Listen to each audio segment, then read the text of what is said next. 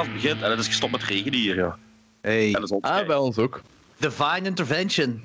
Nou ja, het weer Antwerpen. Goed, en we zijn begonnen. Eh, welkom allemaal bij de blablabla zoveelste aflevering van de P. Ik weet echt niet hoeveelste aflevering dus ik ben de tel kwijt. Anthony, weet jij het? Ne- negen? Negen? Nee, ja, kan. Negen. Negende aflevering van de Paper Ik, ik geloof het. Na, vorige week spreken we af dat het gewoon 6 en 6 wordt. Eh, zoals de luisteraars horen, we zijn niet alleen. Anthony en ik zijn niet alleen. We hebben niemand minder hier dan Bo Sels van Woehoe. Podcast. Yes, merci voor de uitnodiging.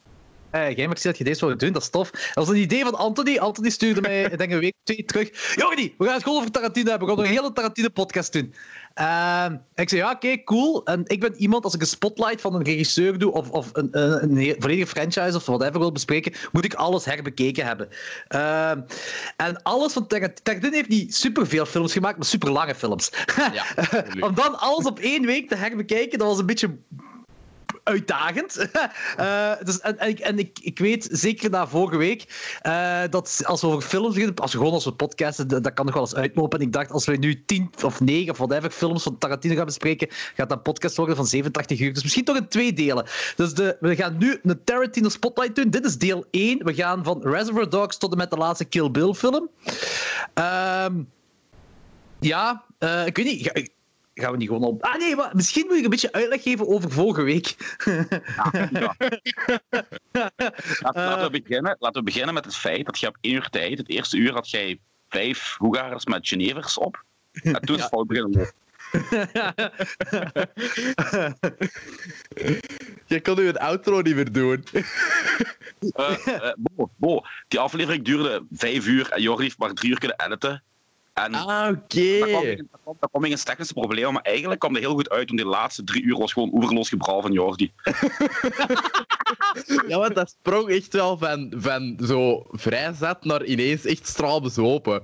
Dus eh, Het is een erger gegaan. Ja, nee, het is zo dat eh, ik, ik heb geprobeerd. Nu, deze aflevering hoe ik dat opneem, is gewoon gelijk alle Skype-podcasts die worden opgenomen. En dat is gewoon zo de, de Skype-opname dat je hebt. Ik heb geprobeerd Zencaster te installeren, maar dat, en aangezien Anthony via de gsm doet, dat kun je niet via een gsm doen, Zencaster opnemen.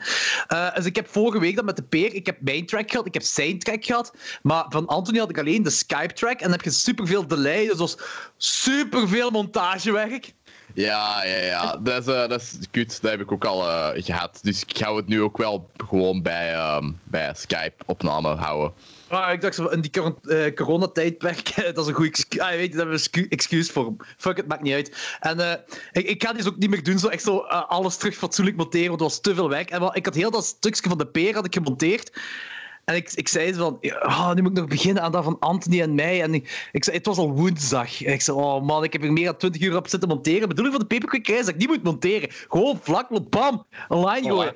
Er was zoveel ook delay op en latency. Ik heb zo eh, dingen dat je, Anthony was dingen aan het zeggen, maar je hoorde, je verstond het gewoon niet, wegens, wegens eh, Skype, shizzle, weet ik veel wat. Ik zei, fuck deze. Dat stuk. En dan die films, relatief ongeschonden, hoofdstuk 5 dan, hè, zullen dan ergens binnen een week of twee, drie doen of zo, met die andere films bij of zo. Gewoon dat, we hebben een goed hoofdstuk afgesloten. Maar, inderdaad, eh, het is gewoon naar erger gegaan. Zeker de zwarte stout met citroentje even gemengen. Ik denk niet dat dat een heel goed idee was. Nee, dat, dat klonk ook niet zo'n goed idee. Wat zijn er nu aan het drinken? Eh, nu ben ik eh, gebrouwen door vrouwen. Alright. Het groene etiket. Dus, ik heb ook de roze heb ik ook bij mij. De roze is die met bloesemsmaak. Dat is, dat is 6% of zo, dat is niet echt superveel. En de gebrouwen door vrouwen met groene etiket, dat is een, een fris wit bier gebrouwen met ginkruiden. Ah, cool.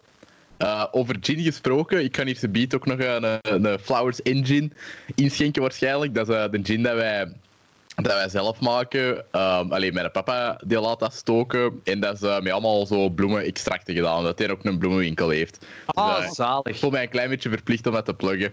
Ja, ja, terecht, en terecht. hoe ik ben ook gin aan het drinken. ah, nice. Allemaal eh, gin gerelateerd hier, holy shit. Dat is Ja, ja, heel nice. wel cool. Gin, Eh, gin Martini, goeie boel. Hetgeen wat er na de podcast vorige week gebeurd is. ik, ik, ik herinner mij het eigenlijk niet meer zo, zo heel fel, maar ik weet dat Machteld zei van jij gaat maar frieten halen van bij de frituur. Het was ook al volgens mij drie of vier maanden geleden dat we echt frieten van een frituur hebben gehaald. Dus we waren al niet gewoon. Maar ik was scheiden zat, maar echt scheiden zat. En, eh, ik was dan met de hond gegaan. En eh, de frituur is trouwens... eh, dat is de frituur die gestart is door Dana Winner. Dat is... eh, de frituur. Maar zat, ik ga naar daar en onderweg had ik blijkbaar een foto getrokken en Anthony erin getagd. Ik weet daar niks meer van. Eh, ik heb vandaag gezien dat Machteld naar mij had gestuurd. Ah, je bent al toch al tot dat stuk geraakt. En ik heb teruggestuurd, ik ben binnen vijf uur terug. Geen idee. Eh frieten besteld, maar holy shit, wat ik allemaal besteld heb, dat is waanzin. Eh, ik heb dus een heel pak friet, whatever. Ik zal zelf zeggen wat er is dat besteld. We komen terug naar huis. Eh, dan Machteld was een serie aan het kijken. Ik was uh, mee aan het kijken waarschijnlijk. Dan ging ze Last Christmas opzetten. En dat was dat, met die vettige frieten. Met dan... dat ik een klein beetje te veel gedronken had, dat was echt de druppel. Want poeh, alles kwam er terug uit. Hè. alles kwam er terug uit. Last Christmas was de oorzaak. Ja, dat heb ik ook tegen Machteld gezegd. Dat is uw schuld. En ik heb, ik heb ook een, een, een navolging daarvan, heb ik, in de nasleep daarvan, heb ik gelijk 15 audiofragmenten van Jordi mogen ontvangen. Die gingen van Anthony, tot Last Christmas, boe, uw schuld. Tot gaande van 9 uur s'avonds tot 12 uur s'avonds of zo heb ik heel het mooie audio van Jordi mogen ontvangen. En twee dagen later kreeg ik een bericht van Machteld dat ik niet meer met Jordi aan een podcast mocht deelnemen. Drie dagen daarna heb ik gekeken op mijn rekening wat ik betaald heb eh, aan de frituur. En ik had eerst 18 euro betaald en dan daarna nog eens 6 euro. En ik zeg tegen Machteld, maar wat heb ik dan besteld en waarom heb ik een twee keer betaald? Blijkbaar heb ik zo twee grote frieten of twee familiefrieten, weet ik veel. Dat ligt nog allemaal de vulbak, hè, want uiteraard krijg je dat niet op. Nee. Eh, dan zo wat, wat en blijkbaar dan ook zo twee bouletten. Eén boulet voor Fulci en één voor Stimpy. Dus voor mijn honden en mijn kat heb ik een extra boulet gekocht. Ja. Zal. Ja, dat was een zware podcast. Maar goed, eh, dat gaat deze keer niet gebeuren. ik, heb niks toegegeven, ik, kan, ik kan niks van, van alcohol mengen. Ik kan gewoon pintjes drinken, eh, gelijk een beschaafd iemand. Voilà, voilà. Eh, maar goed, ik denk dat we kunnen eraan eh, aan beginnen. Hè. We zullen erin vliegen. Hè. Tarantino, Quentin Tarantino. Hoe gaan we deze doen? Eh, we gaan deze van Reservoir Dogs naar Kill Bill doen. Eh, gaan we met spoilers, zonder spoilers? Met spoilers, zeg dat iedereen Tarantino Ja. gezien heeft. Hè. Die nou ook Ik, heb, wel. ik heb nog een vraag. Willen wij deze aflevering, of de volgende aflevering, onze top 10 lijstje geven in volgorde van welke wij de leukste vinden? Zou ik volgende, eh, volgende week doen, ja. Ja, Ja, dat dat we dat allemaal besproken hebben. Ik- het ding wat mij ook altijd verbaast bij, bij Tarantino-fans, eh velen zeggen van, ja, je hebt één 10 op 10 en de rest gaat er allemaal onder, maar er is nooit echt een bu- er zit geen buis tussen, want die heeft allemaal goede films gemaakt. Ik heb drie 10 op 10's. ja, fuck it. Ik heb, ik heb een 10 op 10, een 9,9 en een 9,8. Was dat per komma 1 of wat dat jij dit? Ja, om, om, om, om zo, ja, omdat er sommige films zo net dat, dat tikkeltje meer hebben, zo, terwijl ze allemaal goed zijn. Hè. Maar ik, ik heb eerst wel een vraag. Eh, Bo, wat is Ja. de allereerste Tarantino-film dat jij gezien hebt? Um, Glorious Bastards. Op tv, denk ik, allez, zo met de tv-première in, ja, wat was dat, 2010, denk ik. Ehm, en die eerste scène, ja, toen was ik 11. ehm, en die eerste scène heeft zodanig een, een zotte indruk op mij achtergelaten, dat ik echt naar een paar mensen heb gebeld van, zet nu 2B op, want je moet dat zien. Ah, Ehm, en ja, dat heeft mij echt zo voor een stuk naar de filmschool gestuurd, denk ik, die scène. Want De het- eerste ja, scène, ah, de ja, de eerste scène. Die, ja, hoe dat die zo... Hoe dat die spanning opbouwt en, en hoe dat, dat... Ja, zo wat een theorie van Hitchcock, van de, de bom onder tafel. Dat wordt daar zo heel goed ehm, getoond. En ja, ik vond dat echt geweldig. En dan de rest van die film vond ik ook echt geweldig. En ja, dat was, denk ik... Ja, dat was mijn introductie aan, eh, aan Tarantino. En dan ben ik ook zo al de rest beginnen zien. Vet. Oké, cool. En jij, eh, Anthony? Zonder het te weten, Reservoir Dogs, die heb ik eh, in de cinema gezien toen ik tien jaar was of zo. Omdat je weet, ik kon vroeger alle films gratis gaan bekijken in de cinema, omdat ik een vetpasje had. En eh dan heb ik een jaar later was er een programma over, maar ik was die film eigenlijk al vergeten, omdat ik toen echt zoveel films keek. En ook ja, als, als jong persoon eh, blijft allemaal niet plekken. En een jaar, een jaar later kreeg ik, eh, zag ik in een programma op tv met Jan van Rompuy, het ging over geweld. En er werd dan dat stuk van eh Reservoir Dogs getoond wanneer die twee flikken daar worden neergekogeld. En, Ah, ja. en dan ging het over waarom is geweld functioneel in een film. Bla, bla. Dan dacht ik van, oh, potverdikke. Dat is mij, dat, dat, is mij, dat is mij ergens bijgebleven. Dus dan ben ik die terug gaan huren in de videotheek. En heb ik die bewust nog eens voor een tweede keer fatsoenlijk gezien. Ja, en toen was ik ook daar. En daarna kwam Pulp Fiction. En eh, ik, heb Ja, ze eigenlijk allemaal, ik heb ze allemaal in volgorde gezien. Damn. Waar ik er bij was, omdat ik Ja. ook ouder ben. Wat ouder. Poef. Oever, hè? Klein beetje ouder. Ik kotste mensen niet naar mijn drankgelach. Bij mij is het ook lang geleden. Ja, ik moet wel zeggen, bij mij was het ook wel e- echt al ik denk een aantal jaar geleden dat ik nog eens heb overgegeven van, eh, van alcohol. Maar ja, het moest ooit al nog eens opnieuw gebeuren. Hè? Ging je nog een peperkwekerij liggen kotsen? Nee, Ik dacht ik heb, nog nooit in een ik heb nog nooit in een podcast gekotst. Nee, nee, maar daarna. Ik dacht dat je Ook daar niet. nog een aflevering hebt liggen Nee, nee, nee, nee, nee, nee, ook niet, ook niet, ook niet. Ehm, mijn, mijn eerste... Wat? Is Ja. er ooit al eens een peperkwekerij nuchter opgenomen? Eh, Ja, ik heb één uh, nuchter opgenomen eh, met Maarten Melon van de Gremlins. Dat is Dat waar. was dag nadat ik eh, heel zat ben gegaan met in de peperkwekerij. Dus ik kon geen drank meer drinken. en Maarten was kei omdat hij had Ja. Pinten gekocht, speciaal voor bij de peperkwekerij, samen pinten te pakken. En ik zei, sorry Maarten, ik ga alleen koffie drinken, ik krijg niks binnen voor de rest. Ja, ik heb het al op voorhand gezegd tegen u. Hè. Ah, ik weet wel, ik had koffie gemaakt. Ik had, ik had gisteren nog even een Skype-meeting met Anthony. Ik zei van, ja, ik, ik heb koffie drinken, maar Bo wil speciaal wat pintjes pakken of, of, of wat drinken. Ik zei, ja, oké, dan heb ik toch maar voor gebrouwde vrouwen gekozen. Maar effectief wel een lekker biertje. Dat is absoluut niet zwaar. Super, lief, dat apprecieer ik. Mijn eh, allereerste film, en dan kunnen we misschien al een overgangsje maken, is ook Reservoir Dogs. Mm. Ik, ik heb nu ook gemerkt met eh, alle... Wat zijn er? Ja, als je Kill Bill één film... eh, als je dat beschouwt als één film, dus 1, 2, 3... eh, dus van alle edities van de, de Tarantino-films heb ik allemaal een special edition en ik wist dat niet. Dat is echt zo met boekje, eh, met tekeningsjes en zo. Ik zei, holy shit, dat was, dat was een coole herontdekking, want ik heb dat waarschijnlijk ooit eens gekocht. Allee, het zal wel. En ik heb Reservoir Dogs gez... Hoe gaat dat nu hier? Ik heb Reservoir Dogs heb ik, eh, in de videotheek gehuurd, ook toen ik jonger was in Houtale Oost. Ehm, eh, waarom was dat? Omdat ik pas als jong manneke eh Goodfellas gezien had. Dat is een maffiafilm. En je hebt zo, ja, zo'n soort cover met allemaal mannen in, in, in, suits. Heb je. Dus ik dacht dat dat een maffiafilm was. En ik dacht van, ja, Joe Pesci, Goodfellas. Ik dacht zo, ik zal al die maffia shit zal ik wel goed vinden. Wel, Ik was een kind, weet ik veel.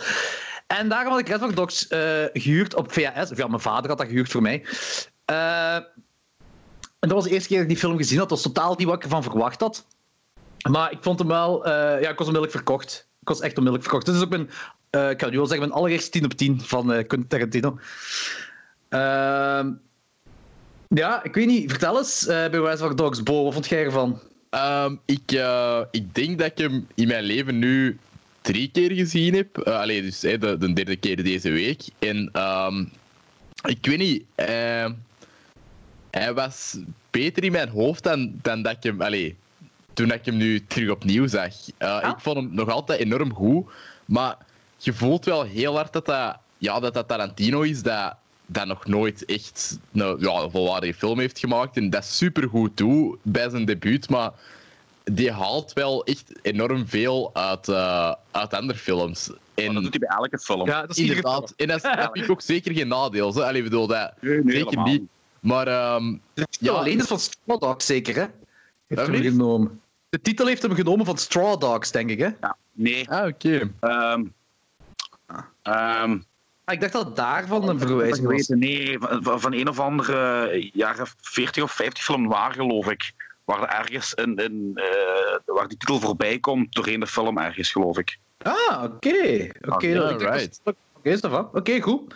Ja, sorry, vertel maar verder, Bob. Ja, ehm, ik, dus ik vond het echt goed, maar ehm, toch zo ietsje minder dan dat ik had verwacht dat ik ervan Mhm. ging vinden. Omdat, ja, zo die, er zitten zo wel van die kleine flaws in, vooral in dat scenario, vind ik. Ehm, die personages zijn vrij eentonig, naar mijn mening.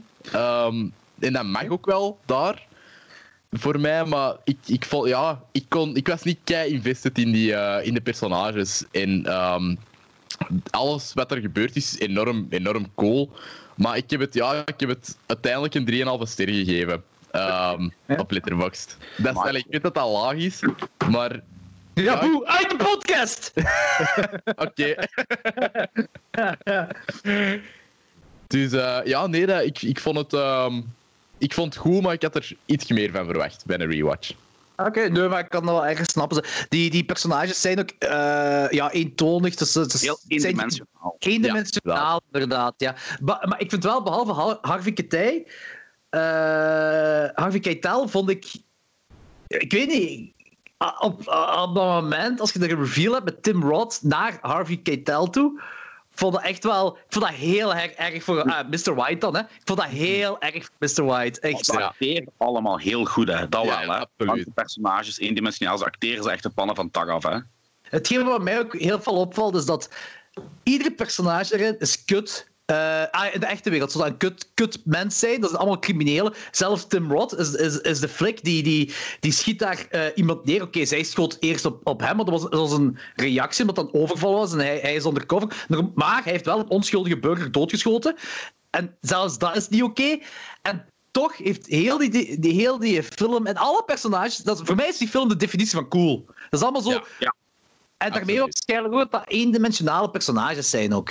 Maar uh, ik, ik, denk dat uh, Jan Tarantino die werkte voordat hij aan films begon uh, in de videotheek. Hele grote film noir-fan. En je merkt ook dat, dat Reservoir Dogs eigenlijk één grote ode is aan, aan, aan dat genre van toen, de jaren 40 en 50.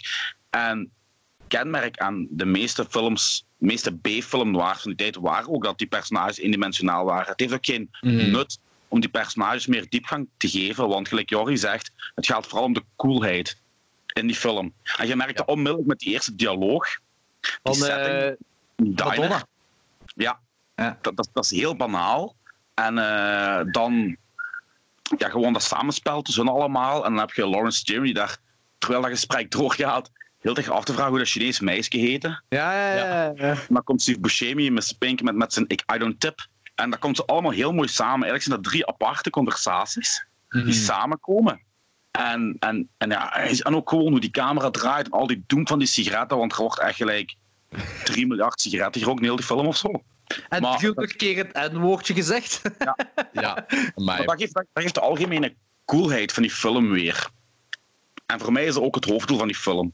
Ja, Gewoon dat is ook mm -hmm. cool.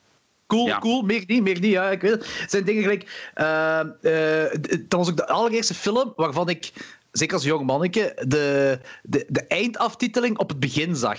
Dat heb ik nog nooit gezien. Uh, was voor mij de eerste keer, zo, jij hebt die proloog, wat jij zei, daar in de diner met die gesprekken. En dan Little Green Bag met die begintiteling. Dat was iets, ja, een magnifiek nummer. Dat is, dat is een Hollander, zeker een Holland, Holland een slager, hè? George Baker, hè? Nee? George Baker, het is ook ja. beter bekend van Una Paloma Blanca. Ja. dat is ja, dezelfde band, hè? Ja, dat is een slagerkerel, ja, ja. Nu, maar heel die soundtrack is super cool, hè? Ja, absoluut. Zeker. Ook uh, dingen stak in the middle with you. En dat één nummer wat David Hasselhoff heeft gecoverd, uh, dat coconut nummer. Uh, Lime in the Coconut. Ja. Ja, ook. Uh, uh, maar alles in ieder geval is, is, is, is heel cool. En, en die soundtrack ook uh, mega zot. je hebt die introductie per personage, wat ik heel gaaf vind. Ik vind ook dat, dat klein dingetje zo. Heel dat gesprek op het begin, wat jij het nu zo over had, Anthony, dat komt doorheen heel de film bij verschillende dingen en verschillende onderwerpen voor. Zo van die kleine dingetjes zo, waarvan, waarvan ze dat altijd uit film, dat je eigenlijk nooit de film ziet, maar wel in het echte leven gebeurt. Bijvoorbeeld zo die discussie van waarom uh, Steve Buscemi Mr. Pink moet zijn. Waarom Mr. Pink? Can you be? En echt zo van, ja, maar als jij dat niet erg vindt, kunnen we dat niet wisselen van naam. Zo, echt, zo dat je denkt van, een, een normaal, een, een, monteur zou daar uitgeknipt hebben, maar hier draagt allemaal bij aan de film. Ja. Mm -hmm. dat vind ik, ja. Ja, die staat wel echt heel hard door een dialoog, die de film. Allee, de, de, dat zijn zo wat de steunpilaren, vind ik. Um, want allee, echt zo'n super doordacht goede plot heeft dat ook niet echt. Maar nee, het is echt die, ja, die personages dat gewoon zo op elkaar afbouncen. En dat, dat, vond, ja, dat vond ik er ook echt het leukste aan. Het, het gegeven van het feit dat elkaars um, echte naam niet mogen weten voor, het, um, ja, voor hun eigen eigenlijk in te dekken komt uit uh, Kansas City Confidential. Dat is die film die ik uh, heb leren kennen een maand geleden door die, die site met die duizend gratis. Ja, ja, ja. ja, ja. En uh, ik, ik, ik, ik, herken het onmiddellijk, dus daar heeft Tarantino de mosterd van gehaald. Trouwens ook een hele goede film is. Even tussendoor. Alright. ah ja, by the way, Anthony stikt, stikt hij jezelf aan met Lucifers. Yep. Dat is heel cool. Ik, had dat, ik, ik dacht eerder de Zippo bij u, maar... Uh, ik, heb, ik heb de Zippo. Ik heb de Zippo. ik, heb, ik, heb geen, uh, ik heb geen naft meer, benzine. Ja, ik heb geen steentje meer. Dus uh, dat, dat, uh, ik weet ook niet waar je dat kunt vinden. Zo van die vuursteentjes om erin te steken. Oh, de Carrefour. Ah, echt? Ah, cool. Oké, okay, dan ga ik er uh, volgende keer eens achter gaan. Oké, okay, sorry voor de sidetrack. oh, altijd deze sigaret toch altijd. Godverdamme. uh, nee, maar... Ik je hebt die hele scène met dingen met Michael Madsen dat legendarisch is geworden. Dat die... ja, dat is, effectief, dat is een psychopaat. wat... Harvey Keitel ook zegt, dat is een psychopaat. Er wordt een heel goede opbouw naar gedaan. Vandaag bij die overval dat hij loco is gegaan. Ook al zien we dat niet, dat wordt heel goed opgebouwd. En dan heb je die, de, de, de, de oorafsnij. Wat, dat is het ding, hè. Er wordt een onschuldige flik wordt daar gemarteld. Zijn oor wordt afgesneden. En dat wordt zo cool uh, uh, um, opgebouwd met die muziek, de radio dat hem aandoet. En heb je Stuck in the Middle with You. Hij doet er zo'n paar danspatjes bij. Dat je denkt van, oh shit. Uh, is cool. Ik ga even wat onderbreken. Doe maar gewoon op je gemak door. Uh, de kleine is aan het wenen en mijn vrouw is nog thuis. Ik moet even naar boven gaan. Doe. Alright. Ik pik direct terug in. Nee. Ja, dat was wel. Nee, ik voelde mij echt enorm vreemd bij die scène. En ik heb echt al bij elke watch-sessie uh, ge gevoeld. De eerste keer was ik toen ik, ja, toen ik 12 of 13 was dat ik het heb gezien. Ik vond dat toen ook zo van moet ik deze cool vinden of moet ik deze extreem disturbing vinden? En dat, dat is, ik vind dat heel tof dat, dat een film zo'n zo'n uh, conflicterend gevoel geeft. Ja, ja, ja, ja. ja. Uh, ik snap dat wel, ze. maar ook vooral, ze zijn heel, heel expliciet gaan erin. Hè. Dat oor afsnijden ziet je daadwerkelijk gebeuren en dan hoe moet je dat zeggen? Een stuk van zijn hoofd zonder oor. Ja. Dat ziet er zo walgelijk uit. En, en ik wist zelfs niet dat dat zo eruit te zien. Moest er iemand zijn oor afgesneden zijn. Maar uh, toch traagt dat. Dat vind ik, dat vind ik ook het fijne aan, aan, Tarantino. Hij laat al die dingen zien. Hij laat, het geweld zien, uh, hij laat het geweld zien. Gelijk Reservoir Dogs, dat is een vrij low-budget film. Bijna één locatie is dat. Hè. Heel die mm. film is bijna één locatie. Je hebt hier en daar wel iets buiten dat pakhuis. Maar voor de rest is dat vooral in dat pakhuis. Uh, en, en dat zijn nu personages die, heel, die zijn opgebouwd zijn, die, die dan tegen elkaar spelen. En dit had evengoed bijna een toneelstuk kunnen zijn. Ja, ja inderdaad.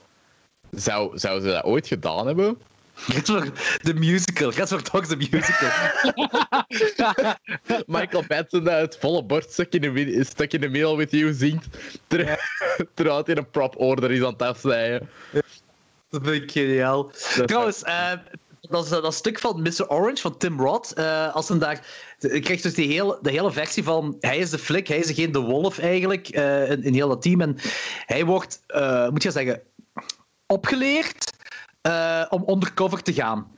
En mm. dat is dus de ene kerel die hem opleert. En dat vind, dat vind ik mega cool hoe gedetailleerd ze daar ook in zijn gegaan. En dat hem ook zegt van, nee, nee, je moet je, verhaal, je, je backstory van je personage, dat moet echt zijn. Dat moet, je moet dat geleefd hebben. En je moet alles wat je vertelt super gedetailleerd vertellen, alsof je een mop vertelt. Zo van, iedereen kan dezelfde mop vertellen, maar het is degene die het echt kan vertellen, vertellen, waarbij de joke pas echt lukt en dat het geloofwaardig is en dat allemaal. Uh, dat, vind ik, dat vind ik een heel goede insteek voor heel dat ding van dat undercover gedoe. Zo van hoe, fel je, hoe diep je moet gaan in een verzonnen verhaal om zo, zo, zo undercover te kunnen gaan bij zo'n bende. Vond ik heel mhm. cool. Met die flikken daar op PC. Uh, dat is zo super dat is echt zo een dronken conversatie bijna eigenlijk. Dat hem daar uh, heeft tegen, tegen uh, Harvey Keitel. Ja, is tegen Harvey Keitel dat hem dat zegt, van die flikken, daar met die, met die hond. Uh, en dat hem zo al die wiet op zak had. Ja. Ik denk dat het tegen Keitel was. Hè. Vond ik magnifiek gedaan. Gewoon dat, dat, dat ze te verzinnen. En hoe dat gemonteerd en gefilmd is, dat hem ook zo dat aan het vertellen is voor die flikken hun, hun, hun neus eigenlijk. Het mhm. verhaal over de flikken tegen die... ik vind dat waanzinnig cool gedaan. En voor een eerste ja, directors debuut... Uh, en het heeft voor mij ook heel veel nostalgie. En dat is de definitie van coolheid voor mij. Is het echt een 10 op 10 voor mij. Mm Ja, voor mij is dat bij mij op nummer 4. Wat niet wil zeggen dat er geen absolute topper is, die film. Maar ik denk dat hij mij rond 9,7 zit. 9,7. Uh, maar hij, Tarantino zegt ook zelf, en dat vind ik ook heel tof. Hij zegt, ik had, zo, ik had die film en de andere films ook had hij niet kunnen maken als hij niet zo'n voorliefde had voor film in het algemeen. Want hij heeft eigenlijk alles in die film zowat, allee, gepikt is veel gezegd, heeft dat geleend, heeft dat zijn eigen draai aangegeven, wat ik trouwens heel cool ah, vind. Je mocht dat zeggen, hij heeft dat gepikt. ik vind het cool, want door, door, door, Tarantino ehm, leren veel mensen ook andere, veelal oudere films kennen, waar ze anders nooit van zouden gehoord hebben. Oh ja, Ja, dat is zeker. waar. Heeft, heeft Tarantino buiten zijn laatste film eigenlijk nooit echt een boodschap in zijn film gestoken. Die wil gewoon films maken omdat hij zo van films houdt. Mhm. En dat vind ik ook, dat is ook mijn grootste minpunt bij eh, Tarantino bashers. Zijn er Ja. Tarantino bashers? Die zeggen van, Ja, ja, "Het is absoluut." heel- heeft geen boodschap. Bij Reservoir Dogs je dat heel vaak. Dat gaat gewoon over de coolheid. eh dat heeft geen boodschap. Eh, ja, en? Ik bedoel, Ja, het is een hele goede film die je... kun- ai, in Boos geval misschien iets minder, maar in mijn geval, ik denk in Joris geval, kun je blijven kijken. Ik denk dat ik die Ja. film in totaal al 10, 20 keer gezien heb. Ik heb me ooit, toen ik in Italië op vakantie was met mijn ouders, eh, ik was 12 jaar en er viel geen fuck te beleven waar wij zaten. Ik ben gewoon bezig gehouden met gewoon hele dialogen van buiten te leren uit die film. Hoe voor de fun.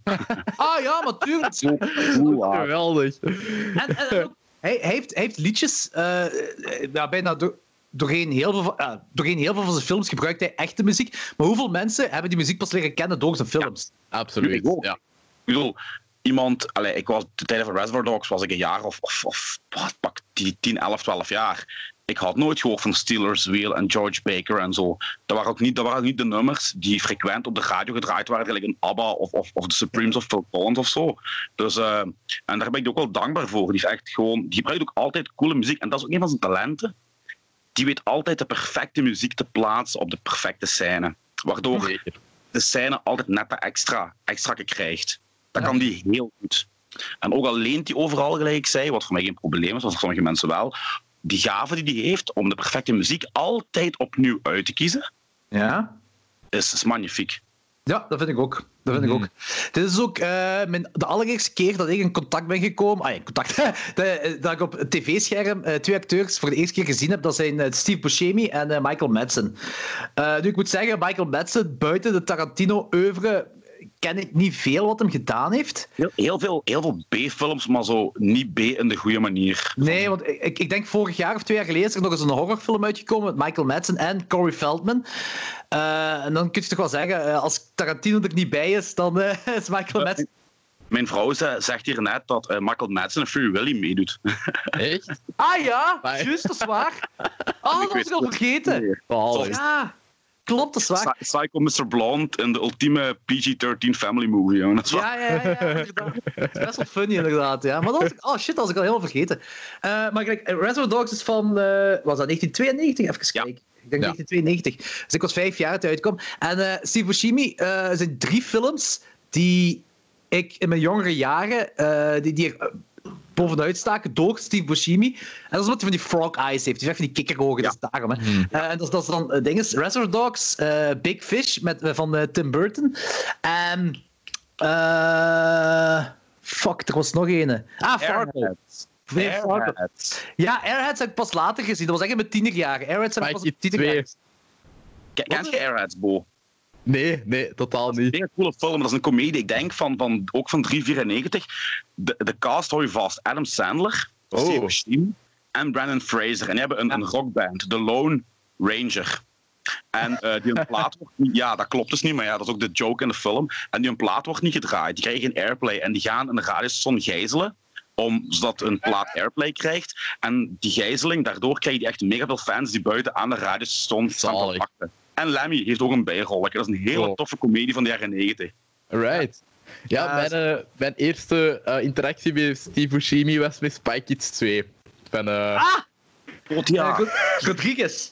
ja, van Rodriguez. Ja, Ja, oh shit. dat, eh, daar heb ik heel het eh Rodriguez-oeuvre in leren. Allee, zo, al, die, al die acteurs, deze staple-acteurs dat hij gebruikt, zitten Ja. allemaal in die films. Het zijn allemaal de eerste films waar ik die in heb gezien. Ik vind dat heel funny om die nu in Machete en Planet Terror en zo te zien. Oké, dat is wel cool. Ja. Eh, en ding is ook. ehm, fuck, er was nog zo'n acteur dat mij. eh, ah, ja, Tim Roth natuurlijk. Eh, omdat Tim Roth van de Mhm. van alle acteurs vond ik dat wel de zotste acteur die je, die je hebt in deze film. Voor Ja. dat. Ja. Steve Buscemi, Steve Buscemi eh, acteerde heel menselijk, maar dat is een personage ook zo redelijk menselijk uitgebouwd, vind ik. Dat is ook zo met die kleine dingetjes wat Tarantino erin steekt, zoals de, de, ja, de, de, die scène van waarom moet ik Mr. Pink zijn, bla bla allemaal. Tot, en, en, en Tim Roth is echt zo... Ik geloof wel dat hij de flik is dat daar binnen gaat indringen. Ik geloof het echt heel veel. En dat hij daar op die mega... Die scène daar in de, in de auto, waar eigenlijk een bloedauto is, of hoe moet je dat zeggen? Dat vind ik magnifiek. En zo, zo, zo hij praat daar omdat het een stervende is, gelijk ik praat als ik gedronken heb. Zo. I'm fucking professional in here! Met een peetsel bijna zo. Ja, dat is super, Die, die, super. die heeft zo, die heeft zo al zijn films, die heeft zo'n hele, ik weet niet hoe ik dat moet omschrijven, die heeft zo'n hele kille manier van acteren, en wel op een goede manier. Ja. Weet je wat ik wil Eh. zeggen? Niet een andere manier van acteren dan de doorgaans meeste acteurs. Dat is zo. eh, Want eh, ja, Britse stijfheid, maar toch op een, op een vloeiende manier gebracht. Ik weet niet hoe ik dat moet. Ik snap het ergens wel. Ja, ik snap... Maar ook niet bij zelfs- alle... Ja, zeg maar. Zelfs Zeg het zelf. is een tearjerker, eh, Mask. Ik weet niet of iemand die film kent, Mask. Dat dat hij speelt Boggy, een misvormde jongen. En die wordt opgenomen in een, in een, in een motorbende. Alleen niet om te gaan rijden en shit te doen, maar die wordt eigenlijk verdedigd door die motorbende. En die film gaat gewoon over zijn lijdensweg als misvormde jongen. Die sterft ook op het einde. En Hmm. zelf, dat is echt een menselijk drama. En, en zelfs in die film acteert hij zo... Jawel, jawel! Mask! Die grote kerel! Ja, met zo'n hele gekke kinnenbak. Holy shit! Ik heb die film voor de eerste keer gezien toen ik van, van ons jeugdhuis zat thuis kwam, ergens drie, vier uur s'nachts. Eh ik weet dat niet. Ik weet niet waarom, eh, of hoe had ik dat opgenomen, whatever. En ik begin te kijken en ik was, ik was freaked out. Ik was echt freaked out. Ik zo... Ik heb, ik heb die film met mijn ma gezien toen ik een jaar of acht werd. En we hebben de hele film lang langs elkaar liggen wenen. Oh. Die hele film ik geleden Mask gezien. bij 85? Ja, ja, ja. Ja, Met, met, met right. Cher. Ja. En ehm allee, daar speelt ook zo'n bekende acteur in mee. Ehm, wacht, ze. Dingen. Sam eh, Elliott. Ja, Sam Elliott, juist.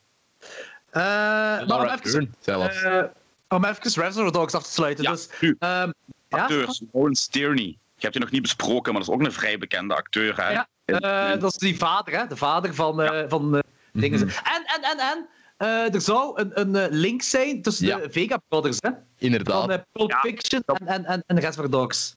Dat wordt er ook in gezegd ehm, met Toothpick Vic wanneer eh, Mr. Blond, Michael Madsen, pas de gevangenis komt en bij Lawrence Tierney in zijn bureau gaat. Dan is die Ja, ja, verwijzing. ja, ja, ja, inderdaad, er is een verwijzing naar, inderdaad. Ja. Vind ik wel cool dat er eigenlijk zo twee films zijn dat hetzelfde universum zouden kunnen gebeuren. Al die films, er, er, er zijn nog dingen die zich in hetzelfde universum afspelen. Want ik heb het pas ontdekt met Jackie Brown. Eh, het deuntje van de telefoon van Pam Grier is dat whis wisseltoontje van eh, Kill Bill. Ja, inderdaad. Zwaar. Echt van die Ja. super kleine details. Toen al, allee, dat is te zot, hè? Want gelijk Ja. Jackie Brown dan tien eh, jaar of acht pas voor Kill Bill eh, uitgekomen. En toch zitten daar al die notes in. En dat allemaal gewoon. Ja, eh, klopt, klopt, klopt. En in, eh, ja, ja dat, dat is voor volgende week. Dat is voor volgende week. Ik heb dat opgeschreven. Er is nog een verwijzing naar dat. Nou, deuntje wil je zeggen. ja, dat deuntje. Ah, oké, oké. Maar de, de, de, die um, allee, shared universe theorie, de, allee, de, er zijn er twee, hè, dat schijnt. Allee, zo, je hebt het Tarantino-universum, waar dat Reservoir Dogs, ehm Pulp Fiction en dan nog een paar andere films uh, zich in afspelen. En dan heb je ehm, de films van dat universum, en dat zijn dan Kill Bill, ehm, Death Proof en, en eh, ik denk ook Django. Ah, echt? Ja, ik dacht dat ik dat eens heb gelezen. Ah, nice. Nee, dat wist ik ook niet. Dat was, ik, dat was me volledig ontgaan. Maar, eh, dus wacht. Ik, ge- voor mij is dat dus een 10 op 10, maar ik zeg, er zit ook veel nostalgie bij. Voor Reservoir Dogs bij mij. Eh, Bo is een 3,5 op 5, dus 7 op 10. Ja, een zoiets zal zeven. het zijn. Ja, eh, Ja, eh, een hoge zeven. een hoge 7. Oké. Eh, eh, en, en, en, en Anthony, wat geef jij nu weer? 9,7. 9,7. Dat is echt Ik heb trouwens die action figure van, van, van die gemartelde flik en Mr. Blond. ik heb action figures ervan. En, en zelfs het radioke en het scheermes en de jerrycan en de stoel waar die op zit en zo. Ik heb dat eens ooit gevonden in, ehm in de Kinepolis. Dat is toch heel lang geleden zo een winkeltje geweest waar je PlayStation-spellen kon kopen. Ja, en zo. ja, ja, ja. ja, ja, daar, ja, daar had je dat in een pakket. Ah, Yo, yo. Lorenz, Hey, Lorenz. Ah, oh, verrassing. Hoe kan dat? Sidecast. Wauw. Hey, Savayan. Zo natuurlijk allemaal, ja zeker. Hoe is het met jullie? Goed, goed. Voilà, we gaan er Engelse woordjes bij krijgen. Zeg. Voilà, zeg. Daarom ben ik hier. Voilà. Jordi heeft niks gezegd. Smeerlap. Ah, echt? Mooie. Er is Nee, een alright, Dat was, nice. dat was afgesproken dat, eh, dat ik niks zou zeggen. En dat eh Logans hier. Volgens, omdat, omdat dit eh, de favoriete eh, Tarantino-film is van Logans, dus Pulp Fiction. Daar gaan we nu over gaan. Nou, Pulp Yes. Fiction. Eh Een Bo, van jij zei favoriete dat films aller tijden zelfs. één van zijn favoriete films aller tijden. er bij Eh, vijf van Tarantino. was dat? Ah, nummer 5. Dus je vindt die ietsje minder goed dan Reservoir Dogs. Ja, Dus een dat- 9,6. 9,6. Eh, Bo, eh, herinnert jij nog wanneer je deze film gezien hebt? Ja, eh, ik heb die. ehm, ik had vroeger zo'n mini-DVD-spelertje. En eh, als wij gingen skiën met mijn ouders, dan, ehm, dan ja, pakte ik, ik weet niet, 20 films mee om, om in een auto en tijdens skivakantie te kijken. Maar ehm, er was net eh, zo'n aanbieding bij de Humo. Dat ze, dat ze zo'n hele Tarantino-box van alles tot Inglourious Basterds, denk ik, daarin uitgaven. En dat is, dat is een vrij coole box. Ik ga die heel even pakken. Ik, vergeet, ik vergeet altijd hoe jong Bo is. lang, lang geleden een draagbare Ja. dvd-speler. Dat is eigenlijk gisteren. Hier, eh, komt dat bekend voor? Eh, ik zie niks. Ah, eh, dat zegt wel iets, ja? Oh, eens voor gezegd, want ik zie hem niet. Ja. Zegt wel iets. Ah, ja. Echt wel iets. Ja, Ja. Yes. Dus eh, ja, die box. En eh, dan, ja, eigenlijk daardoor heb ik na Bastard zo eh, de rest van de Tarantino-films ontdekt. En eh, ik heb dit dus in de auto gezien, ehm Pulp Fiction, voor de eerste keer. Ik vond dat echt enorm goed. Allee, dat was...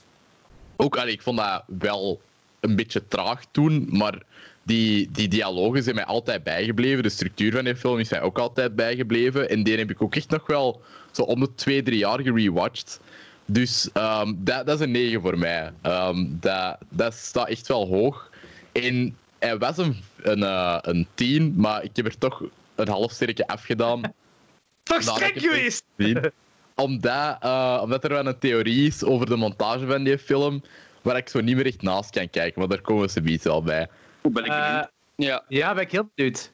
Eh, en jij, jij, Lorenz, wat is uw favoriete, een van uw favoriete films aller tijden? ja, ik denk de eerste keer dat ik die gezien had, was ik 13 of 14 jaar. En ehm, daarvoor had ik zo... ah, ik keek wel graag films daarvoor, maar dat was altijd zo random comedies of actiefilms waar ik altijd keek. En dit was zo mijn eerste ontdekking met zo'n eh, film-film, tussen aanhalingstekens. ja, ja. En ik was er zo blown away van dat ik zo mee kon zijn in een verhaal, want anders keek ik naar de film gewoon voor jokes of voor actie gewoon te zien.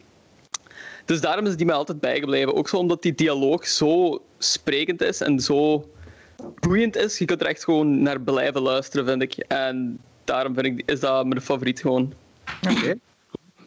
Eh, dit was de allereerste keer dat ik een mozaïekfilm gezien heb. Ze zeggen toch dat dit niet, dat is niet de drie structuur, dus dat is een Ja. mozaïekfilm. Eh, en dat is de allereerste keer dat ik zoiets heb ervaren, dus, eh, bij deze, eh, door deze film. En blijkbaar, volgens Tarantino, is dat geïnspireerd door eh, Mario Bava's Black Sabbath. Ook al is Black Sabbath eigen anthology, wat ik een beetje raar ja. vind. Eh, maar ja, oké, geïnspireerd door kan veel betekenen natuurlijk. Hè. Je, hebt een- je ziet iets, je hebt een idee en je bouwt erop verder of zo. Ik denk dat dit zo een beetje het ding is ervan. Tarantino kan zo bizarre uitspraken doen hè, ja, over films. dat zie ik ook echt niet, maar sure. Hij is, een, hij is een fan van Lens, dus ik kan, in mijn boeks kan niks meer fout doen. Ja. Ja, voilà. Eh, ik vind het heel cool dat zo. eh, het, het, ding, ook al, het is een mozaïekfilm, maar het is ook wel full circle voor mij. Ah, je hebt die Tim Roth en die overval op het begin, en dat komt op het einde weer samen, dus dat is best wel full circle. Maar ik moet zeggen dat ik eh, deze film er ook voor gezorgd heeft dat ik de Black Eyed Peas haat. Ja, ja, gewoon omdat die dat nummer hebben ge... Ah ja, opgeëist, eigenlijk. Ja, inderdaad. Vooral omdat ze dat hebben opgeëist. En die ook gewoon, dat is van die, eenmaal dat er een hit is, wordt dat een miljoen keer gespeeld en word je gewoon kotsbeu. Dus ik ben dat nummer door hun ook kotsbeu geraakt. Ja, ik, telkens als zo die intro van dat nummer ergens opstaat, denk ik van, ah, fuck yeah, nice. En dan begint fucking Black Eyed Ja. Peas versie en... Ja, Ja, dat is, dat is al... eh, ik, ik snap het. Ja, fuck it. En jij, Anthony, deze film? Ehm, ja. Na Reservoir Dogs, gewoon in chronologische volgorde. Ik was weet, weet je nog wanneer die... eh, want dit is wel een film, ik had dat ook wel, hetgeen wat, wat, wat Lorenz nu zei en wat Bo ook zei, zo van, dat is zo de film dat je... Dat je ik, omdat ik die op jonge leeftijd gezien heb, dat, ik had nog nooit zoiets gezien, al is het maar gewoon qua montagestijl. Eh, en dat is me altijd bijgebleven. Dat dat heeft heel veel voor mij gedaan. Ook zo naar, verder opzoekwerk naar andere films en zo. Dus heeft dat ook iets gedaan of zo? Of, of zeg je gewoon van, alright, is cool, eh, op naar het Ehm, volgende. Nee, want ik, ik was toen al met horror en zo bezig. Ik was al niet alleen met mainstream cinema bezig, ondanks ik jong was toen. Ehm, maar ik kon die film, ja, zeker technisch, nog niet naar waarde schatten, omdat ik daar veel te jong voor was en nog veel te onervaren was. Maar ik voel wel onmiddellijk die wereld in Reservoir Dogs, die coolheid die in die film zit. Ondanks die zo traag kabbel... Ja, die is niet echt traag, maar wat ik bedoel, hè? Ja, ja, jong, ja. Ja, ja. Je continu getriggerd worden, dat is niet die film. Maar ik vind het, hetgeen wat mij het meeste aanspreekt in, in, in Pulp Fiction zijn de details. Die film zit zo vol details en kleine dingen. Gelijk mijn favoriet personage in die film is Esmeralda. Die, eh, de taxichauffeur. Ah, ja, ja. Ja. Ja, ook ja. hoe die praat en die doet. En blijkbaar, eh, want ik heb die film daarna ook gezien, eh Esmeralda is gebaseerd op een eh, personage in de film Curdled. Dat gaat over een vrouw met een voorliefde voor eh, lijken en die is bij zo'n opkuisploeg van crime scenes. En dat meisje heet ook Ah. Nice. Heeft eh, dat meisje eh, gecast voor die film, omdat er voor de langfilm Curdled er was, een kortfilm was, gebaseerd op Curdled. Dus eigenlijk is is ook weer zo'n parallel universum waar die in zit. En nog van die kleine dingen, gelijk wanneer eh, Harvey Keitel, eh, Mr. Wolf zegt, ik ben binnen eh, zoveel minuten daar, en dan komt op het scherm te staan zoveel minuten, of zo net één minuut te vroeg of één minuut te Ja, kort. ja, ja, ja, ja, ja, ja, ja, ja, ja, Of, of, of, of dingen gelijk, gelijk eh, een Mia die Don't Be a Square en zo dat dingetje doet zo eh, van... van, Ja, van Voilà, voilà. Zo- Ik- snap het van Ja. die heel kleine dingen. Of ook zo, eh, wat hij als kind uiteraard zag dat niet, maar gelijk die heroïne dat daar eh, Ja. verkocht wordt, dat, heet Panda, Bava en Choco. Bava? Ja, Ah, ja. Dat had ik ook opgeschreven. eh, ja, gewoon het, het koffertje, waar je niet weet dat erin zit, Ja. wat van een film van de jaren 50 is, ik denk Deadly Blessing. Daar wordt dat voor het eerst in gebruikt. Ja, maar wordt dat bij ja, ja, ja. Films ook niet gedaan? De, de koffer, als ze de autokoffer open doen, is dat niet... Nee, nee, dat, dat komt van nog een andere film. Hebben we, het Ah, oké. al, hebben we het al gehad over de theorie dat al Tarantino's en films verbonden zijn? Ja, Ah, oké, de- of ja, deels ja. toch al, deels toch al hebben we het Ja, ja, gehad. ja. Mhm. Vooral ik over eh, de vega-broertjes. Wat Ja. mij ook verbaasde, is dat die film gewonnen heeft bij de Oscars. Want dat was helemaal, zeker in die tijd, niet de film... Ja, het is gewoon een supergoeie film, maar het is niet de film die eh, het instituut van de Oscars doorgaans al belonen met, met die prijs. Dat is, is kan ook niet eerder dan de Oscars. Dat heeft ook niet te maken met dat hij kan gewonnen heeft. En Ja. dat daar... Dat denk Maar ik ook. meestal, eh, eh, een, een- Oscar-winnaar, zeker qua film of qua script, zijn meestal van die enorme epos. epossen.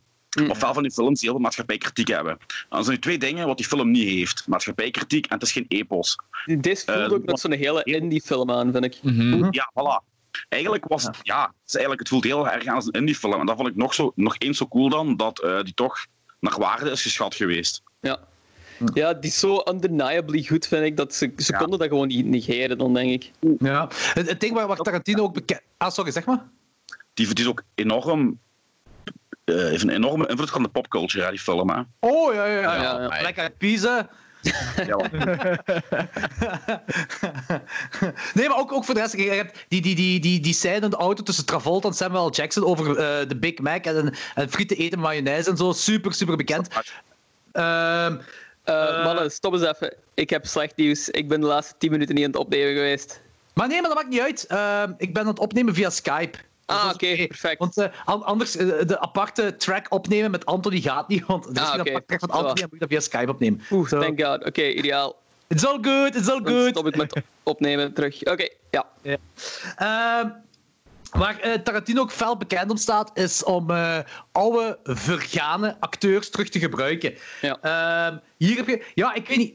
Travolta... Wel, hij had, Dat he- no, was een no- has-been op dat moment. Ja, ja, ja, ja. ja, die had een ja, Carrie had een klein rolletje, of Saturday Night Fever en van die dingen allemaal. Dan zijn we nu begin jaren 90, 1994 is denk ik Pulp Fiction. Hè? Eh, Travolta zit erin. Eh, en dan eh dinges... eh, eh, hoe heet hem nu weer? Joe, Joe, Joe Spilato, een Rhodes uit Day of the Dead. Die speelt... Maar oké, dat is een kleiner, heel mini-rolletjes, maar hij speelt Dean Martin in die Jack Rabbit Slims. Ah, ja, ja, ja. Dus, dus, Dean Martin is Joe Spilato. En Buscemi speelde Buddy Holly, hè. Ja, hebben jullie die gezien? Buscemi, ja? Jij ook, Bo? Eh, nee, nee, nee. Nee, ik die is heel goed verkleed, vind ik. Ja, is heel ja, goed als oké. Buddy Holly. En je, qua stem herken ik, herkende ik hem zelfs niet als, als, ah, als je erop let. Jawel, ik wel. Zijn Ja? Ah, Als je Zo. het weet, dan kun je het niet meer, niet meer unseen. ah, oké, Oké, toch? cool. Ja, ik, ik vind, het een beetje, ik, ik vind het gewoon heel goed gedaan. Zo. Als je gewoon die, hij is, hij is de, de, de ober die daar, eh, waarbij eh, eh, John Travolta zegt van wow, 5 dollar voor een milkshake en daar zit geen alcohol in, bla bla bla. Holy shit. Ja, ja, ja. Steve Buscemi. What Ja. the fuck? Ja. What the Hey. fuck? Amai, ik wil die echt zo vanavond nog eens zien, speciaal voor Delft. Zo. Maar dat is, dat is het leuke aan, aan, aan, aan Tarantino en, en ook zeker aan Pulp Fiction, dat er zo van die kleine dingen zitten erin. Heel veel dingen uit de cultfilmwereld stopt hij erin, al is het nods via camerabeweging of via acteurs of whatever allemaal. Ehm, maar ook daar, die scène, eh, met die milkshake ding, ehm, Dat, dat is hem daar... Wat hè? Dat is ook een verwijzing, hè? Ah, ik wou niet praten. Doe maar. Nee, hetgeen wat ik wil zeggen is met die sigaretten. Want we hebben een discussie gehad in Klokslag 12 eh, met een kutfilm eh, die nu op, op dingen staat op eh, Netflix. Die, die Klokslag 12 aflevering die gaat, ah, die gaat net voor deze aflevering uitkomen. Dus luisteraars die allebei dingen luisteren, Klokslag 12 en Paper zullen weten waar we het over hebben. Maar er is een film Mark of the Vampire, wat gigantisch kut is, ah, de, de 2020 film. Ja. En er is zo een personage dat cool sigaretten wil roken, gelijk ze in de jaren 80 dat doet, maar dat, is zo, in deze, dat, klopt, dat werkt helemaal niet. En hier is het tegenovergestelde. Hier, het sigaretten rollen en heel de sigaretten roken wordt hier weer cool gemaakt. Ja, En absoluut. het werkt ook hier in deze film. Ik krijg ook altijd zin om te roken als ik die films aan Ja, absoluut. Zeker wel. Absoluut. Ja, ja. Absurd, ja. Maar.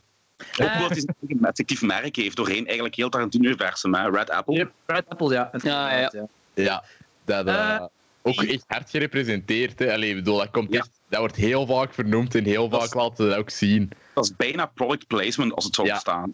Product placement van een fictief eh, merk. Ja, Ja, ja. Eh, iets anders dat... eh, ah ja, nee, doe maar Jordi. Nee, hetgeen wat ik gewoon wil zeggen is van dat gesprek bij Jack eh, Rabbit Slim eh, over eh, Mia en Marcel en waarom Marcel Tony uit het raam gegooid zouden hebben.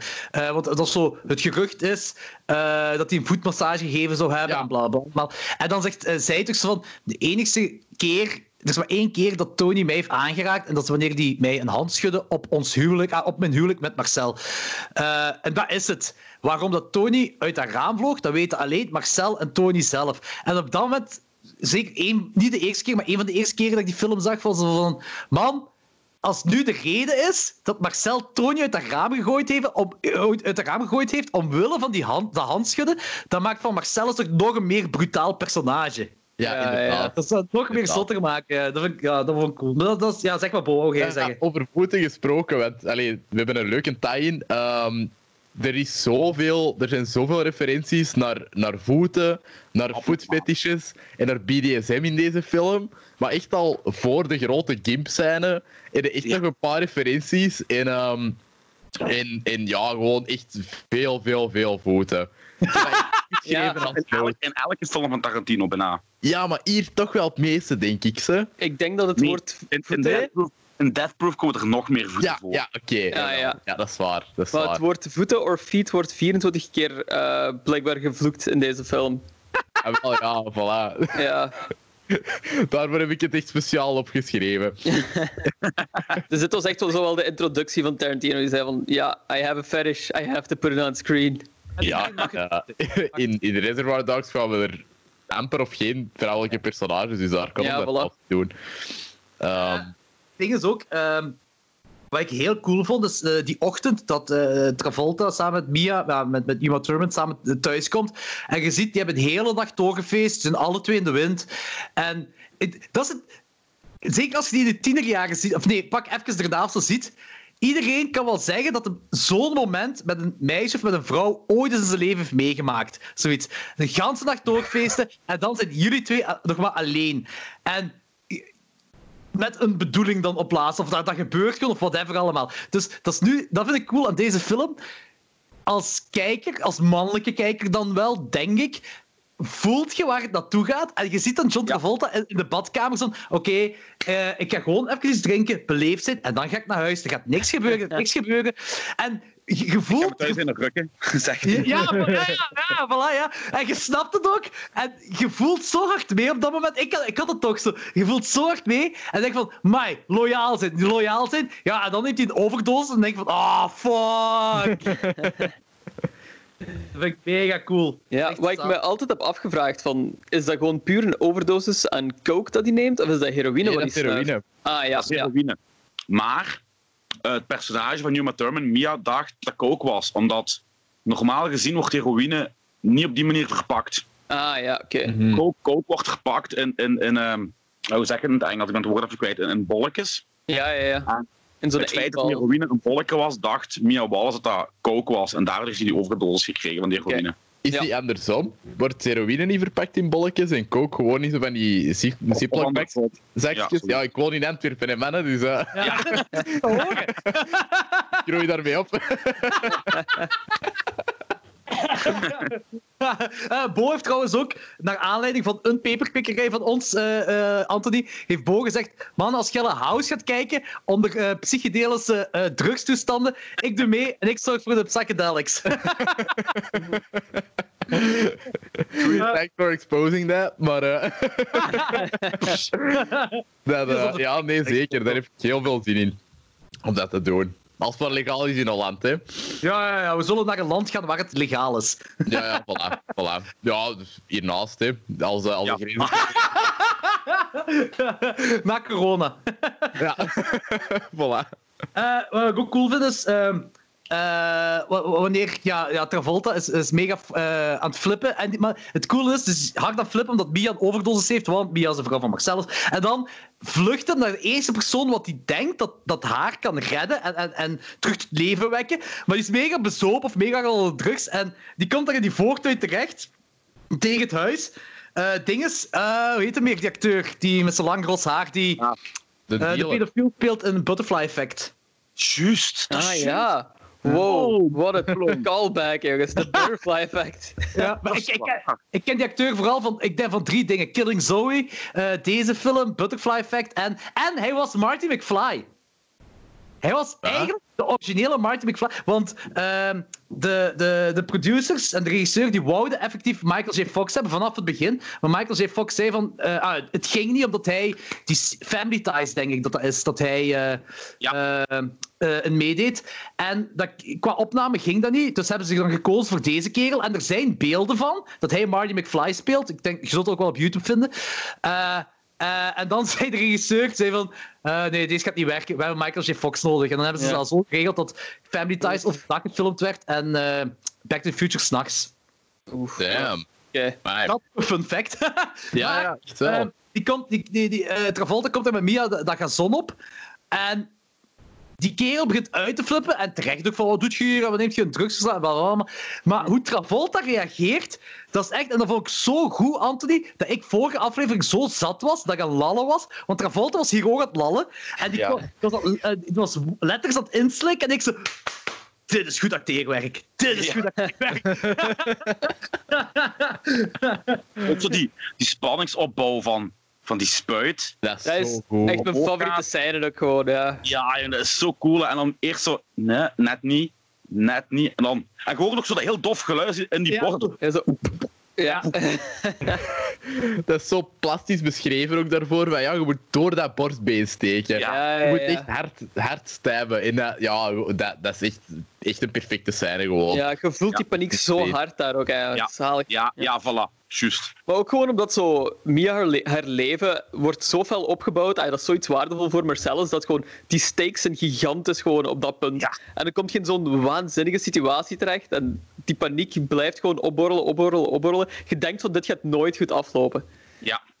Ja, dat is inderdaad, en dat is heel cool. En wat je ook zegt, Logan, van, dat wordt zo goed opgebouwd. En met eh, eh, vooral waarom ze echt zo ver gaan en dat zo ver drijven, heeft ook dat, dat Bruce Willis eh, verhaallijntje hierin. Met de backstory met Christopher Walken, dus zijn vader, met die horloge en dat dan ernstig is en dat die horloge zo'n gat heeft meegenomen, van die dingen. Dan, dan weet je ook waarom dat Bruce Willis terug naar zijn eigen appartement gaat om die horloge. Je weet wat de emotionele waarde is van Ja. die horloge. Je snapt dat ook zo van, je begrijpt het.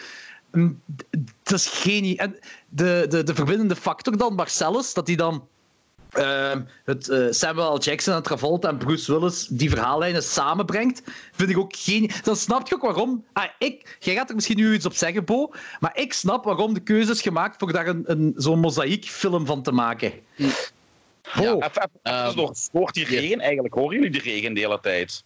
Nee. nee. Nee. nee, nee, nee. Oké, goed. Doe maar door. Ja, Eh, dat is goed. Nee, maar op Skype zit er audio-effect dat, ehm, dat alleen een, een low-pass filter of zoiets, dat, zodat je, nee, nee, een high-pass filter heet dat, dat je bepaalde geluiden onder een heel lage frequentie en boven een heel hoge frequentie, ah, dat je dat niet kunt horen. Dus uh, dat is daar. Ja, sorry, dat, dat is eigenlijk Ja. compleet niet relevant. Uh, maar Jawel, jawel, ik vind het Nee, wel tof. wel, jawel. Ik wou- Maar dat is ik ideaal. wou ook Bo, maar ik dacht gewoon van... eh, dat, dat bedoelde ik met nee, ik hoor dat niet. Ah, wel, nee. ehm, de, eh, de, er is zo alleen een, een theorie dat ik ook gelezen heb. En ook van, allee, ik, ga, ik, ik ga redelijk vaak iets drinken op Ritzcafé in Brussel. En dat, ja, dat zijn daar de studenten van het Rits. En dat zijn zo, hé, dat zijn zo. Die hebben de reputatie van zo de pretentieuzere filmstudentjes te zijn. Piep, piep, piep, piep, piep, piep, piep. ja. Aan schand. Gelijk een South Bo, is dat zo? Ja, ja, dat... dat eh, meer dan op Narafi, waar ik zit, maar op, op Narafi... Allee, ik weet, ja, elke filmschool is gewoon heel anders, vind ik, qua volk. Eh, maar ik, heb, allee, ik, kom heel goed overeen met heel veel mensen op de iets. Dus eh, de, maar, de, allee, met de mensen zijn niet pretentieus in dat. Ehm, en die, eh, die zei mij van ja, er, ehm, de, de reden dat, dat de, eigenlijk de derde act van Pulp Fiction in het midden staat, dus de, de originele derde act, chronologisch, is de tweede act van de film, ehm, is omdat de, de eh, tweede act op het einde zitten gewoon veel interessanter is, omdat dat climactischer is. En eh, dat dat dan allee, gewoon een heel, heel creatieve oplossing is geweest in de montage om eigenlijk een beetje een anticlimactisch einde tegen te gaan. En is dat... Zou dat, zou, dat, zou dat de invloed zijn geweest van Tarantino of van Sally Menke? Ehm goh, ik weet niet. Ik denk, eh, Tarantino heeft hij niet altijd Final Cut gehad. Ik weet dat niet. Ik weet wel dat eh, S- Sally Menke gemerkt ook toen zij gestorven is, eh, dat hij al heel veel invloed heeft gehad op de kwaliteit van de films van Tarantino. Ja, eh, wel. eh, maar ik denk, de, de montagevrouw van, van, van Ja, ja, Tarantino. ja, ja, ja, ja. ik denk wel dat, dat Tarantino altijd Final Cut heeft gehad, ehm, omdat hij Allee, omdat hij anders niet zou kunnen wegkomen met zo'n lange films, denk ik. Dat kan Ja. ook, ja. Want Ja. in, in perspectief van een monteur, echt, allee, puur montage gezien, zijn, zit er heel veel overtollig vet in die films. En dat overtollig Ja. vet is juist wat dat, dat karakter geeft daaraan. Hè. Ja, ja. Maar, ehm, maar allee, puur naar, naar die stijl gezien, ehm, is hij niet echt zo hé, volgens boeks ge- gemonteerd of zo. Dus ik denk dat Tarantino Final Cut. eh, Ja, ik vond dat wel heel cool en heel verfrissend. Ja, ja, ja, ja, ja, inderdaad. Ja. Ja, want Maar wat- dan, ziet dan, dan dingen verdwijnen. Het gevolg dan na de, de overval. Je denkt van, oh, hè, alles bij zijn vrij. En dan wordt er nog afgeknald. Of ervoor. Of, ah, je weet wat ik bedoel, hè. Ja, ja, Ja, ja, ja, ja, dat inderdaad. ja. Maar ik vind, ik vind dat heel interessant. Ah, Ik vind dat, wa- want dat klinkt zo, gelijk jij het zegt, Bo, dat dat, dat als negatief wordt beschouwd. Maar om ah, dat ja, door, te, door het te vermijden, is toch al... Ah, zo. Ja. Oké. Maar door, allee, ik eh. bedoel, ik, ik vind dat bijvoorbeeld ook niet echt een probleem met die film of zo. Omdat dat is gewoon, dat is goede montage. Allee, dat, is, dat is een supergoed idee dat is redelijk uit, outside the box gedacht. Maar het dus, eh, meer. Ik, ik, eh, ik apprecieer dat echt wel. Ta- ik Tarantino dat laat voor mij ook zien. eh, Tarantino laat voor mij ook zien dat zoiets mogelijk is. Die, Ja. die, die laat ook zien van, kijk, je kunt doen, dit is film. En uw visie als regisseur, schrijver, whatever, als eh, creator van, van het ding, het is uw ding en je moogt er effectief mee doen wat je wilt. Ja. Ja, Ja, maar, maar, maar, het heeft dan de chance gehad dat hij bij de Weinstein Company zat. Hè? Want dat kun je dus niet lappen als beginnend regisseur, tussen aanhalingstekens, bij welke andere hele grote filmmaatschappij. Hè? Nee, Dat is waar. Die zouden Dat is waar. van, die zouden voor ons gezegd hebben bij de eerste visie van, nee, dat gaat het volk niet snappen of dat gaat het volk niet goed vinden, verander dat. Ja. ja. En uh, Stein, ja, we weten ondertussen allemaal dat een van die twee, minstens, een ongelooflijke grote klootzak was, maar die hebben wel altijd veel vrijheid, die hebben wel altijd veel vrijheden toegelaten aan, uh, aan hun regisseurs. Het Ah, schijnt, ja. effectief wel, eh, het schijnt effectief alleen maar één van de twee. Want het schijnt heeft Harvey Bob ook eh, heel vaak zitten afslaan. Het schijnt, hè? Maar Oké. yeah. het ligt Harvey. Maar ja, ik vond altijd heel dat, we, dat we nooit een reactie hebben gehoord van Pap. Allee, ik, Nee, maar ik, goh, weet je, ik denk, als jij zelf onschuldig bent en je vlees en bloed, waar jij ook nog eens zoveel jaren zo intens mee hebt samengewerkt en ja. Wat, wat, wat moet hij gaan zeggen? Ik denk ook dat, dat hij wel wist wat voor een varken zijn broer Ja. was. Ja, Iedereen Tarantino ja, nog altijd uw broer. En ik denk als zij een officiële verklaring zou gegeven, dat hij gewoon ook een hele hoop shit voor zich zou heen hebben gehad. Ja, Hij, hij Ja, is toch, het inderdaad. bedrijf is failliet. Als zoiets uitkomt, het bedrijf is failliet, kun je niet tegenhouden. En eigenlijk, ai, voor wie is dat... Nu is dat, dat is heel erg om te zeggen, maar voor wie is dit erger? Voor de broer of de vrouw van Harvey? Had hij een vrouw? Ah, een vrouw Ja, en ja, kinderen. Oh shit. Ja, ja. Ja. Ik Die- vind het vooral erg voor ons als kijker, want... Veel erger! Veel erger! Nee, maar nee, natuurlijk niet, maar dat is een beetje maar vroeger wist je, als je naar een wine, als, als, als de letters Weinstein eh, op het scherm kwamen, wist je dat je wel bijna altijd inwacht voor een treat, weet je? Ja. Waren goede films die meestal wel een randje hadden, die de gewone films niet hadden. En als je nu die naam ziet verschijnen, heb je altijd die zure nasmaak van al die rotzooi die die kerel gepoeld Dat is heeft. Dat is jammer. En met dat bedoel Ja. ik met dat hij ook voor ons gekloot heeft. Nu hebben we A24, hè. Dus eh Ah, dat is waar. Dat is waar, dat is waar. Ehm, om terug te gaan naar Pulp Fiction. eh, die Gimp-scène, dat is zo... Nu, nu eh, in, in het heden is er een verhaal opgedoken dat die Gimp-scène... Een, een- dat die Gimp een backstory heeft. Blijkbaar Oh. had er een backstory in, in gedachten van die Gimp. Ah, het ga, ik, ik heb het even eh, zo... ja, ik moet zeggen, diagonaal op een artikel gelezen. En dat was iets van... eh, dat die, die twee rednecks hadden in de, een hitcher eh, meegenomen... En die hebben hun fetish ermee beleefd. Zoiets was dat. Ah, dat ik is dacht dat Danny had ontvoerd of zo, want Danny is ook zo fan van Gimp. Shit. Ik dacht dat het Danny was. Ja, voilà. 700 jaar oude entiteit gehuld in een lichaam. Gimpjasje. Hoe oud is hij niet volgens u, Anthony? 3000 jaar oud of zo? Of 100.000 Nee, jaar nee, oud? Hij is, vrij, is vrij jong voor zijn ding. Ik denk 728 of zo. Het is zoiets. het is zoiets. Dus is geen old one of zo. Nee, het is geen. Hij, is wel deels, hij is wel deels verantwoordelijk voor de coronacrisis. Ja, Ah, ja, oké. Fuck de mensen, ik ben het beu, ik ga hier even iets unleashen, jong. Dat is Danny- Dat is wel een Danny-ding om te doen. Wat? Ehm, heb je gezien dat die slecht, eh, van, van die twee rednecks, eh een van die rednecks is in mijn ogen heel herkenbaar. Eh, en dat is die, die bad guy uit The Mask met Jim Carrey. Nooit gezien? Ja, wel, ik maar- heb de Ik nooit de gezien, maar ik herinner mij niks meer van de mask bijna. Ah, Ja, mij- ik ook niet. Mij bleef dat bij, omdat die kerel heeft precies zo eh, oogschaduw, maar dat is zo zijn echte huid. En die heeft zo heel veel heeft zo diepe wallen, zwarte wallen precies. Dat is, dat is hij, dat is hem altijd bijge- bij- bijgebleven. En ook eh, om terug te gaan eh, naar, naar, naar eh, Travolta Samuel L. Jackson. En wat ik heel cool vind in de details dagen, is wanneer eh, eh, Travolta Marvin, weet je Marvin? Ja, eh I shot Ja. Marvin in the face, hè? Ja, ja, ja, Marvin. Dat je echt stukjes schedel Ja, in ja. Ja, ja, ja. Samuel L. Jackson ziet. Hoe geniaal is dat? Echt stukjes schedel. Dat is, dat is waanzinnig. En daar heb je dan ook uw... eh, eh, ja, we hebben... De Reservoir Dogs niet gehad over het Tarantino cameo. Daar is hij een van de Mr. Kleurkes. Maar hier is dan... Hij is... Zijn eh, Mr. Brown? Mr. Brown is zijn Reservoir Dogs. Ja. Ja. En eh, hier is eh, hij de kerel waarbij ja, John Travolta en Samuel. Jackson toe gaan om hulp te vragen. Hij ging normaal niet spelen. Ja. Nee, hij, Ah, nee, dat- ah, ja, ja. hij wou de rol spelen van de dealer in principe. Maar omdat hij per se tijdens die scène zelf achter de camera wou staan, heeft hij die andere rol genomen. Hallo, Ja. Rens. ja, ja, het is zo. Ah, Oké, oké, oké. Uiteindelijk is dat twee keer wel een beetje dezelfde scène, hè. Gewoon iemand in distress dat naar Ja. een vriend gaat, of alleen een, een kennis, om, om een probleem op te lossen. En Ja. naar deze huis. Ik wist ook niet meer goed of dat het een dealer of de, eh de dude was waarbij dat de wolf eh, ook aan te pas kwam. Alleen die Vierde Wolf heeft eh, iets meer te zeggen dan, dan eh, bij de dealer thuis. Ja, dat is Ja, waar. dit is weer heel hè. Gelijk, het gaat dan over de koffie, hoe goed de koffie is. Ja, ja. Ja, ja, ja, ja, ja, ja, ja. ja. Daarna komt dat terug, dan, dan heeft de wolf, pakt dan die koffie, neemt een slok en dan zegt hij zo van, hm, even Ja. zo van, ja, Ja, lekker.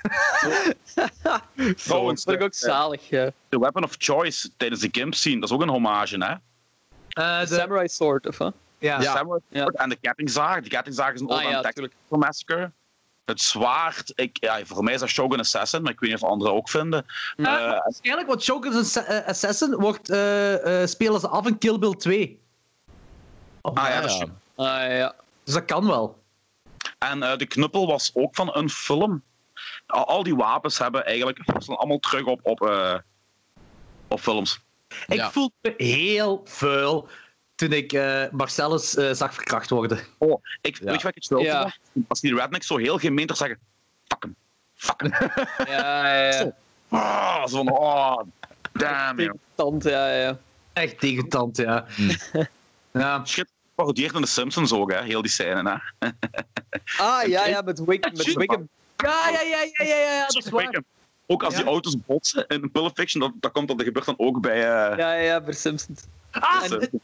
Iets wat Dat- ik nu ook... Ja, sorry, zeg maar, Morgen, zeg maar. Eh, bij de Simpsons heb je ook zo die scène dat Wiggum zo aan het oversteken is. ja, maar dan ja, heeft hij zo ehm, donuts of zoiets I vast, ja. Ja, ja, ja. En het ding is, Tarantino heeft dit van Psycho, hè? Dat Ja. Van Marcellus. Ah, ja. Want dat is wanneer in Psycho, wanneer eh, Marion Crane pas dat geld heeft gepikt, helemaal op het begin, en dan eh, de Ja. baas van Marion Crane steekt over op het zebrapad dan. Dat Ja. is die scène dat eh, Tarantino hierin heeft gestoken. Dat was die making-of is van Pulp Fiction, dat is ook een van de eerste making-ofs dat ik in mijn leven gezien heb. En eh, dat was, voor mij was dat waanzinnig, want toen had ik gezien hoe ze autofilmscènes filmen, en dat ze zo een camera op die vooruit monteren, zo de Ah, ja, gigant ja. Ik voor mij was dat... Ik zo, holy shit, wat is hier aan de hand? Ik vond het heel cool om te zien. Is het ook niet dat je in, in, in Pulp Fiction overduidelijk ziet dat de, als ze in de scène aan het filmen zijn, dat eh, de, de scenery op de achtergrond door de achteruiteen, dat er gewoon zo'n heel allee, slecht greenscreen-achtig ding is, maar dat, dat het erom gedaan is. Gelijk ze Huh? vroeger deden. Waar Ah, is... dat is mij nooit echt opgevallen. Ah, nee, maar jij bedoelt zo... Dat je zo... vaak in films dat zo de achtergrond Ja, ja. Ja, dat zo heel crappy was, dat het echt overduidelijk fake was. En ik geloof dat het in Pulp Fiction ook is, maar dat is dan wel weer met een bedoeling gedaan daar. En dat maakt dan weer weer cool. Dat is, geen, dat is geen, zelfs geen greenscreen, dat is een, dat is een projectiescherm, hè? Projectiescherm. Ah, ja, ja. Eh, gelijk bij dingen bij Married with Children, als je Al Bundy op de motor Ja, ziet, ja, ja, voilà. dat is ook Ja. zo heel veel... Ja. Ik snap gelijk een dikke run met het Colosseum en één op de achtergrond in New York. Maar ja. Eh, maar nog ja, iets ja, eh, vergeten te zeggen over Mia Wallace. Ja, zeg maar. Ehm, die, eh, die legt heel de backstory van, de, ehm, van Kill Bill uit. Ja. Ja. En ik, ja, ik, ik kwam er ineens op. Eh dat heb ik ook opgeschreven. Ik vond dat echt, ook echt wel een hele leuke naad. Ze, die is echt wel hard aan het voorbereiden op, eh, op Kill Ja. Bill. Door Ja, de uh, vertel maar, vertel maar, vertel backstory, vertel maar. Ja, na, hè. Kill Bill. Kill Bill is tien jaar later, hè. Ja, dat, is- dat, dat vond ik er zo zot aan. Maar- Ehm, Vertel de backstory maar, voor de luisteraars. Ja. voor de luisteraars. Yes, inderdaad. Dus, ehm, dus eh, Mia Wallace is aan het vertellen over dat ze, ehm, dat ze gecast was in een pilot voor een serie. Eerst, eerst legt ze uit wat een pilot is.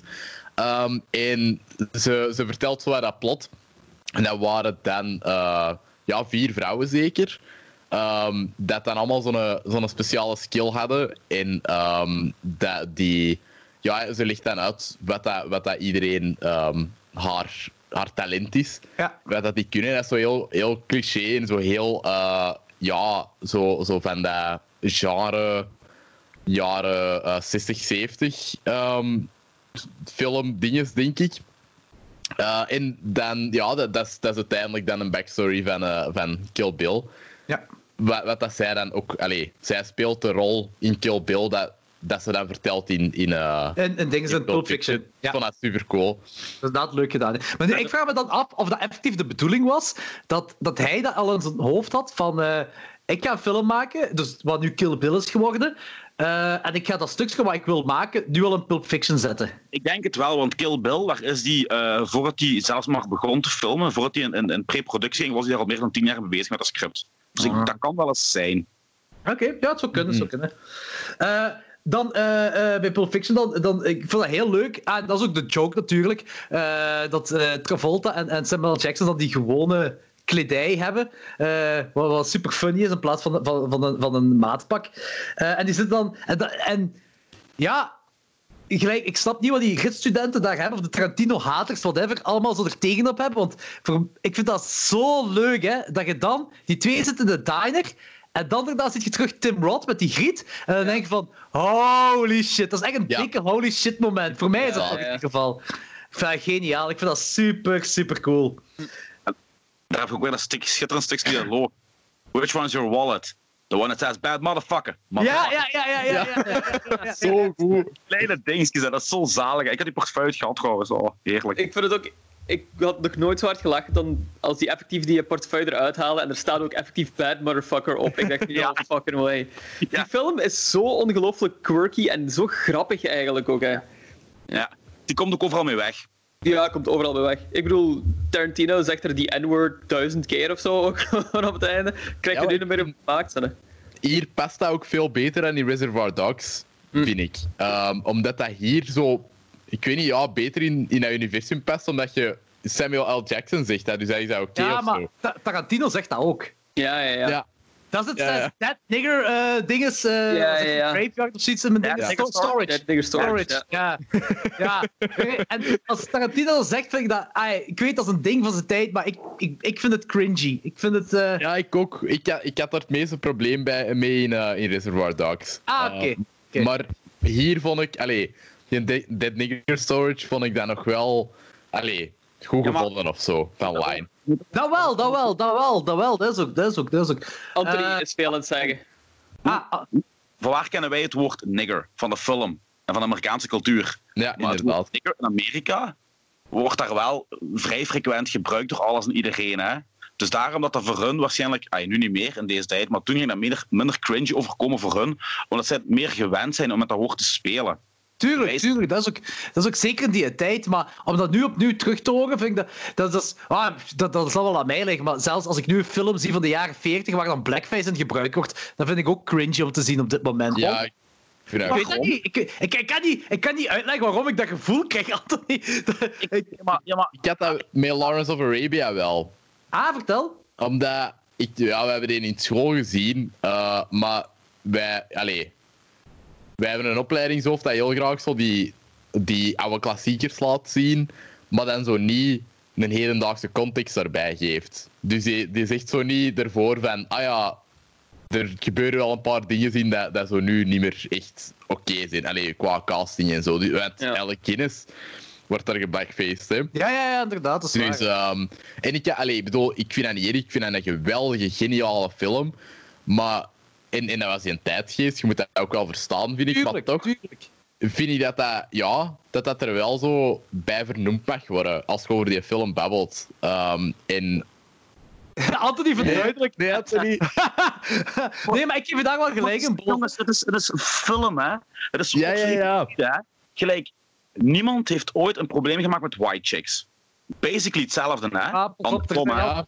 problemen rond geweest. Maar- rond chicks. Ja, maar toch, gelijk in Ja? Tropic Thunder vind ik dat fucking geniaal dat ze dat hebben Ja, geniaal. Ja, voilà. Maar daar is ook heel veel commentaar op geweest, hè. Ja, en dat vind ik bullshit. Ja, maar het, ja, het is film. Het, het mooie aan het medium film en aan het, aan het medium boeken is dat je dingen kunt doen die ofwel niet moralistisch gezien niet, niet goed te keuren zijn of zo. En, en dat is het mooie aan film. Laat toch allemaal erin zitten. Ik bedoel, Ja, maar ik zeg niet dat dat eruit wordt. Eh, het, Ja. Dat moet zeker niet eruit gehaald of eruit Dan- geknipt. Maar ik vind dan die... vind ik, dan vind ik een film gelijk American History X veel gevaarlijker. Want die film is gemaakt als aanklacht tegen het racisme. Terwijl die racisten daar zo cool in worden neergezet. dat er heel veel mensen in één keer white power begonnen te adoreren. Ja, maar het gaat mij ook niet om gevaarlijk of zo. zo ik vind, ik vind het gewoon cringy om iemand in blackface te zien acteren.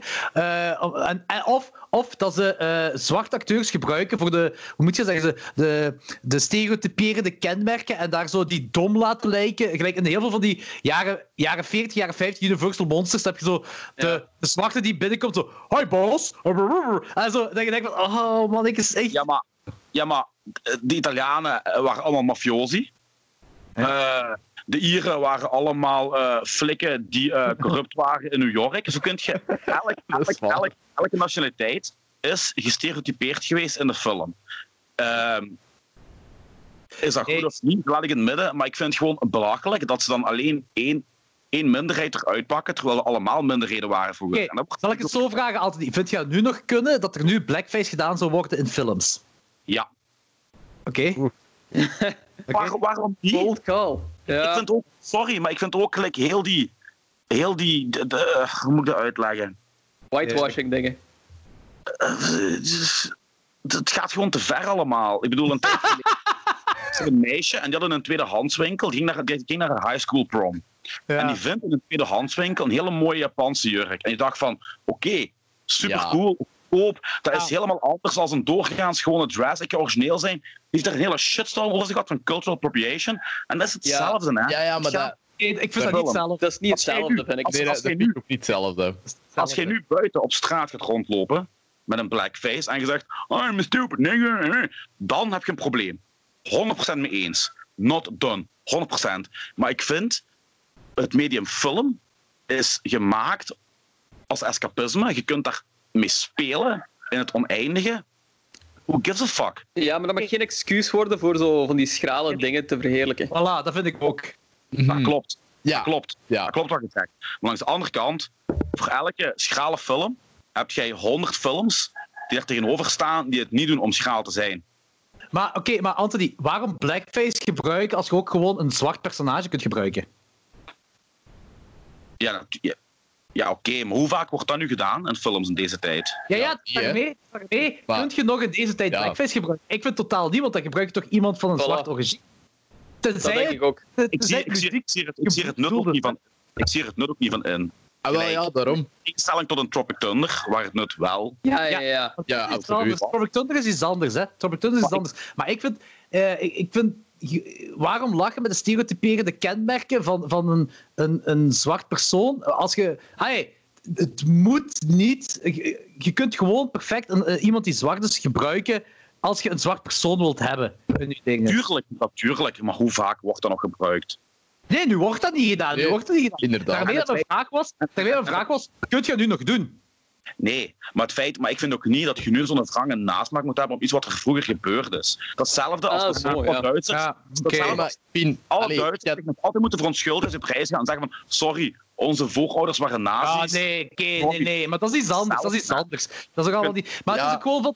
Het is ook normaal, omdat die, de, de, de N-woord, dat heeft nu, nu in deze tijd, is dat, een beetje, is dat heel veel naar boven gekomen, waar het vandaan komt en waarom het helemaal niet meer oké is om dat te gebruiken. Vooral dat laatste, waarom het helemaal niet meer oké is om dat te gebruiken. En als je dat dan terug hoort, dan, ook al is dat toen in die tijd gepast of niet, en ik ga niet zeggen, dat, ze moeten dat absoluut niet censureren, hè, absoluut niet. Hè. Nee, nee. Maar ik heb altijd wel iets cringy als ik, als ik dat zo hoor. Ik heb dat zelfs als zwarte mensen dat tegen elkaar hebben, heb ik dat zelfs.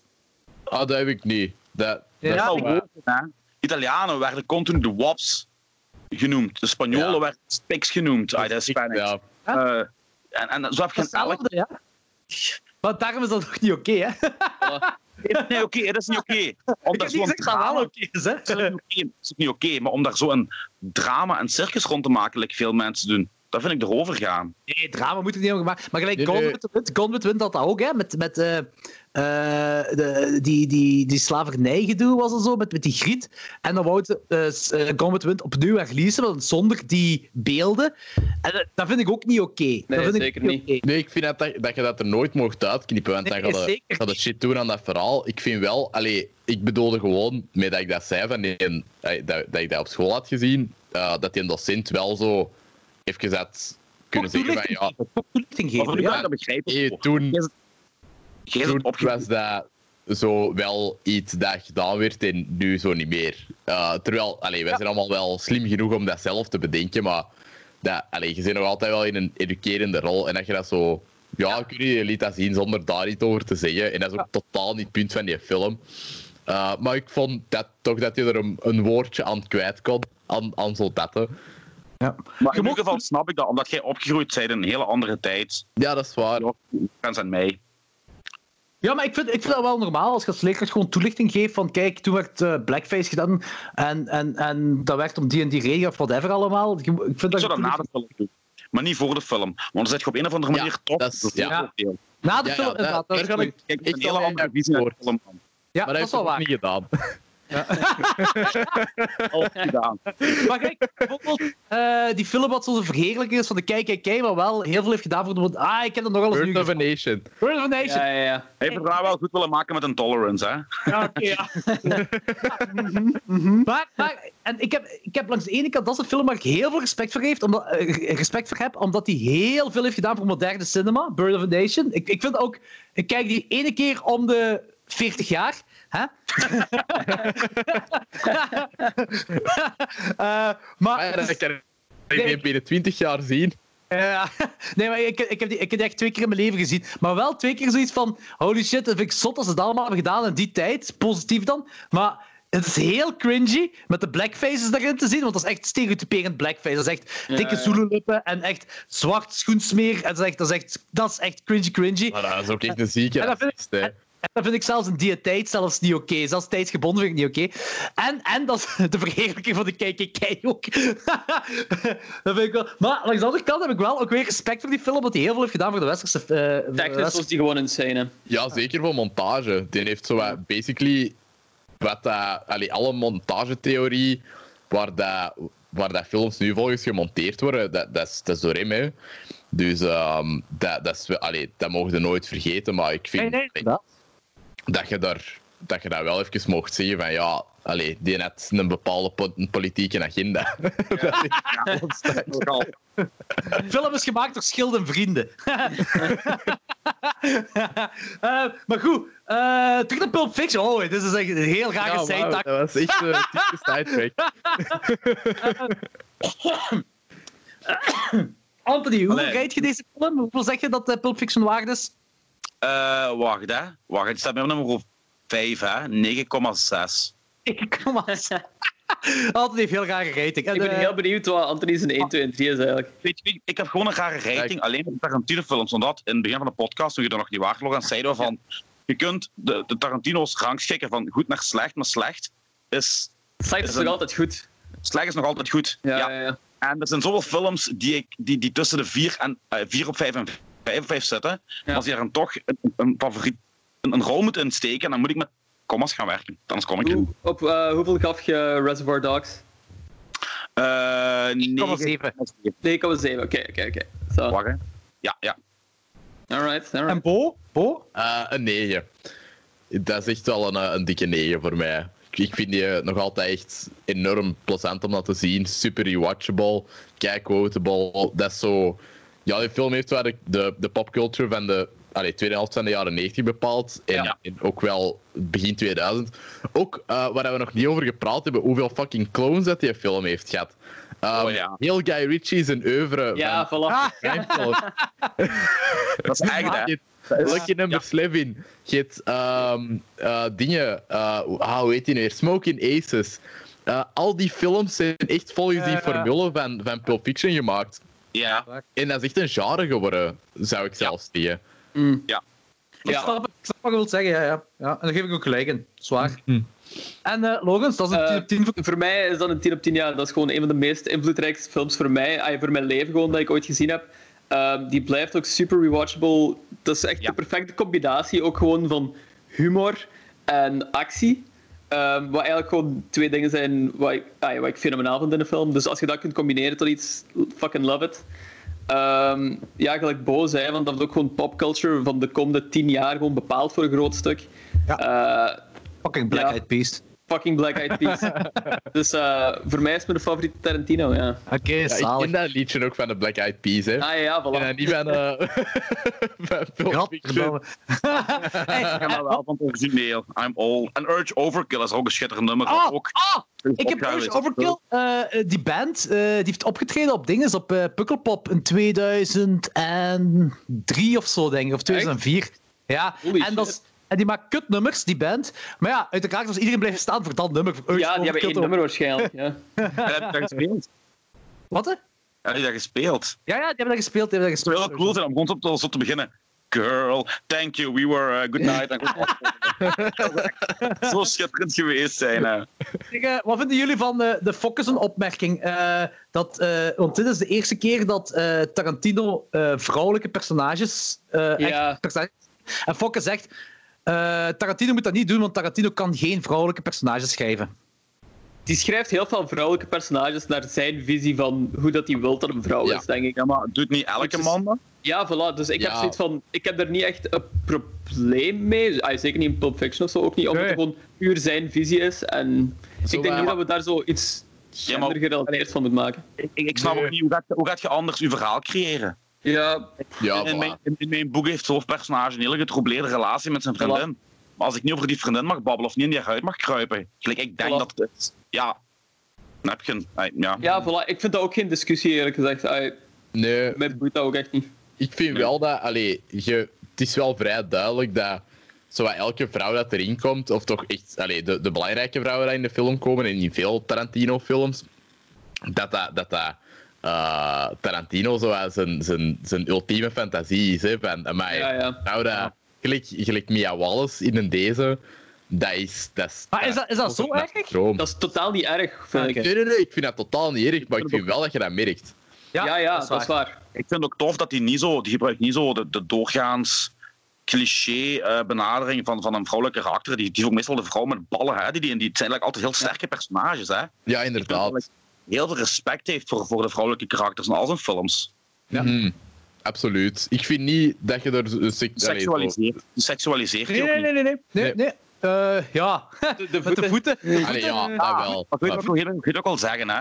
Die Eh. daar tegenover staat dan wel dat er allemaal vrouwen zijn die eh, eh, ofwel sterk zijn of sterk worden in hun En strijd. hun eigen mening ook gewoon Ja, hebben. ja, ja, ja, ja. Ja.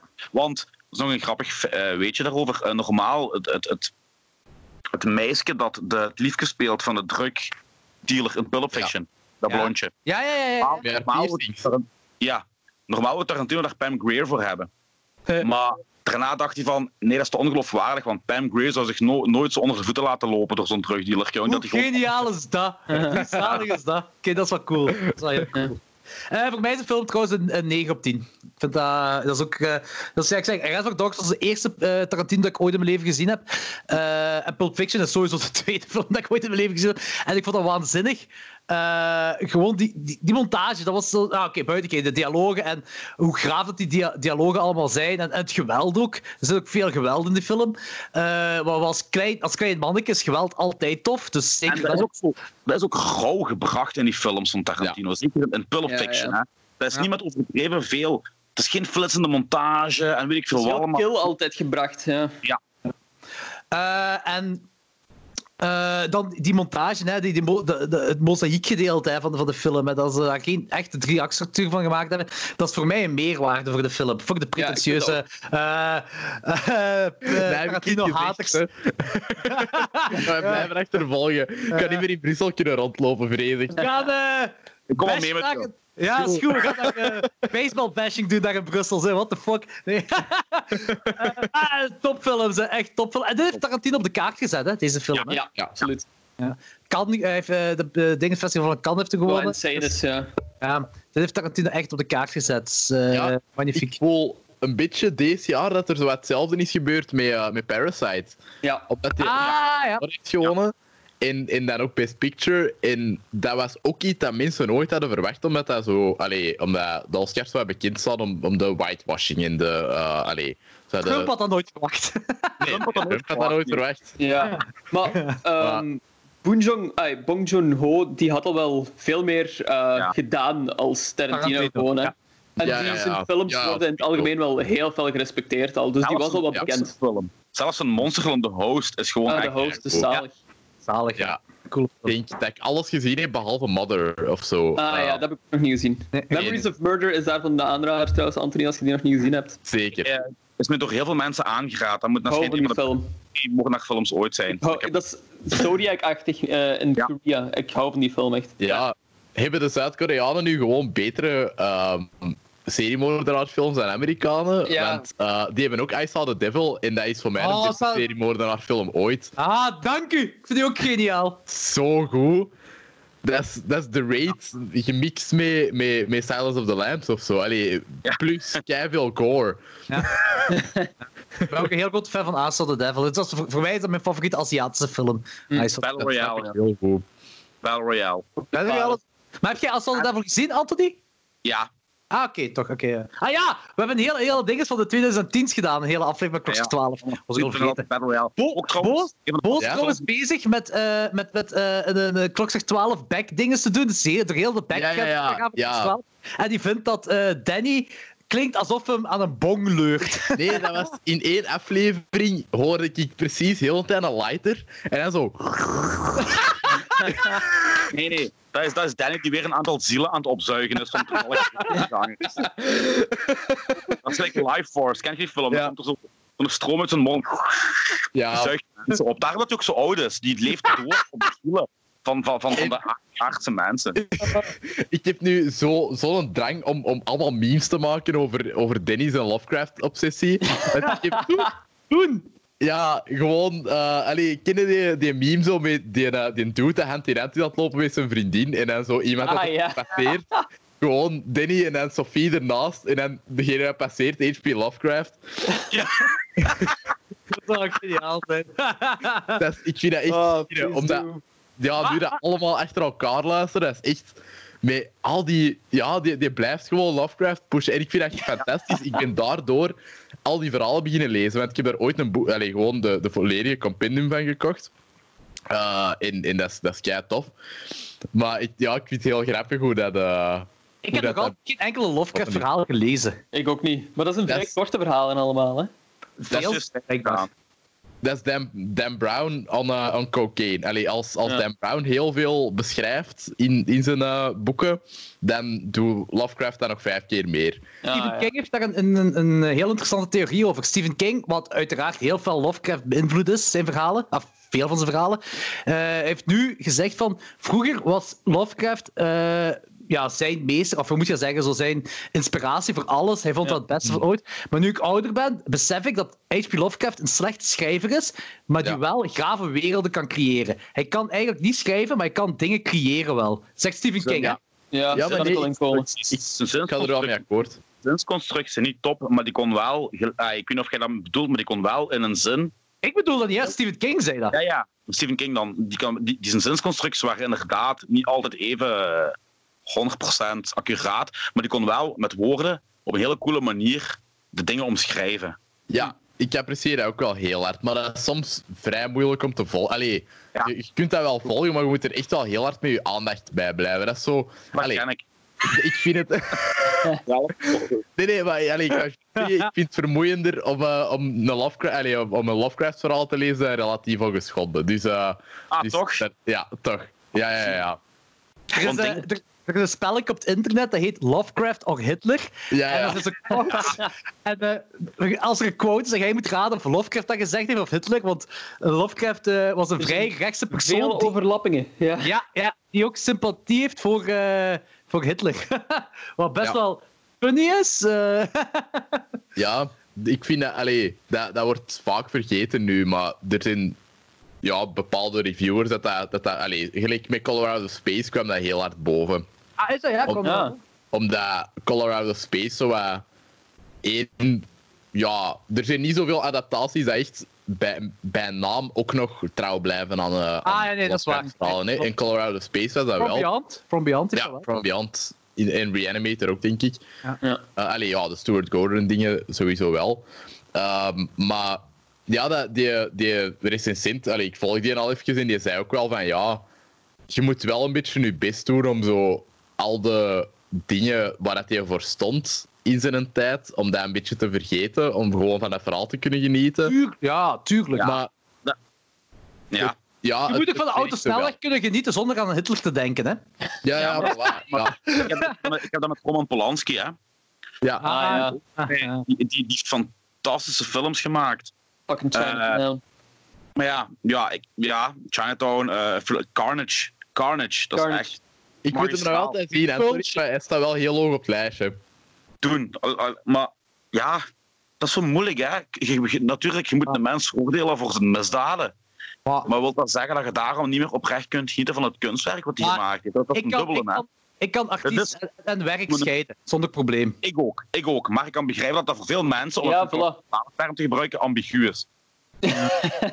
Ik vind dat inderdaad gewoon een heel moeilijke discussie vaak. Ja. Ja, gelijk, eh, ik, persoonlijk, ik, kan, ik kan dat loskoppelen. Ik Ja. kan dat loskoppelen. Ja, ik, ik kan dat Ik ook wel. De mensen zijn die dat niet kunnen. Ja, voilà, ik voor het grootste deel ook wel, maar ja, ik het. Maar gelijk, gelijk Usual Suspects. Ik vind dat, dat is echt ook een van mijn favoriete films. Ja, daar zitten minstens twee pedofielen in. Ah, zo Brian Singer en Kevin? Spacey. Ah ja, Kevin Spacey, ja, juist, ik was al vergeten. Ja, en Ja, toch... Ik vind dat toch een Ja. topfilm. Ja, Ja. Ja, ja, dus ja. dat is een goede film. ik kan dat loskoppelen. Ja, maar ik denk, ik denk iedereen die echt, echt, echt van cinema houdt, cinema in zijn totaliteit en er echt veel meer mee bezig is, als gewoon zo, laten we even op vrijdagavond gewoon een film opzetten en we zien wel. Dus niet van die mensen. Als je echt, echt van cinema houdt, dat je dat ergens wel in je brein kunt loskoppelen. Dat je daar een nuance kunt inzien. Ja, ik heb, eh, ik heb in de cartoons, denk een paar maanden geleden, Jacques gezien. eh van, nee, de laatste Ah. film van Polanski. Ja. En ik was eigenlijk, allee, dat is raar, maar ik was totaal niet op de hoogte van wat dat hij exact had gedaan. Dus ik heb daar wel, allee, ik vond dat een goede film. Ik vond dat echt een goede film. eh, en ik vond die thema's daarin ook echt goed. Maar daar heb ik er wel over gelezen. En, en ja, dat schijnt gaat dat dan zo over eh, zo de, de lynchmob ehm dat achter hem aan is gekomen. Ja, nadat dat er allemaal accusations zijn geveld en zo. En eh, dat, gaat dat, dat is zo aan een meta-commentary daarover. Maar ik heb die film nog altijd gezien zonder te weten waar het de fuss allemaal over ging. En ik vind dat nog steeds een goede film. En dat maakt het voor mij ook wel makkelijker om, om dat ervan los te koppelen. En Mijn originele idee erover en mijn originele mening en verwachtingen ehm, zijn heel anders dan, dan allee, wat, dat, wat dat nu veel mensen erover denken. Ja. Omdat ik dat gewoon niet wist. En dat heb ik ook wel met dingen dat Kevin Spacey heeft gedaan, dingen dat Brian Singer heeft gedaan. ehm allee, de, al die films. Ik heb daar toen van genoten. Dus dat gevoel dat ik toen had, ga ik nog altijd wel hebben als ik die films opnieuw kijk. Maar ehm, als die nu nog iets doen, gelijk die creepy fucking House of Cards filmpjes, dat, eh, Ja, Ja. dat is Dat is fucking weird. Dat is ook wel cringy. Dat is heel dat cringy. is super cringy en ik vind dat enorm creepy. Dat is echt Ja. insane. Ja, ja, ja. Ja. Tuurlijk. Zeg maar, eh, gaan we deze afronden? We hebben nog een paar films te gaan. En ik denk, we zijn nu al anderhalf uur bezig. Ja, en eh, het gaat nog lang duren anders. tussen en, tussen en, en een pintje halen ook. Alright, maar Ja. ik ga afscheid nemen van jullie. ja, merci om deze te doen. Alright. Ja, Dat je erbij om was. u nog eens te zien. Mannetjes, tjakkes, balletjes. Loren. Yo. Oeter, oeter, oeter, oeter, oeter. Met Jordi op de scooter. Eien, eien, eien, eien, eien. Lullen in de peperkwekerijen. Ukke, ukke, ukke, ukke, ukke. Hij zal zich moeten bukken. Als ik mijn uier in zijn mond steek, dan heeft hij melk voor een week. Goed. Eh, welkom bij het tweede, eh, tweede deel van aflevering 9 van de, van de peperkwekerij. Eh, Oké, we, gaan- we, we zullen... Hebben jullie dingen... Want dat, ik, ik ben dat eigenlijk vergeten te zeggen, maar hebben jullie eh Four Rooms gekeken voor deze eh, review? Nee, Nee, ik heb hem wel gezien. Meerdere malen, maar ik heb hem niet gekeken. Ja, het ding is, Four Rooms, eh, dat wordt dus niet beschouwd als echte Tarantino-film. Ah, dat is geen langspeelfilm van Tarantino. Tarantino heeft, is heel eh eh, eh, paardenkleppenachtig, met, of oogkleppenachtig, met, met... Dit is mijn eerste film, dit is mijn tweede, mijn derde, vierde. Maar Four Rooms, dat is een, een anthology-film, geregisseerd door vier mensen. Het- gaat erover dat... Tim Roth is zo de bellboy in een hotel. En eh, elk- elke kamer is geregisseerd door iemand anders. Eh, dus één- Ah. één- kamer is geregisseerd door. ik even kijken. Eén kamer is geregisseerd door Robert Rodriguez. eh, een andere door Tarantino. en die andere twee ben ik eigenlijk vergeten. Twee, twee Grieten hebben dat ook nog ge- geregisseerd, maar ik ben vergeten wie die zijn. Het zijn in ieder geval. Wat hè? Is, ja, nee. Ik, ik dacht, is, is- was die eerst of was From Dusk Till Dawn eerst? Eh, wacht, ik ga het even opzoeken. Ik denk dat Four Rooms eerder is. Maar From Dusk Till Dawn is effectief geregisseerd door, door eh, Rodriguez. Hè? Ehm, Ik ja, heb geen dat tweede- maar ik dacht half half was. heel die eerste helft is dat niet van Tarantino. Ik dacht dat ook. ja? Ik dacht de eerste helft is Tarantino en de tweede helft is Rodriguez. En je merkt ook hard de verschillen in, in, in, in, in, in regie. Ja, het, Ja. zijn, twee films eigenlijk bijeengeklapt. Maar Four Rooms is wel eerder, want uh, From Dusk Till Dawn is van 96, Four Rooms van 95. Maar het ding is gewoon van, eh, ik, ik, vind, ik vind het stukje dat... Je hebt die nooit gezien, hè, Bo? Nee, ik heb die nooit gezien. Eh, From Dusk Till Dawn, eh, Four Rooms heb ik niet gezien, maar From Dusk Till Dawn, eh, From Dusk Till Dawn wel. Ja, dus ah, de andere twee regisseurs zijn Alison Anders en Alexander Rockwell. Dat zijn andere, dus je hebt elke keer vier kamers. Elke kamer geregisseerd door een andere regisseur. Ehm, en Tim, Tim Roth is de bellboy die daar doorheen al die kam naar al die kamers moet gaan. En, eh, speelt heel raar. ja, heel overdreven, over de top Ja. eh, speelt hem. Je hebt een heel grave begintiteling, dat zo Pink Panther eh, geïnspireerd is, zo dat tekenfilmpje, met zo dat, dat één liedje. Do, do, do, do, do. Een heel cool liedje erbij. En dan komt dat meisje. Na, na, na, na, na, na, Ja, na, na. ja. Ja. En de eerste, de eerste kamer is een heksencover met onder andere Madonna. Eh, En eh, een van die heksen heeft de sperma van Tim Roth nodig. Daar gaat de eerste kamer over. De tweede kamer dat is, gaat over een heel raar koppel dat een soort van roleplaying ding bezig is. Eh, de derde kamer is georganis- eh, georganiseerd, geregisseerd door eh, Robert Rodriguez. En dat gaat over Antonio. Antonio Banderas met zijn gezin, ja? Dat is mijn favoriet stuk segmentje daaruit. Ja. Daar, daar zie je ook dat Rodriguez echt kinderen kan eh, regisseren. Da- da- da- Dan snap je ook dat hij Spy Kids heeft geregisseerd. Ja. Snap je? Door, door, eh, door die derde kamer. Dat zijn zo... Ja, Antonio Banderas die, die gaat met zijn vrouw nieuwjaar vieren en zijn kinderen moeten in, in, in de kamer blijven. En Tim Roth moet er eigenlijk... Die krijgt extra geld om een beetje op die kinderen op te passen. Maar die kinderen die vinden dan een lijk in het matras. En die Ja. zitten te drinken en te roken. En het is gewoon overal chaos en anarchie. Dat is... eh man- magnifiek segment. En het laatste, The Penthouse, is geschreven en geregisseerd door Tarantino. En dat is naar een adaptatie van Roald Dahl. Eh, Man of the South heet dat verhaal. En de hoofdrolspeler in die, in die, in die, die kamer is ook Quentin Tarantino.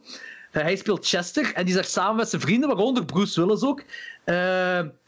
Eh, die zitten daar in, in die penthouse en ze hebben verschillende dingen gevraagd aan, aan de, de bellboy. Waaronder een donut, een stuk hout, een emmer ijs, een boterham, drie nagels, een bol garen en een hatchet. En a hatchet as, as sharp as the devil himself. Daar zit je echt zo, dit is echt Tarantino. Want Tarantino legt ook nadruk op alles. Want je hebt zo, ah, here's the hatchet. En dan zie je Tarantino zeggen, I said a hatchet as sharp as the devil himself. En dan zie je Bruce Willis. "Oh, it's pretty sharp, it's pretty sharp. Het is echt magnifiek gedaan. Ik ga die vanavond opnieuw kijken.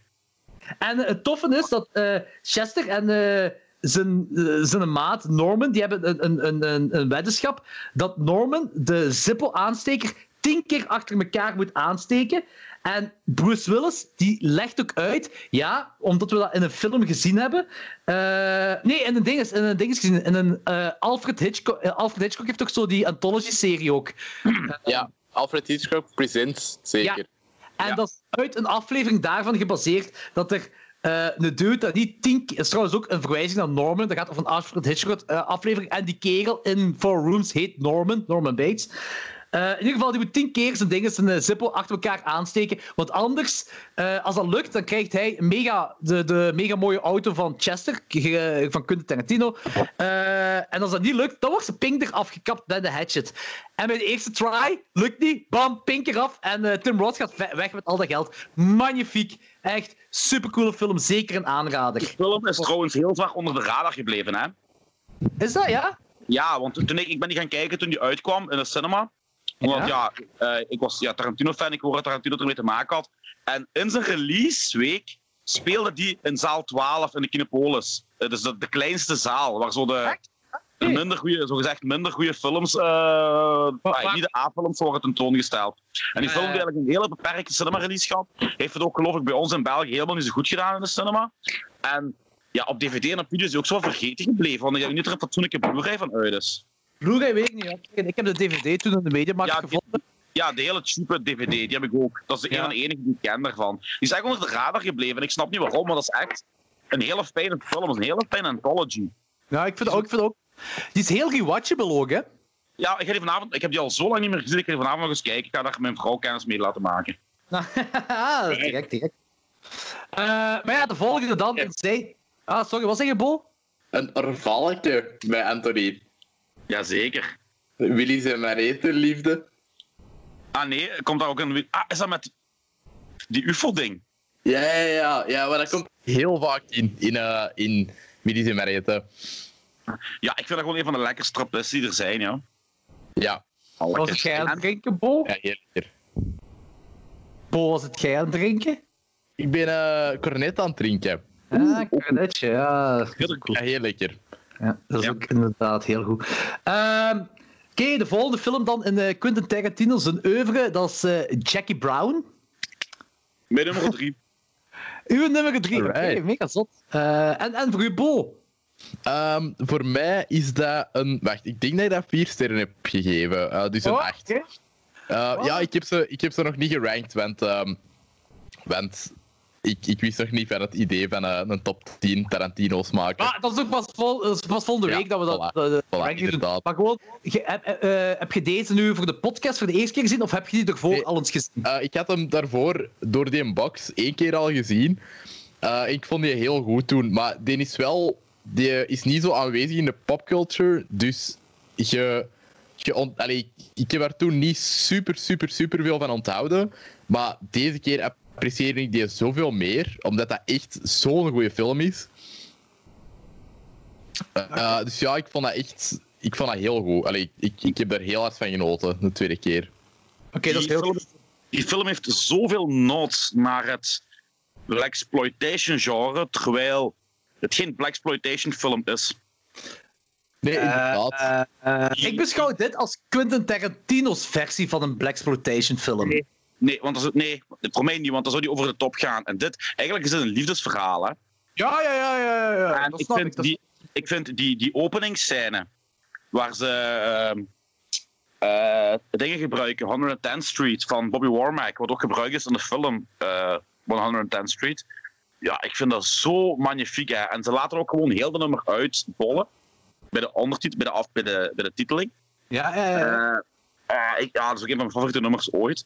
En eh, ja, ik vind, ik vind die opbouw zo goed, hè. Ik vind dat ook goed. Dit is de eerste keer. eh, Oké, dit is de derde film van Tarantino, de- de derde langspeler van Tarantino. De eerste keer dat uw begintiteling tijdens de introductie komt. En dat je geen Ja. proloog hebt, maar je hebt uw introductie van, van die dingen. Dus zij, Jackie Brown, die daar gaat, ja, naar haar werk toe gaat. Hè. En dan heb je begintiteling dat tegelijkertijd loopt. Dat eigenlijk voor, ah, op dit moment, derde film Tarantino, atypisch is voor Tarantino. Ja. Ja, dat is wel de derde inderdaad. film. Eh, en er wordt heel veel nadruk weer gelegd op de voeten. Ja. Eh, wat ik heel, ja, wat, wat, dus dat is, dat is eh, ook Harvey Keitel, hè, eh, die daar in de zetel zit met, met Samuel Jackson. Ding. Robert Ah, De Niro. Ja, Robert De Niro, De sorry. Robert De Niro, ja, juist, juist. En dat ze met de, wat, wat drankjes ze daar aan het drinken, dat was, was dat gewoon whisky? Screwdrivers, vodka roche. Ja. En dan zo naast die voet, en ik vond dat magnifiek. En je ziet zo dat hij ook naar die voet aan het kijken is. En zo naar zijn drankje, dan zo zijn drank. Want dan op dat moment denk je dat ze zijn drankje weghaalt en ja, smerig vindt. Maar dan uh, poept hij die griet los. Ah, dan denk je van, ah ja, oké. Zo die slecht zal dat niet acteert, vinden. die acteert dat ook zo droog, hè. Die hele, Ja. die hele film, hè. Zo droog en zo goed, hè. En hoe Maar- waanzinnig mooi is Bridget Fonda in die film, ja. Oh. Oh, geniaal. Maar eh, niet alleen, niet, niet alleen dat stuk ook zo. Eh, eh, maar ook zo wanneer, wanneer die griet gaat vermogen, ook zo. Oh ja, ook zo I shot her. She Ja. dead. Yeah, pretty much. Maar zo heel droog. Allee, zo. Ja, maar ook wel zo. Hij weet het niet. Also, het personage, zo van. Ja, zo, zo precies ook zo spijt, maar niet echt spijt. Zo daartussenin Ja. zit dat zo. Ja. zo. Ja. Mhm. Ja, dat- zo een, een, een, een bijna gebrek aan emoties wat hij toont doorheen heel die film. Eh, De dingen gezien, de gas roll, vond ik ook weer heel goed, omdat... eh? Pam- Ja, Zit hij? Volgende- De rechter, Pam hè? Grier en Sid Haig zoveel hebben samengespeeld in de jaren 70 en dat hij toch zo een klein rolletje te geven als rechter. En, en Robert Foster. Robert Forster. Man, Yes. ik ben Ja. zo blij om hem nog eens te zien. Eh, Ja, Gewoon een goede acteur ook. En niet zo underrated tegenwoordig. Ja, ja, Ja, tegelijk niet meer nu, hè. ja, ja hij, hij heeft zijn dinges nog gehad bij dingen. ze, eh, die Breaking Bad film, El Camino. Ja, juist. Omdat hem daar in Breaking Bad ook zijn rol heeft gehad. Eh, hij is dan deze jaar gestorven. Ja. Maar ik denk. eh, omdat Jackie Brown is echt onder de radar gebleven, eh, gelijk jij zei, Bo. Ja, dat is ook zo. Maar ik denk. Is zijn bekendste rol die Alligator? Eh, voor ons wel. Oké. Ik weet niet of dat voor andere mensen ook zo is. Dan zou dat, misschien, misschien dan Breaking Bad voor de mainstream ding is dat dat zijn bekendste Ja, ik ken hem daarvan. Ik vind ook... Ja, nee, zeg maar. Nee, hetgeen wat ik wil zeggen is van Robert Foster gewoon van de, dat eh, hij is. eh, eh, hij was toen een gevallen acteur. Ah, gevallen acteur is, is erg om te zeggen, maar hij was niet meer bekend. Hij, hij heeft heel veel bekendheid gehad en er is zo'n. Quentin Tarantino wou hem echt hebben als, als acteur. Hè? En hij had geen manager meer op dat moment zelfs, Robert Foster. Mm. Hij had geen manager meer en Robert, eh, Quentin Tarantino heeft hem echt gevraagd van ik wil u hebben als, eh, voor, voor deze rol te spelen. En ik vind dat een goede keuze. Ik, vind, die ke- ik snap dat eigenlijk ook niet, want dat is zo... Hij, zij- ah, hij zelf... Dat is zo de kerel die in mijn ogen in al die jaren 80 politiefilms zou kunnen meedoen. Al- Ja, als regisseur of zo. Ja. En dat is nooit gebeurd, echt zo. zo van, Wel die echt de perfecte manier van acteren ook heeft voor, voor, voor dat soort films. Die acteert zo fijn en Mhm. zo semi-ingetogen. Dat zou echt gelijk gezegd een perfect, de perfecte rol voor hem geweest zijn. Dat is ja, Ja, echt wel. een beetje raar. Dat hij niet niet voor- zo'n kop, zo'n tronie waar je niet kwaad op kunt zijn. En heel likable, heel likable. Heel Ja. likable. Ja. Een warme uitstraling. Ook Eh, eh, over de begincredits gesproken, eh, daar, allee, of, of toch het begin. Ehm, de costume design is gedaan door Jackie Brown. Echt? Ja. Ja, Bedoelt, Jackie... bedoelt, je dan, wat, bedoelt je dan iemand dat Jackie Brown heet, of echt de Ja. actrice? Nee, nee, echt eh, iemand dat Jackie Brown heet. Echt? Oké. Jackie gewoon met een I, niet met IE. Dus gewoon. Jackie met, met één I. En eh, dat, ja, ik vond, dat, ik vond dat heel funny. Allee, ik vond Dat dat, is, wel funny, tof. dat is ook funny, ja, ja, ja. ja. Ja. Oh, dat is geniaal, dat is zalig. ik, oh, Anthony, ik heb heel veel zitten lachen.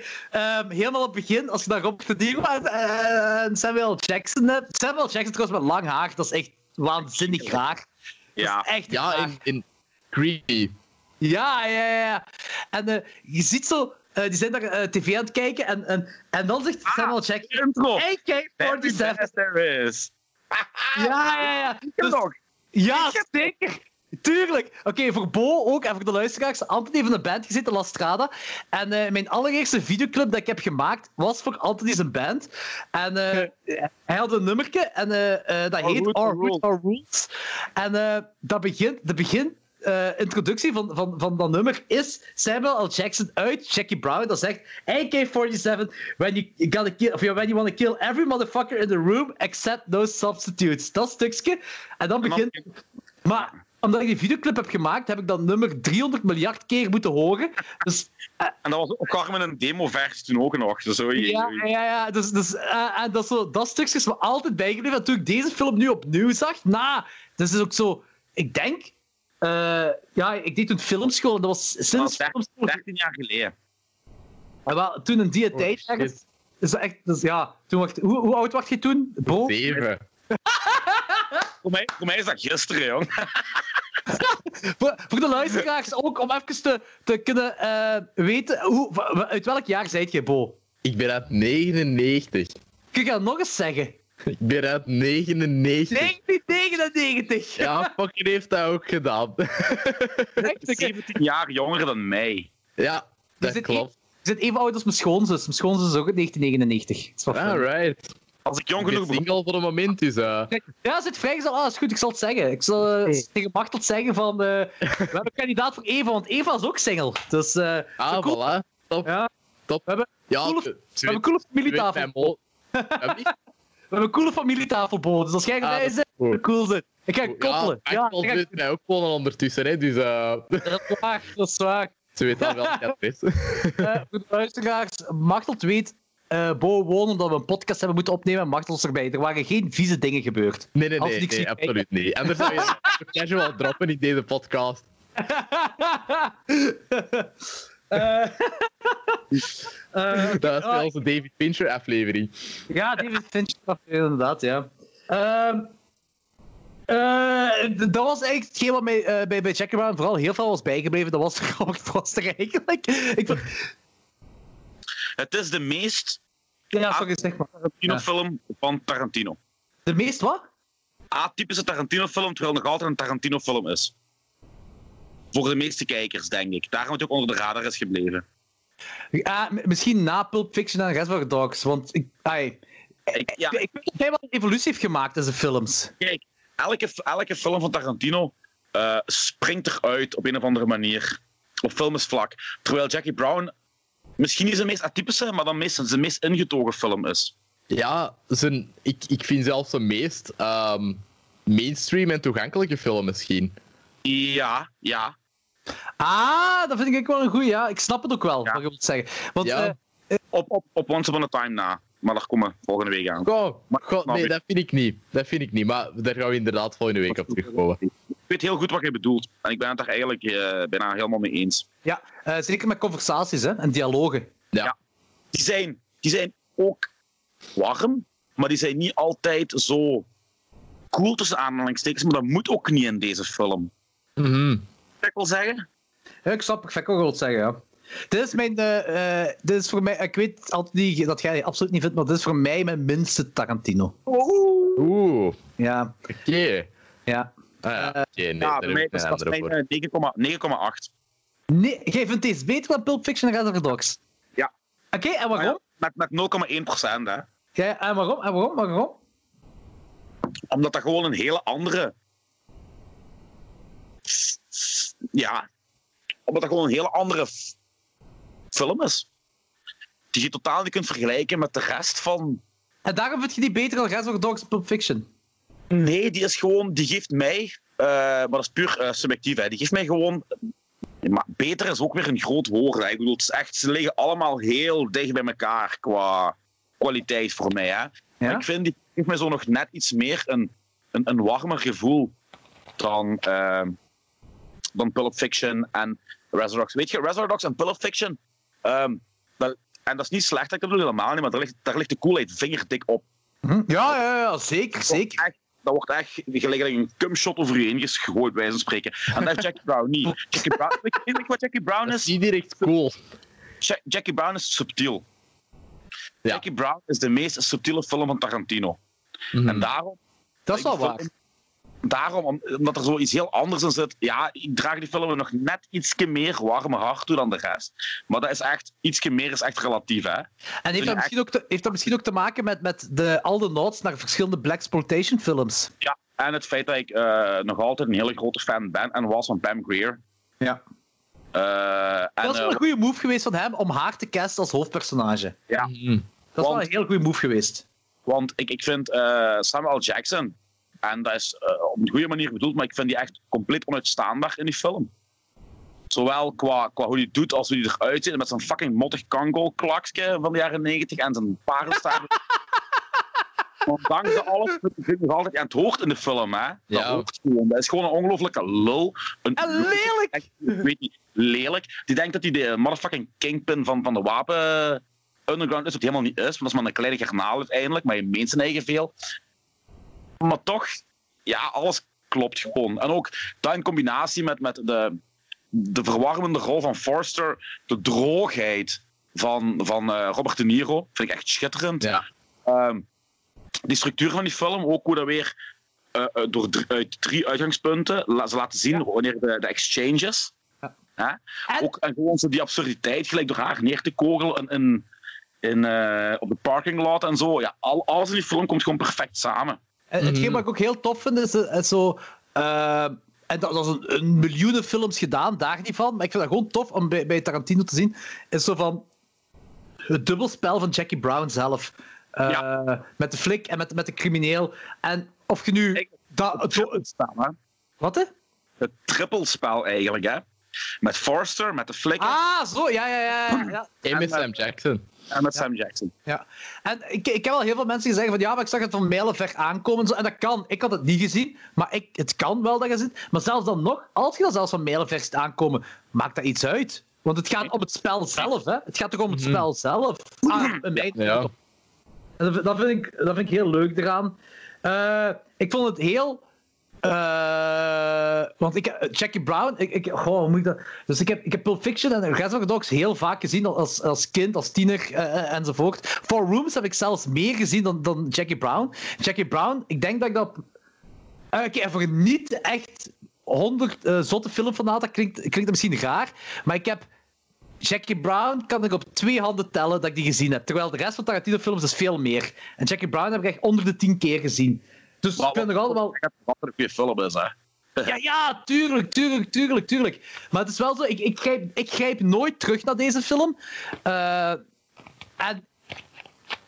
Hebben jullie dat ook? Als jullie een film van Tarantino gaan kijken, dat jullie dus hebben, ik heb goesting in een Tarantino-film. En dat je dan pas kiest. In ieder geval, ik heb goesting in deze specifieke film. Ik heb, ik heb dat bijvoorbeeld. Ik heb altijd goesting in een specifieke Tarantino-film.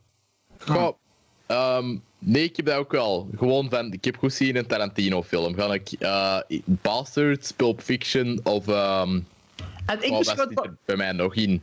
Ehm, ja, ehm, Django Unchained staat daar ook in bij mij. Omdat ik die het bewustste had meegemaakt. Dat was de eerste Tarantino dat ik echt bewust heb ehm, weten uitkomen en in de oud cinema ben gaan zien. 13.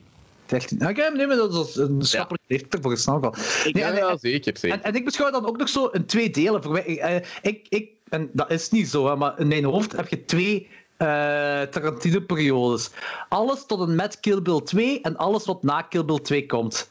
Ik vind dat hij een, een heel Ja. zotte evolutie heeft gemaakt. Kill Bill 2 is, is zo een beetje de overgangsperiode, omdat het ook western is. Mhm. Eh, dat zo, gelijk in een Glorious Bastard. Er zijn heel veel overeenkomende kenmerken. Jackie Brown is inderdaad wel het, het atypische ervan. Maar je ziet echt een evolutie. En dat is zo. Kill Bill 2 is voor mij zo de, de, de, de evolutiefilm. Zo, waar die echt zo. Dat een ander niveau. is. Ah, ik zeg niet dat het ene beter is dan het andere, maar zo. Je merkt dat hij anders en misschien toch wel beter is geworden in zijn eigen ding doen qua film. Ja, Ja, dat kan. Zo, zo eh, dat, is, ik, dat is raar voor woorden, hè, ik weet dat wel. Het zijn ook allemaal period pieces daarna, hè? buiten Death Proof.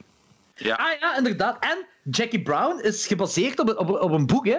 Ja, inderdaad. Dat is ook de enigste, denk ik, hè, dat gebaseerd is op een boek. I- Eh, ja, Ja, denk Ja. Zijn segment in Four Rooms is dan gebaseerd op een Roald taalverhaal. Oké, dat wordt niet beschouwd als echt zijn... Dus, ja maar uiteindelijk, uiteindelijk is elke film van Tarantino heeft wel, is gebaseerd op een uitgangspunt van een andere bestaande film van vroeger. Hè. Ja, oké, maar dit is echt, echt een boekverfilming. Ja, ja, dat is waar. Ja. Jackie Brown is een boekverfilming, hè. En plus, hetgeen wat hier ook anders is dan... dan ah, oké, dit klinkt raar, maar hetgeen wat anders is dan een andere film... Hier is Michael Keaton, wordt hier gebruikt als acteur. Waar ik ook absoluut niet... Dag Machteld. Waar ik ook absoluut niet zou verwachten eh, van, eh, van hem om deze acteur, te- acteur te gebruiken. Ja, daar wou ik het nog over hebben. Want ik vind deze cast misschien de beste in een Tarantino-film ooit. Ah, echt? Ja, omdat voor mij zijn. Allee, zo wat die een ensemble van. even, oh, we nemen het even terug. Eh Machteld wil iets zeggen. alright. Geen Genevers, hè. Ja, ja, Anthony is hier, hè. Hey, Machteld. Wacht, wacht, wacht. aan Hier. elke zaterdag. Ja, want dat is, dat is Jordi, hè, die dat doet, hè. Ik niet, hè. Dat is Jordi, hè.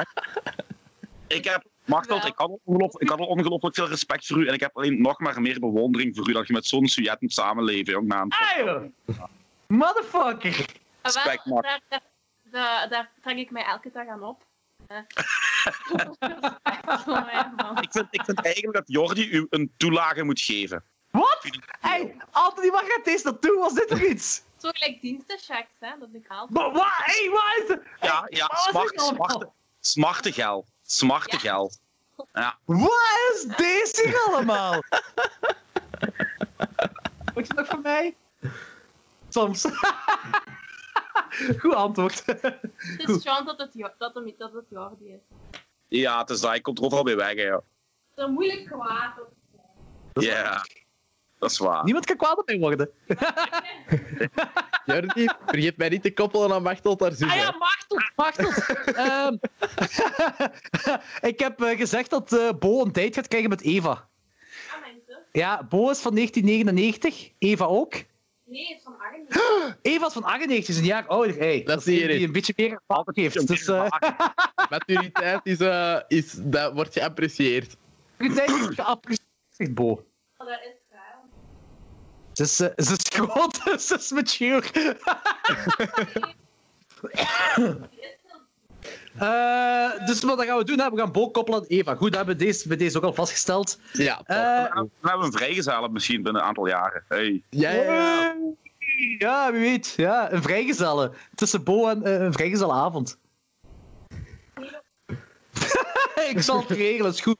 Zeg, zeg wel Ja. tegen Eva dat we na corona iets gaan regelen. Dubbel daten. Oh, eh, zoveel dubbel dates. Eh Anthony en shit, ja. Wij twee, dan nog wij twee en Bo en Eva. ik zeg goed komen.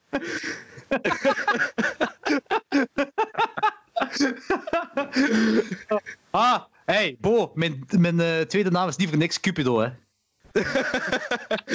Ik wil u op, op onze vrijgezellen, ga ik u minstens even zat krijgen als op de vorige peperkwekerij aflevering. Ja, maar dat is niet moeilijk, jongen. Geef die gewoon drank, die kapt dat wel naar binnen, joh.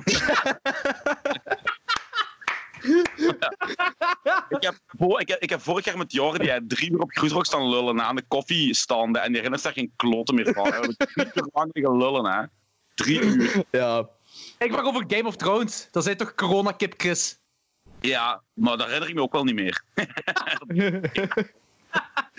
Eh, maar sorry, boven u te onderbreken, wat wou je zeggen? wauw, eh, dat weet ik wel. Beste cast. Ja, beste cast, omdat ja, gewoon dat ensemble van, van Michael Keaton, eh, Pam Grier, Sam Jackson, ehm, ja, De Niro, wat dat ook vrij atypisch is voor, eh, voor Tarantino. Klopt. Dat, ik vond dat echt fantastisch en dat, dat brengt zo een bepaalde klasse aan deze film dat dat al heeft voordat je daarin gaat. Ja. Ehm, allee, Ja. als je als eh, bijvoorbeeld zo'n een, een, een kangaande ehm filmrecensent en je hebt nog nooit een eh, Tarantino-film gezien en je hebt nog nooit iets gelezen over de, eh, over de hype van Pulp Fiction en wat al die films hebben betekend in de popculture. En je gaat puur op cast af. Dan kiezen denk ik wel Jackie Brown. Ja. Dus Eh, zelfs een Once Upon a Time in Hollywood erbij. ja, Ah, zeker. Want ik vind dat deze meer extreme klasse acteurs heeft dan, eh dan was Upon a Time in Hollywood. Oh shit, zware woorden. Zware woorden. Dat vind ik moeilijk. Je moet dat in zijn tijdsgeest zien. Ja, ja, ja, ja maar allee, Dat toen hè. ik er wel mee eens. Ja, ja. Want, ja, we, we gaan het later nog hebben over was Upon a Ja, ja. oh man, ja, tuurlijk. Eh, goed, eh, hoeveel, hoeveel rijd je? Eh, Jackie Brown? Bol? Een acht. Een, oh shit! Ja. Oké, en eh, Anthony? Eh, wacht hè. 9 of zo? 9,8. 9,8, oké. Eh, dus ja, oké, we, we zijn dus nu bij het eerste dieptepunt geraakt eh, van de podcast. En dat is, dat is door mij. Dit is mijn minst favoriete eh, Tarantino. En ik zeg ook minst favoriet, ik zeg niet slechtste, want het is een magnifieke film. Ah ja, man. Voor mij is het een 5 op 10. Oh, joh. Nee, is niet waar! dat is niet waar! Wauw. Hey. Denk aan, denk aan mijn leeftijd, Jordi. aan Mijn haar is niet meer Ja, die, die, die eh, Gen X'ers, die kun je er niet meer tegen, hè. Dit is voor mij een 8,5. Een 8,5 op 10. Dat is toch een mooie score, hè? Niet? Ja, ja, ja. minste favoriete eh, Tarantino is dit toch wel een mooie score, denk ik. Eh, maar wel, he- het is heel enjoyable wel. Eh, mijn, mijn favoriet perso per- echt personage, zelfs zonder acteur, qua personages nog al, zelfs eh, dat is het personage wat Robert Forster eh, eh, speelt. Ik vind die zelfs, ik vind zelfs een toffer personage dan Jackie Brown zelf. Ja. Terwijl dat ook wel een goed personage is, daar niet van. Hè. Maar ja, misschien heeft het toch wel met acteur te maken. Ja, de Robert, ik zeg het, ik ben, ik ben echt een grote, grote fan. En hoe hij het speelt, dat is, dit is, gelijk jij het eerlijk zei, Anthony, dit is, de meest, dit is een heel likable persoon. Voor mij de meest likable van, eh, van Jackie Brown. Eh, de Robert. Eh, mij is een 8,5. Maar goed, eh, Kill Bill. Yes. Ik ga eh, ondertussen heel even naar het toilet gaan. Oké. Dus Eh, heel twee seconden. Doe Maar misschien zo een kleine, kleine pauze, kleine pauze. Kleine pauze. Kleine pauze. De bankautomaat is leeg. Het is crisis. Het is crisis. Het is de schuld van de politiek.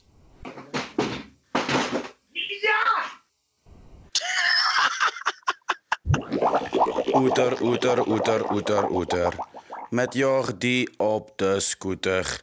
Eien, eien, eien, eien, eien. Lullen in de peperkwekerijen. Ukke, ukke, ukke, ukke, ukke. Hij zal zich moeten bukken. Als ik mijn uier in zijn mond steek, dan heeft hij melk voor een week. Right, I'm back. Ik heb, ik heb Jordi keihard miljarden geroepen, maar ik weet niet waarom. Oei. Wat zou er gebeurd zijn? Ik denk dat er iets gevallen is of zo. Ik heb eh, voor de podcast, echt zo vijf minuten voor de podcast, ehm, ik pakte mijn kratje cornet op. En er viel eh, zo een pint dat er los in zat, dat viel eruit. En dat viel zo helemaal kapot in onze berging. Maar dat, is- die staat redelijk vol, dus al dat bier is zo onder de blikjes Ah. gelopen. Ah, ja, dat was echt kut. Eh, maar ik heb dat samen mee, met de mama opgekuist. Oh, waar zijn mama toch allemaal goed voor? hè? Ja, hè. mama wilde een Anthony zien. Jawel, jawel.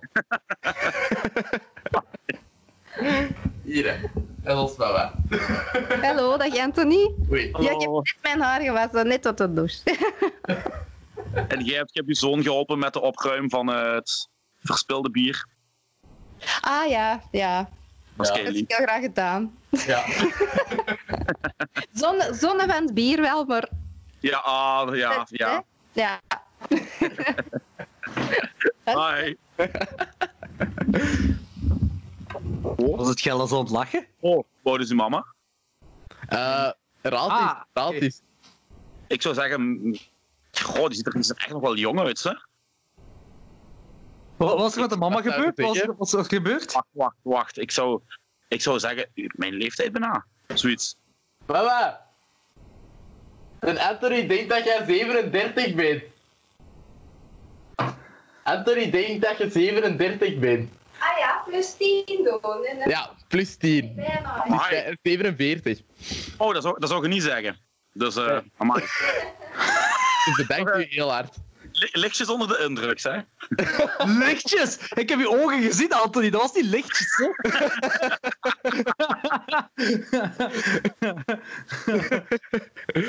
Nee, dan eh, zou mijn mama op haar 17 zwanger moeten zijn geweest. Dat is, ehm Nee, dat is niet waar. wacht, Eh, nee. nee, ah, nee. jawel, ah, Ja. Ja. Ja, ja, ja, maar ze zag er... Ja, dat kan, hè?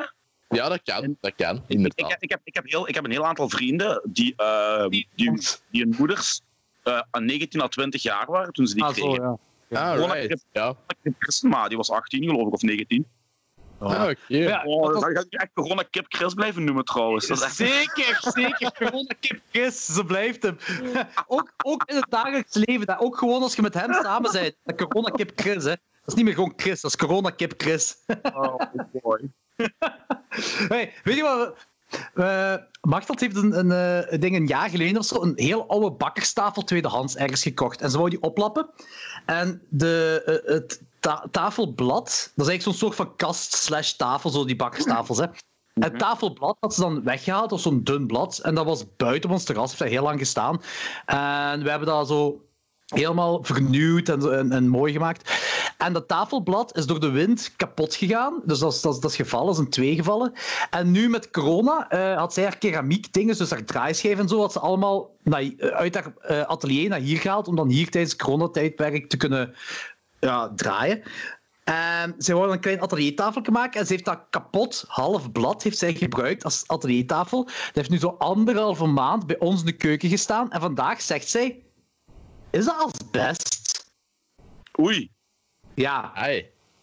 En ik zeg echt zo, huh? En ik ga kijken. Ik zeg, als, ik, zeg, ik weet het niet, maar nu buiten, dus dat buiten gedragen. Ik ben er gaan opzoeken. We- we- ja, gisteren was het dan. En we waren de hele tijd, ik was de hele tijd aan het zoeken, aan het zoeken, aan het zoeken. Eh, en blijkbaar kunnen tafelbladen in de jaren 50 werden gemaakt van asbest. En dan begin ik Ja. op te zoeken. Dan Zo van, ja, eh, dus ja, ja, jullie weten ook hoe gevaarlijk asbest is, maar vooral de stof, hè, dat is allemaal stof. Als er stof eruit komt, dat, Ja. als dat zo vast is, is dat eigenlijk niet, ah, niet gevaarlijk, maar eenmaal dat stof eruit komt. Maar ja, dat was gebroken. Dus ja, ik zal van, oh fuck. Dus we hebben anderhalve maand hebben hier geleefd met een als, kapotte asbestplaat bij ons.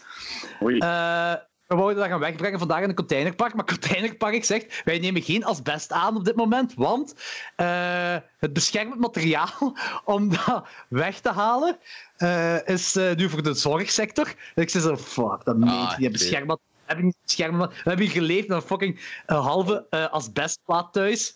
Mega, gev- ja, mega gevaarlijk en zo. Maar nu blijkt wel dat dat zo... We hebben, dat is een soort cementasbest of zo, dus dat is heel vast. Eh, we hebben dat, Macht heeft dat nu naar, naar haar ouders gebracht. En die pa zei ook zo van...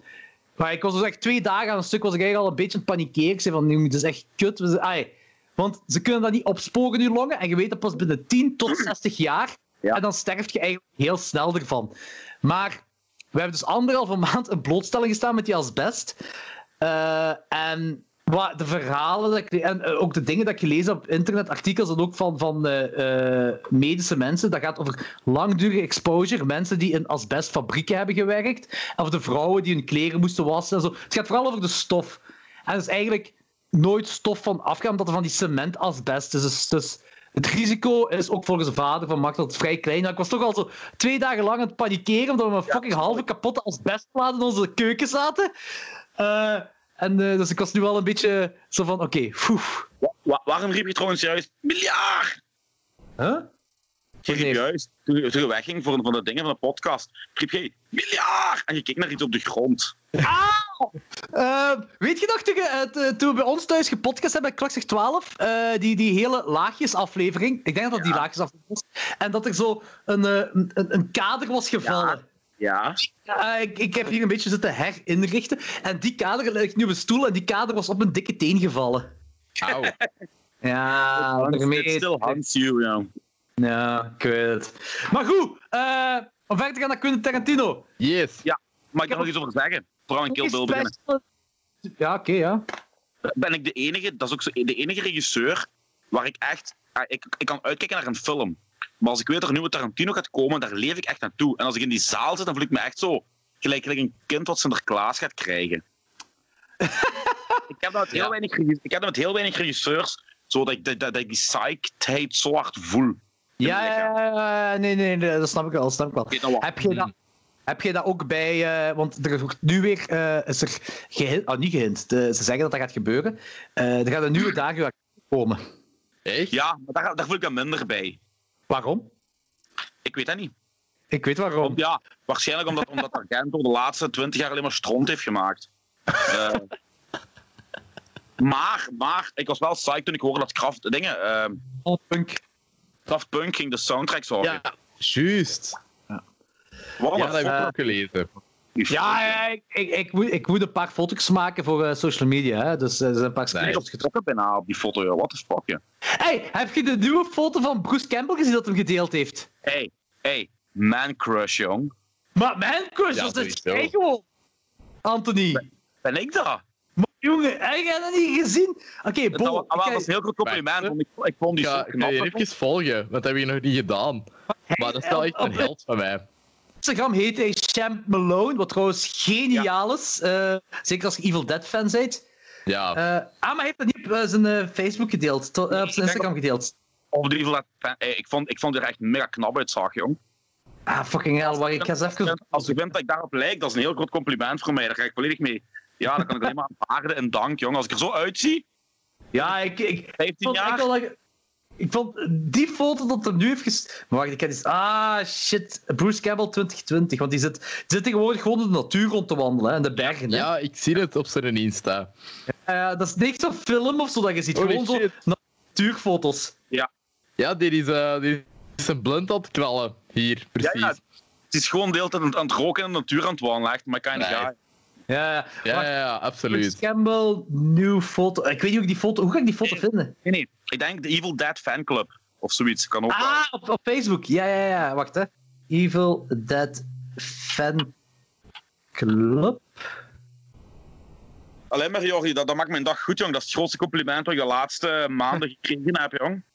Het was niet op de Evil Dead fanclub, dat vind ik in ieder geval. Ah, allee, maar die foto is deze week kwam die co- constant voorbij en nu vind ik hem niet meer terug. Dat vind ik wel... Ah, hier, ik heb hem. De Ultimate Evil Dead fanclub. Kijk, eh...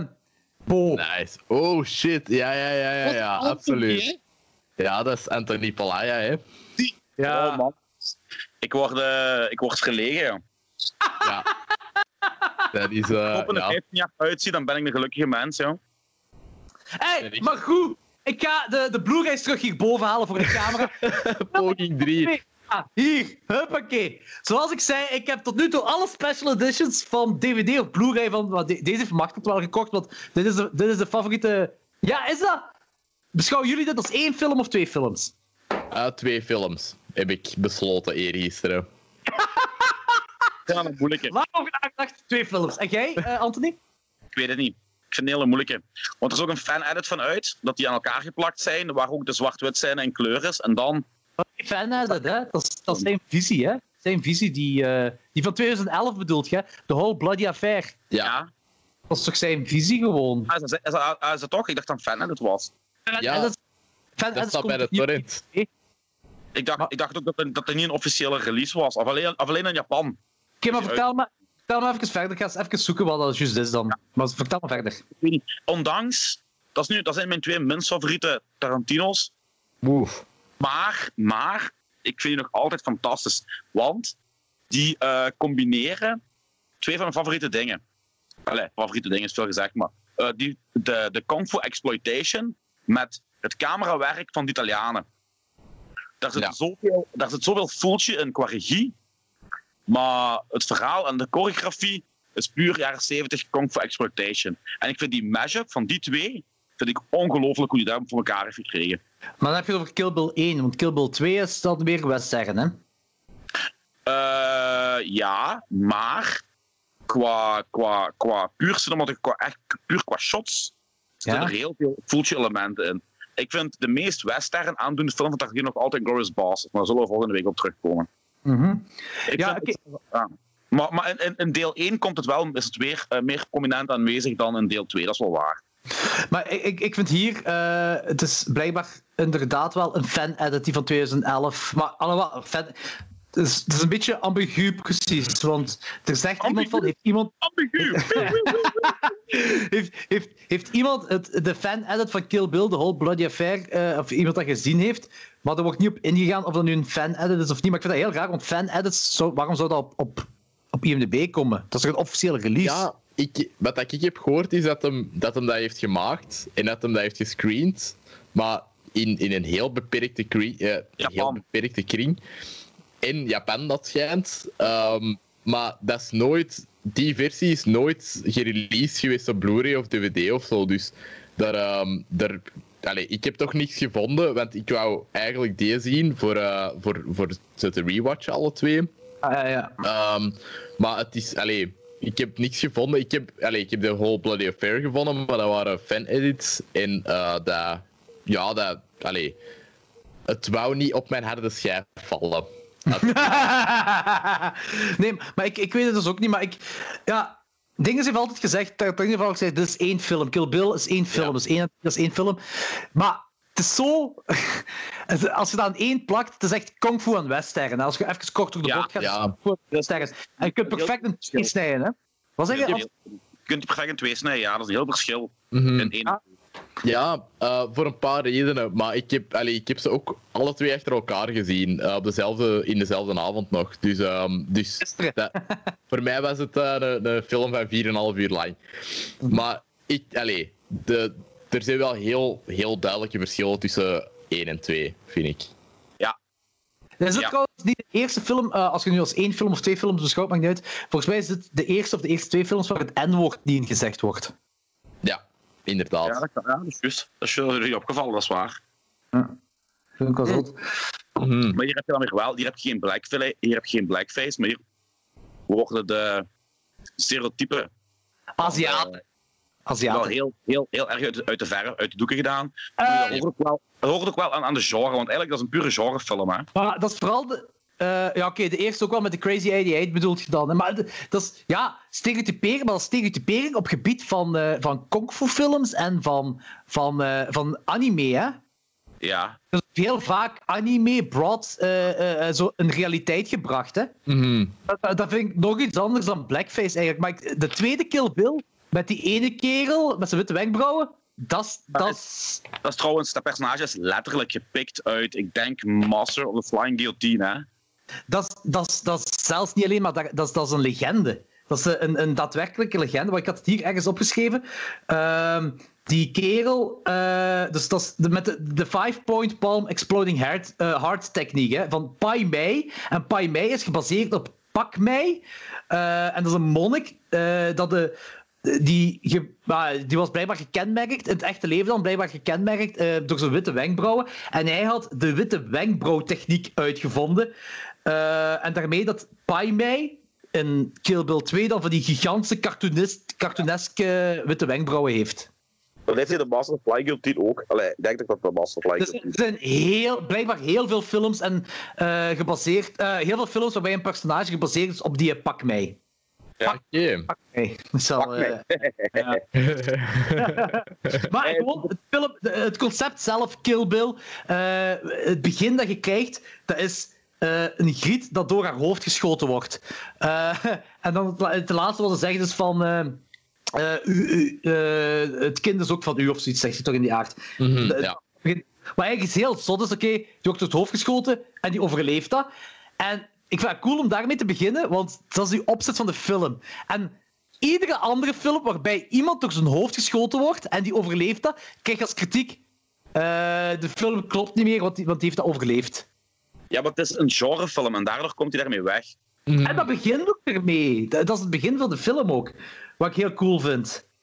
Eh, en de, ja, de, de hele film, en de tweede ook, is opgedeeld in hoofdstukken.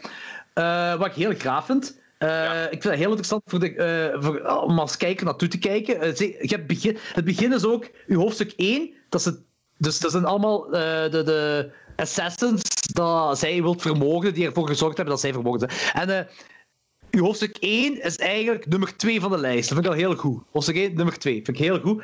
En dat is zo een kung fu gevecht in een gewone Amerikaanse suburbia woning, wat ik heel graag vind. Ja. Ja.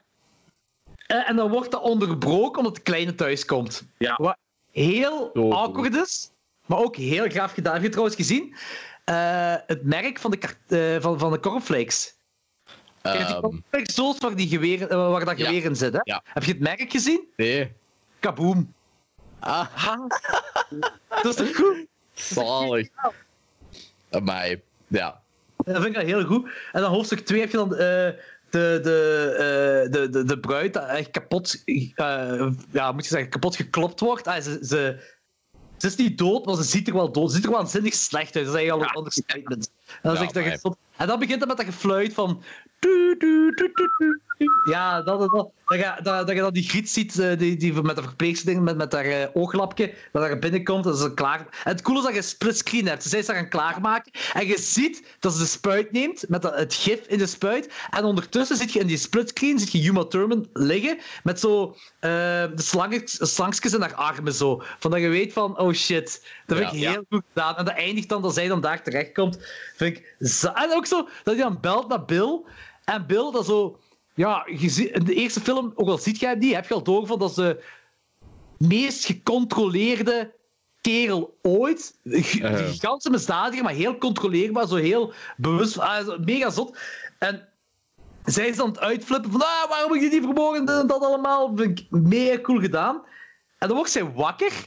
En dan heb ik de vraag naar jullie toe. eh, ze kijkt op haar hand en ze zegt van vier jaar. Het is vier jaar geweest. Dus zij ziet aan haar hand nerven of zo dat zij vier, vier jaar in coma heeft gezeten. Of zo. Of... Again, genrefilm, joh. Dat kan. Dus, dus, wacht tot ik waar gisteren gaan kijken, was ik zo van... Ja. Kijk ze naar haar hand om te weten dat ze vier jaar in coma heeft gezeten. Dat is inderdaad genre cinema natuurlijk, maar ik vind wel, wel funny. En dan komt dingen, hè. eh Buck. Buck komt. I'm Ja. I'm here to fuck, ja. Dat is Dat is voor mij de Nee. meest memorabele quote ooit uit een Ja. film. Fuck and I'm here to fuck. Zo. Allee, je zit naar een, naar een, naar, naar, hey, bezig naar een film aan het kijken. En dan heb je in één keer de Pussy Wagon. Ook hoe die eruit ziet, hoe dat erop staat. Eigenlijk is een soort anachronisme in die film. En dat maakt dat weer zo cool. Dat, dat, dat hoort er op het eerste zicht niet in thuis. Maar net omdat het er niet in thuis hoort, wordt dat zo cool. Yep. En niet alleen cool, ook eh, langs de andere kant veel Want dat is eh, een griet die een van de meest tragische dingen in haar leven heeft meegemaakt. Die heeft een kans om dan te overleven. En dan heb je een verpleegkundige die haar verkracht heeft, ontelbaar keer verkracht heeft. En haar dan haar lichaam verkoopt aan rednecks, weet ik veel wat. eh, om dan ook nog verder te verkrachten. Ja, Dat is, ja, Eigenlijk een typisch country nummer. wat een typisch? Typisch country nummer, ja. Ja. Ja, ik moet wel zeggen, hè, de vorige aflevering dat je hebt gedaan met... eh hoe heet hem? Eh, De met de... Peer. Ja. Inderdaad, ik vond dat echt geweldig. Allee, die, die is toch van Westmal, hè? Of, Eh, eh, ergens aan de kanten van de Kempen. ja. Ah ja, oké. Ehm, ik, ja, ik, ik vond dat een hilarische mens. Ik vind mensen van, eh, van de Kemper altijd echt fantastisch. En, eh, ik vond dat een heel, heel leuke mens.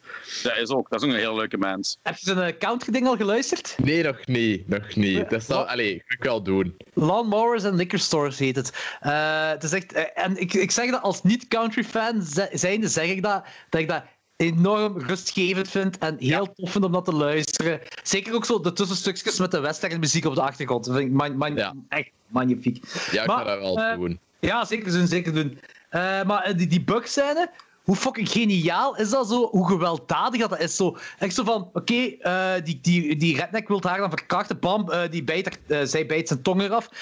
En dan komt Buck. En dat is hetgeen waarbij geweld, geweld in film, een- waarvoor, waardoor ik geweld in film echt zo een topding vind. Topding vind. Dat is zo, wanneer die hoofd wordt ingebashed door de deur en je ziet zijn lichaam nog twitchen. Ja. Ja. En en je hebt zoiets van, ja. Fucking geniaal. Ja, ja, ja, inderdaad. En dan heb je zo hoofdstuk 3, dat begint met zo, ah, dat begint zo met Wiggle Your Big Toe. En dan krijg je zo, dat begint met Wiggle Your Big Toe. Heel die backstory van Lucy Lou, wat geniaal is, super Zo, is. zo goed. Dat, dat was zo schoon geanimeerd. Ja! Ik denk dat hij, ik denk dat hij daar eh, dat, dat hij de mosterd gehaald heeft bij het script van Natural Born Killers, wat hij ook heeft geschreven. Daar gebeurt- is ook zo'n animatiestuk in. Ik denk me daar al heel veel aan denken, alleszins. Ah, ja, ja, ja. ja, Animatie gebruiken in een film. Maar dat is heel cool gedaan, ja. Met, Dat is eh, inderdaad Bob- geniaal. Matsu- weet je hem, hè? Ja. Ja. Super, super cool. Ja. Eh, de, die, ja, die animatiescène, en dat eindigt dan met de moord van... van eh, ah, ja. Weet je wat ik ook zo ziek vond? Die zin is echt, luckily, Boss Matsumoto was a pedophile. Luckily. Ja, ja. Dat contrast van, maar goed dat het een pedofiel was, want anders hadden we die niet koud kunnen maken. Dat, het contrast in, in, in die zin vind ik echt magnifiek. Luckily, he was a pedophile. Is inderdaad goed gedaan, ja. Dat is heel zalig. En dan zo, dat dan met de moord van die... Allee, dat is een voice-over van Uma Thurman. Dat is echt zo... k- Killed nine people. eh, zo, of, eh, zo de, eh, she killed nine people, eh, including my unborn child. She made one mistake. She had to kill ten. But first things first, wiggle your big toe. Vind Ja, je geniaal? zo- zo zo hard uit die scène met die auto. Dat is al lang verleden tijd. Je hebt heel dat ding met al die Aziaten en die Crazy 88 en die boss ding en de, de onthoofding met de fontein bloed en dit en dat allemaal. Dat, dat, je zo erin getrokken en dan, en dan zo. But first things first. Wiggle your big toe. En zo. Oh shit, ja, juist, we zitten daar nog maar. Echt super. Vind ik echt Ja. geniaal. Sorry, ik moest even drinken. Eh, en dan, ja, het gaat verder. Zelf Wat? excuseren om te drinken. Ah, oké, dat is dat is waar, dat is waar. Nee. Ja, het gaat verder van hoofdstuk naar hoofdstuk. Dus je hebt door hoofdstuk 4 de, de samurai zwaard laten maken, waar ik ook zo... eh, wat trouwens de eerste keer was dat ik in mijn leven zoiets had van... Toen ik gewoon zag dat zij binnenging in dat restaurantje, of, of ja, dat kleine restaurantje van die kerel, hè, zo van... Of sushi bar, of whatever, dat is van... Ik wil ooit eens in mijn leven in Tokio zijn geweest. Gewoon die setting, alleen al dat zij daar binnen is. Alleen al dat, hè. Ik wil ooit eens in mijn leven Tokio geweest zijn. Weet je, weet je wie trouwens Hattori Hanzo speelt? Wie? Sonny Chiba. En wie is Sonny Chiba? Waar ik het met u over heb gehad. eh, die, heeft, eh, die is eigenlijk bekend geworden van de kung fu film The Street Fighter. Ah, Heb je het daarover gehad? We hebben het erover gehad met het feit, eh, toen in, in dat lijstje met die duizend films, dat kung fu uw ding niet was. Ja? Ja, ja, heb ik ja. Je hebt er wel een aantal films die erin uitspringen, gelijk eh The Street Fighter en Sonny Chiba. Omdat in de meeste kung fu films is de held echt wel de held. En Sonny Chiba is eigenlijk een anti-held. Dat is een klootzak. Die het wel goed doet, maar Ah, en dat is hij. Dat is hij, dat is Hattori Hanzo. En eh, Tarantino is ook heel veel beïnvloed door de films met John Sonny Chiba. Want in True Romance wordt ook een referentie naar gemaakt. Als Christian Slater naar de cinema gaat, gaat hij de drie Street Fighter films achter elkaar kijken. Dat is ook een hommage aan, aan de films. Ah, oké, oké, dat is wel cool. En eh, er zijn ook een heel deel elementen uit Kill Bill die een hommage zijn aan Street Fighter. Je hebt Street Fighter, Return of Street Fighter en ehm Sister Street Fighter, denk ik. Hele coole films. Ja. Maar nu heb, je, nu heb je het over de Japanse Street Fighter films, hè? Ja, Ja, ja, ja. ja. ik, heb, ik, heb, ik heb het niet over dat game vehicle met Damme. eh Raoul Julia en Jean-Claude Van Damme. Nee. Oké. Eh, Antje van, eh van had Sister Street Fighter in huis gehaald op DVD, denk ik, of op Blu-ray. En die, die vond dat ook echt niet goed. Ehm, die? Sister Street Fighter. Nee, Wie vond dat niet goed? Antje, ehm, de, de Ja, maar ik kan dat wel begrijpen, want dat is echt een... Ja... Ik ben opgegroeid met exploitation films. En ik kan begrijpen voor iemand van uw generatie, dat, dat, ja, het zijn niet de meest amusante exploitation films. Ik kan dat wel begrijpen. Dat is een Ja, generation. maar dat is een heel grote exploitation fan. Och. En, Ja, dan toch niet, en, en dan toch niet Nee. Vinden. nee. Allee, die Sister Street Fighter toch. Ik weet niet of dat hem de rest heeft gezien, want eh, die is heel hard tegen torrenten, wat dat, wat dat keigoed is. Eh, dus die haalt alles echt effectief in huis, maar die, die Oh. probeert zo de obscuurste dingen ehm, te vinden. Dat is cool. Dat is, dat is dat hij echt kan cool. vinden. Ja, die is echt ehm, dat, het laatste half jaar, of, of het laatste jaar, heeft hij zoveel shit in huis gehaald waar ik nog nooit van heb gehoord. En dat echt, echt effectief wel goed is. Want, allee, ik bedoel, in mijn kast staan zo wat klassiekers en eh dingen waar ik zo mee ben opgegroeid. Maar Ja. echt die, die obscure dingen van Arrow en zo, dat, ik, ik ben dat wel, allee, bedoel, ik ben dat gaan halen in de, in de FOP in Londen, Ja. eh, waar jullie ook wel bekend mee zullen zijn. Maar ik heb dat nog nooit online besteld of zo. En hij doet dat echt heel fel. Eh, dus Cool. hoe, hoe, Dat is goed. meer, allee, ja, hoe obscuurder, hoe beter. Ik denk dat hem House nog niet, nog, eh, niet heeft gezien. Dus eh, dat ga ik eh, wel aanraden. En, en misschien ook, dat, misschien is daar een ingeblikt podcast ook wel tof over, eh, over een film over, te- een aflevering over te doen, over de film, Anthony, jij gaat eh, mij gelijk geven, Lady Terminator. Ja, Oh, ja. ja. ja, ik, ik ben daar kei excited voor. Ik ben er Ken- super ken psyched voor. Jij en Antje gaat die echt goed vinden. Als je het over obscure, crazy, over-the-top shit hebt, ja, Ja. is dat echt een ding, jong. Ja, ja ik, ik ben er heel excited voor. Maar is Wat? dat ergens uitgebracht? Ja, Mondo Macabro heeft die uitgebracht, maar ik geloof dat die allemaal eh, out of print zijn nu. Ah ja, oké. Dan, Ik heb eh, Geen DVD?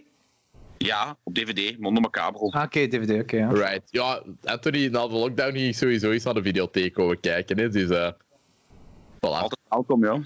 Dan heb je dat geregeld. Laat dat weten, dan gaan we een podcast opnemen bij Anthony. ja, dat is een heel goed idee. Ik pak eh In de hof. micro's mee. Ja, ja, Savannah gaan we dat doen. Zeker. Ja. Hey, trouwens, eh, eh, want af en toe moeten we het ook over Tarantino hebben. Ehm ehm, eh, eh, die, die, die, die, die- dat heel ding, dat is hoofdstuk 4 dat met de samurai zwaard en de samurai zwaard laten maken. en Zo. Blijkbaar, ah, je hebt toch ook dat, dat geniaal soundtrack van Life of the Shepherd. eh, dat dan Ja. begint. Eh, wanneer je zo Bill eh, zo op, de, op dat raam zo met dat wassen doet. Eh, maar blijkbaar is er rond de 60.000 dollar gebruikt voor zwaarden en zwaardaccessoires voor Kill Bill. Damn. Dat is heel veel geld, maar je moet denken dat Duister op het moment 30.000 euro heeft gekost. Ja. dat is echt zo dubbel zoveel. eh, alleen aan zwaarden gespendeerd en zwaardaccessoires. Yep. Ja, maar je moet denken, één echt samurai zwaard. Dus niet van die kitsch nest die je thuis op het dressoir hangt of voor je een luppach, maar een echt samurai zwaard. Dat is echt duur, hè? Ja, maar oké, maar dit zijn props, hè.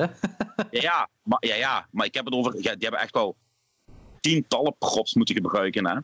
Dus dat, dat is heel logisch dat je aan zo'n bedrag komt, ook al zijn het maar props. ja, maar toch is dat gestoord, hè. Dat is gestoord veel geld, hè. Al- Als je het kunt. Ja, natuurlijk. Als je Ja, het kunt, je moet je het doen. zeker. Want hij had het niet moeten doen, hè? Hij had even goed zwaarden kunnen pakken die, er, die eigenlijk qua, qua eh, resemblance nagenoeg 100% accuraat waren. Maar hij heeft, hij heeft toch gekozen om het echt volledig, op een fatsoenlijke manier te doen. De real thing. En allee, de real thing niet, maar om toch wel eh, er heel veel kwaliteit in te steken. En dat vind ik wel heel cool. Ja, als je Dat daar in de komt kelder... van Als je, Zijn liefde. ja, en als je in die kelder staat, daar, eh, wat is de kelder, of, of daar in, in de, in de backroom van, van die kerel staat, dan zie je zo al die, die eh, zwaarden zo uitgestald. Zo, hè. Je ziet dat er veel, veel tijd en energie in is gestoken. Ja, Gewoon absoluut. dat stuk. Dat is Maar ja, uiteindelijk is ook een van de, een van de belangrijkste props uit heel de film. Hè? De samurai zwaar. Ja, hè? Dat draait waar. Hè? Allee, dat vormt wat de rode draad in de hele film. Ondanks, allee, visueel, hè? de rode draad is natuurlijk de wraak op Bill. Maar visueel zijn die zwaar Waar? wel van, van prominent belang. Hè? Ja.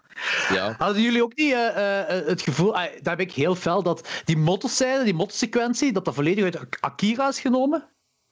ja. En Eh, eh, John Wick 3 die, van vorig jaar heeft dat ook overgepakt. zeg je het wel? Ja, ook dat, dat is toch zo ook eh, met de camera van voorgefilmd, hè? Ja. Ja, ja eigenlijk ook- wel. Nadenkt. Ja, Op de motto in de nacht van Tokio door de stad Ja, Tokio ja, ja. rijden. Zo. Dat, is, Ja. dat, is, Ja. dat, dat deed ik heel fel aan, eh, aan, eh, Ja. aan, aan dat denken. En dan heb je zo eh, de, de Battle Without Honor sequentie. Dat Lucy Lou daar eh, met haar possie wandelt doorheen de dansbar. Eh, eh, zo die, die, die Team America heeft dat ook heel goed geparodeerd, zodat zo Lucy Lou daar, aan- eh, gelijk Lucy Ja, Lou daar aan het wandelen is in het danspak, Ja. dat je zo de Battle Without Honor zo dingen zet, die muziek zo, Team America heeft gedaan. En dan heb je die woehoe, woehoe scène, zo, Ja. hè. Maar trouwens, dus blijkbaar Quentin Tarantino was in Tokio, heeft daar in een bar die band, de Ja. 5, 6, 7, 8 zien optreden, en heeft gezegd van, Ja. ik wil die band hebben in mijn Ja. film. Oh my god. Ja, Dat, maar dat- ik geloof dat echt wel. Allee, dat is echt zo... Met hoe dat die in die film verwerkt zijn, Ja. is dat heel geloofwaardig dat dat zo is gebeurd. Dat is echt... eh, ja, mij. Dat is wel cool. Dat is heel cool. En eh, heel dat nummer is in één take. hè. Dus je gaat van Uma Thurman naar de dameswc.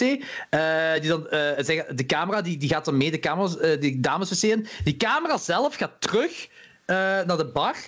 En, die, eh, en dan komt Sophie Fatal komt dan zo uit die eh, kamer. En dan volgt die Sophie Fatal ook naar, de, naar die dameswc. En dan heb je het gsm-deuntje dat eh eh Dinges Uma Thurman dan nog in haar flashback ook heeft gehoord van Sophie Fatal. Dus het is geniaal. Het is één sequentie, één camera, één, also één shot, één camera take van de, van de badkamer. Dus Uma Thurman gaat naar de badkamer, van de badkamer terug naar boven, van boven terug met Sophie Fatal naar de, naar de dingen, de dames zet, en dan heb je dat gsm-deuntje weer. Ah, dat is magnifiek gedaan. Dat vind ik echt geniaal gedaan, zoiets. Ik ben altijd blij om dat te zien. Als zo een one-take, een lange one-take, supergoed werkt, dan ben ik altijd heel blij. Gelijk bij Irreversibel heb je dat ook zo. zo een, Ja. een heel stuk. Oh, dat, is, dat, is, dat geniaal. Dat vind ik super, super tof om te zien, zoiets. Maar het enige wat ik me dan afvroeg, en dat is een beetje mierenneuken wel, van... Hebben jullie vier jaar aan een stuk hetzelfde gsm-deuntje? Nee. Ja. Ah, Alhoewel, alhoewel, nee, nee, nee, nee. nee. ik, ik verander dat nooit bij, bij mijn gsm. Dus dat, dat maakt mij echt niet uit welk gsm-deuntje dat ik heb. Maar ehm, ik heb dat...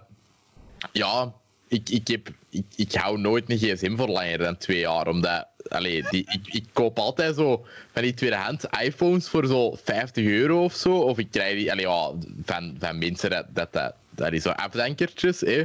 En nu nog. Maar zo ben ik altijd zo eh, meegebleven met een Apple-hype. Zo, maar dan zo drie, vier generaties terug. En eh, dus ik heb, ja, nee, ik heb nooit vier jaar dezelfde ringtone gehad. Maar ik, ik zou het wel doen als ik vier jaar aan een stuk dezelfde gsm zou hebben. Ik zou, ik, ik, zou, ik zou nu mijn tweede ringtone op vier jaar tijd. Ah ja, oké. Eerst had ik Paul Engelman, Push to the Limit van Scarface. Dat die typisch jaren 80 cheese. En nu zit ik aan The Bird is the Word. Ja. Oké. En dat is zo grappig als het werk overgaat. en Iedereen begint ook echt spontaan. Everybody's the, the, the bird, bird, bird. Je kunt gewoon niet anders dan daarop beginnen te dansen. Eh, ja, voor de rest is Kill Bill gewoon... De, de, die, heel die dansvloer wordt een bloedzwembad-ding. hè. Dat, is- dat, is, dat is een en al geweld, geweld, geweld, geweld, geweld. Wat ik heel cool vind. Daar ben ik heel groot fan van. Eh, blijkbaar, eh, met die scène met die ball and chain ding, hè, heeft die bal heeft, eh, Quentin Tarantino geraakt tegen zijn kop. Want die Au. stond naast de camera. Vind ik wel funny. En dan gaat... en, die werkt daar heel veel met kleuren en contrast, heel veel met contrasten vooral. Vind ik heel Ja. cool. Van zwart-wit naar dat blauw contrast gaat zo. Yep. Weet je Ja. waarom, eh, vanaf welk moment dat, dat van kleur naar zwart-wit gaat?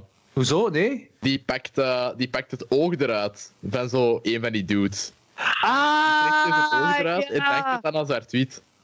ah, dat is wel geniaal. Dat is wel zalig. Dat is wel cool. En van dat zwart-wit gaat hij dan over naar dat blauw contrast. Eh, en dan vind ik dat cool dat hij zo mega zot gaat. En dan heeft hij dat jong man, een manneke vast. En dan zegt ze, go home to your mother. Zodat hij zo'n billijke klets geeft op een van die kerels. Zo. Ja, inderdaad. Geniaal. Voor En een dan- hier overlever. Ja.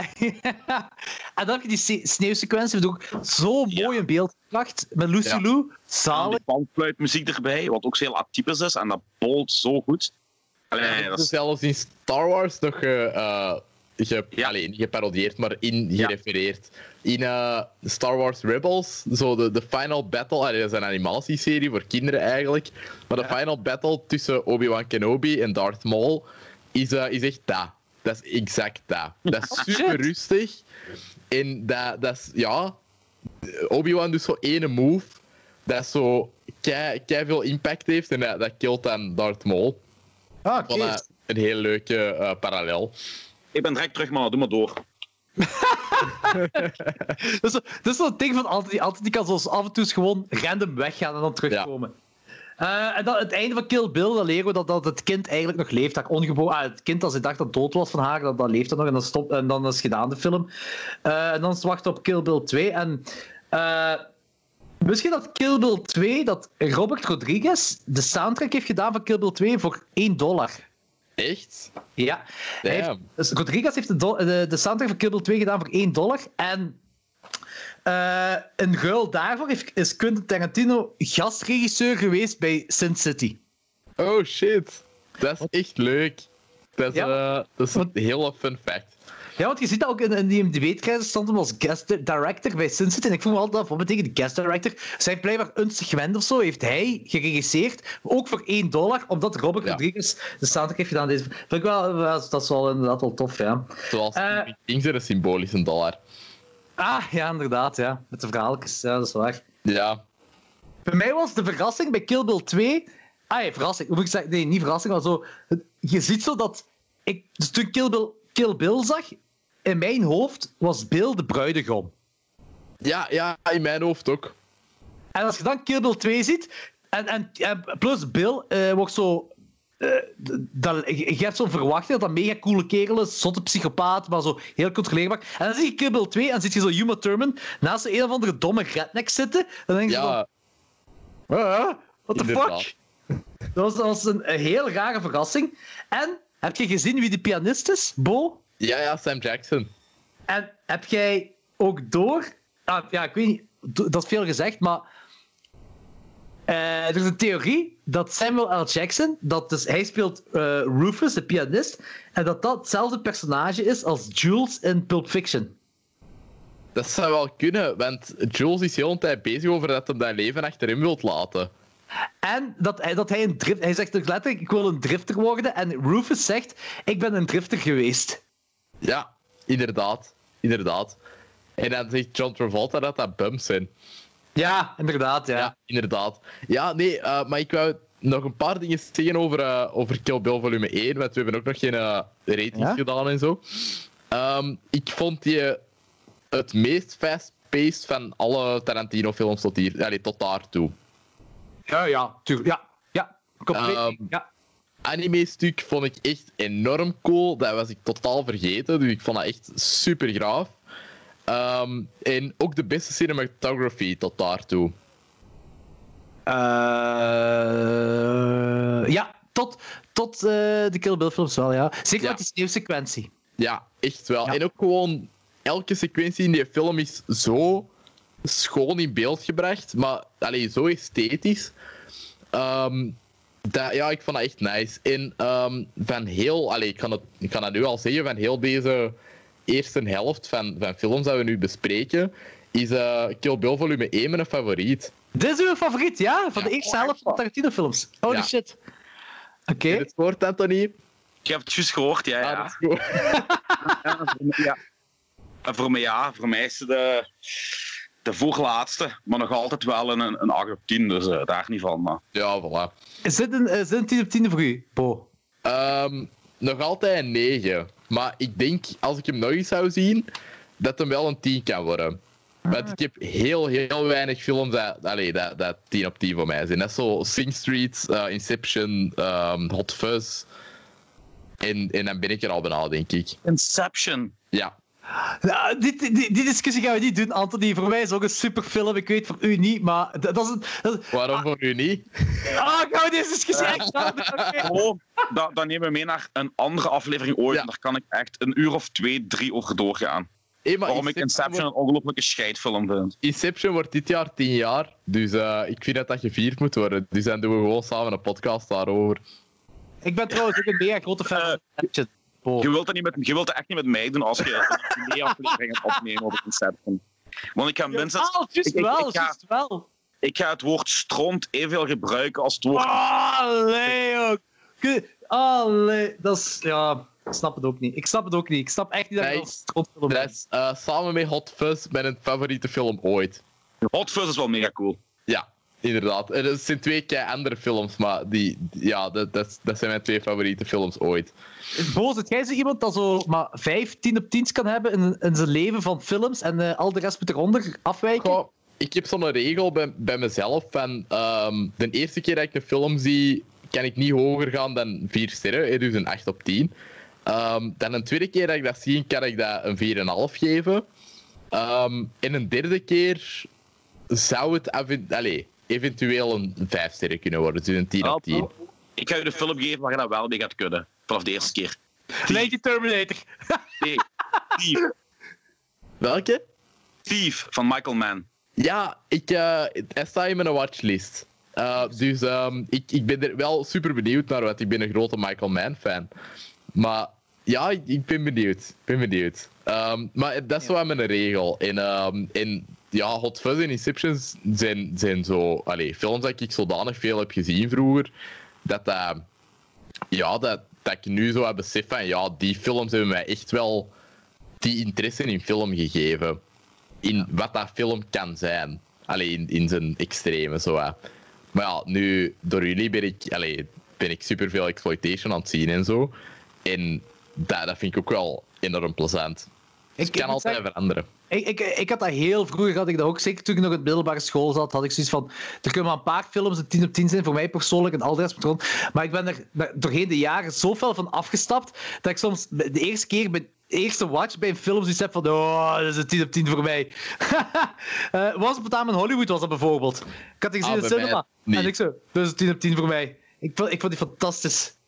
Weet je, ik, Ja. weet dat, ik- ik heb zoiets gelijk. Ik kan een film 10 op 10 geven omdat die gewoon volledig klopt.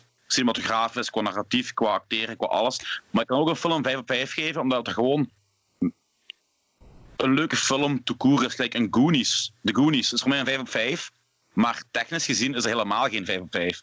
Maar ik geef je wel een... ja. wel- Weet je wat ik wil zeggen? Je hebt twee Ja. manieren waarop je een film een maximum score kunt geven. Ik, ik bekijk het altijd subjectief en nooit objectief. Ik, ik kan, Ai, de, het, het gaat vaak, eh, eh, hangt het allemaal in elkaar natuurlijk. Hè. Mhm, Maar, Ja, inderdaad. maar bij, mij is, bij mij is het subjectieve, hoe ik me voel bij een film, heeft altijd wel meer een meerwaarde dan eh, dat een, een film technisch gezien eh, Ja, de beste film vandaar- ooit gemaakt ja. is. Vandaar dat de Goonies bij mij een 5 is. Ja, nee, nee, snap ik, snap ik.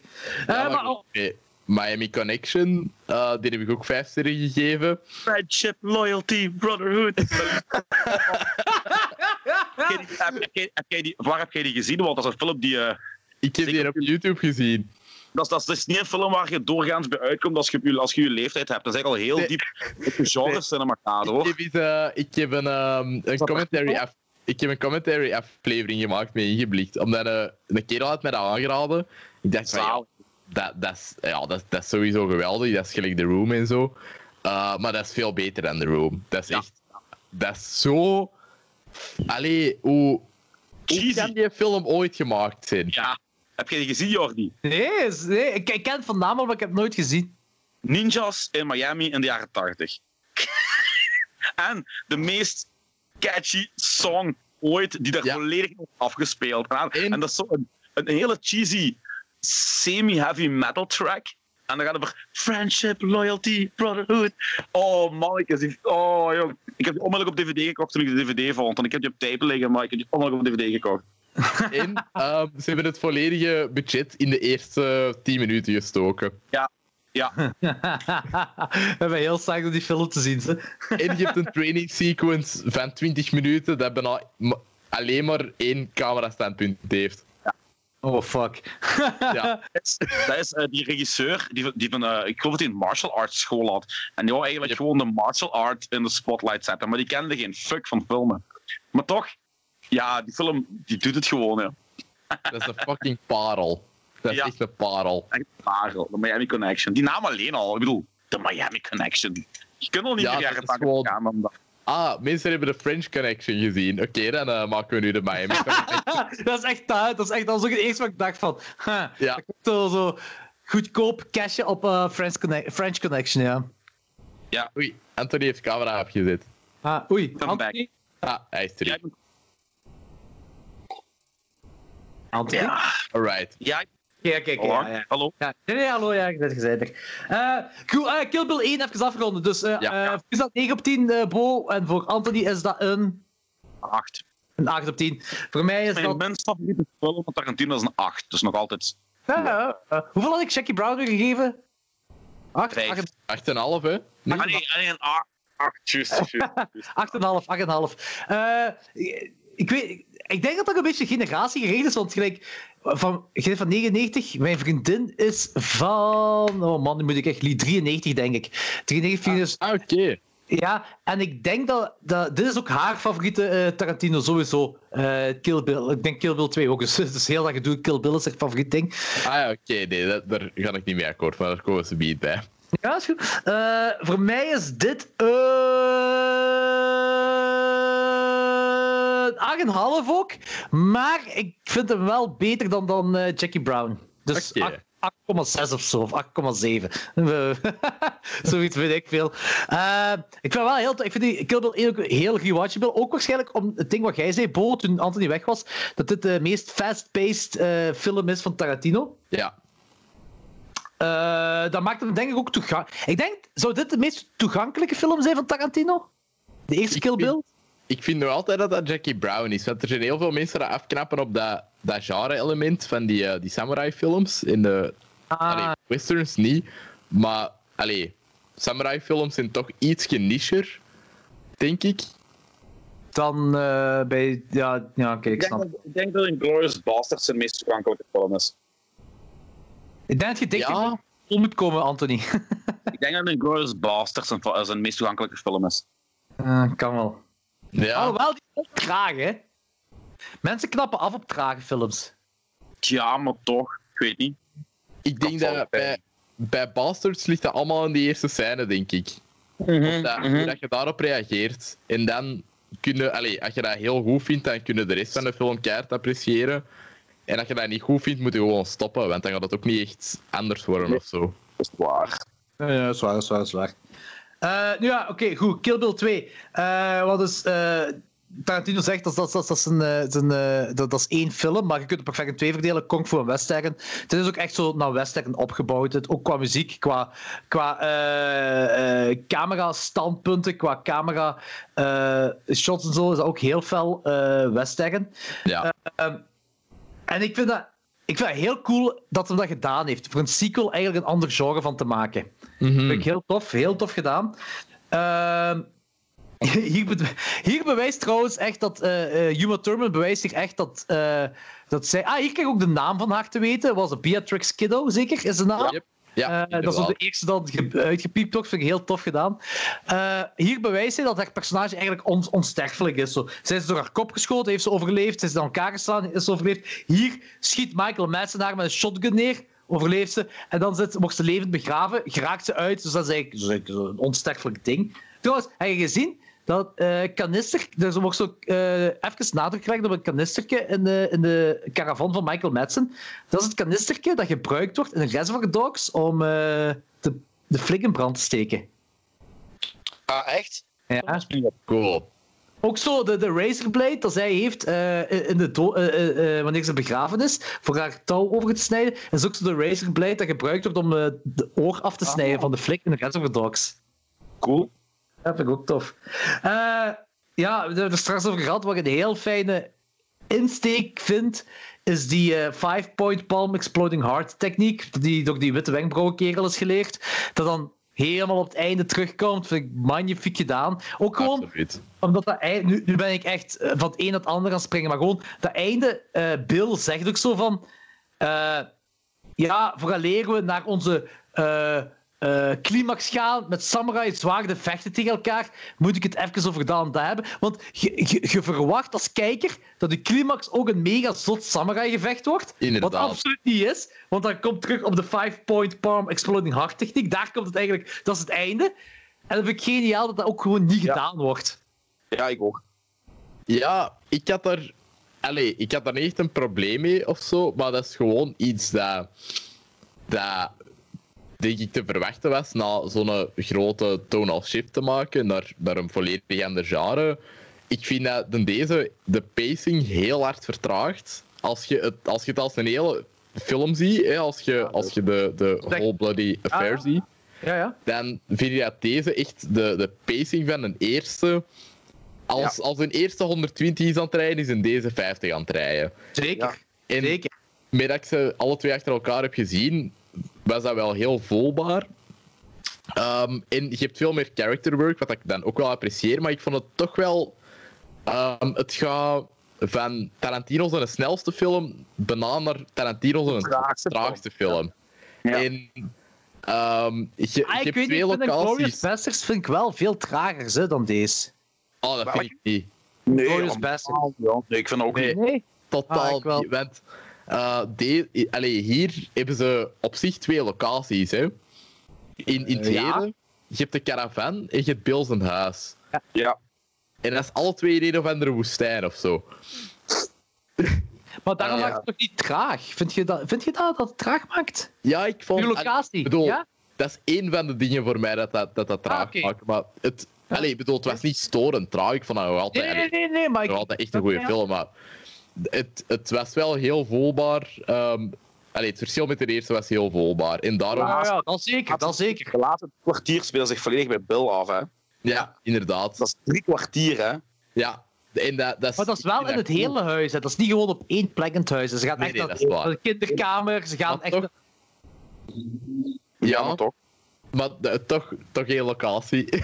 Ja, ja, nee, maar ik snap, ik altijd snap het wel, interior, Bill's house. Ja, ja, eh, ja, ja, ik snap hij- het wel wat ik wil zeggen. Ja. Dat is, nee, nee, dat is ook wel, dat is ook wel. Maar ik, ik, ik heb dat... Het is, het is sowieso veel trager dan, dan, dan, dan, dan Kill Bill 1, maar ik heb zo... Dan vind ik de, de, de, de woestijnsegmentjes trager dan Bill's huis. Ja, ja, dat is waar. Dat, dat vind ik ook wel. Want hier, heb, de- hier, hier heb je heel de, de, de dramatiek en, en, en de... Of dramatiek is al veel gezegd. eh, meer gevoel wat er die kleine bij zit. Je hebt zo echt zo een Mhm. moeder-dochter ding heb je hier ook nog extra bij. Wat er zo plots tussen komt. Wat eh, Beatrix Kiddo zelf ook niet verwachtte. Ja. Ah, wel, maar ik, ik zou deze kunnen vergelijken met iets waar jullie echt absoluut totaal niet akkoord mee gaan gaan, waarschijnlijk. Oké. Eh, en wordt misschien zelfs boos van gaan worden. Eh, maar ik kan deze vergelijken met Avengers Infinity War en Avengers Endgame.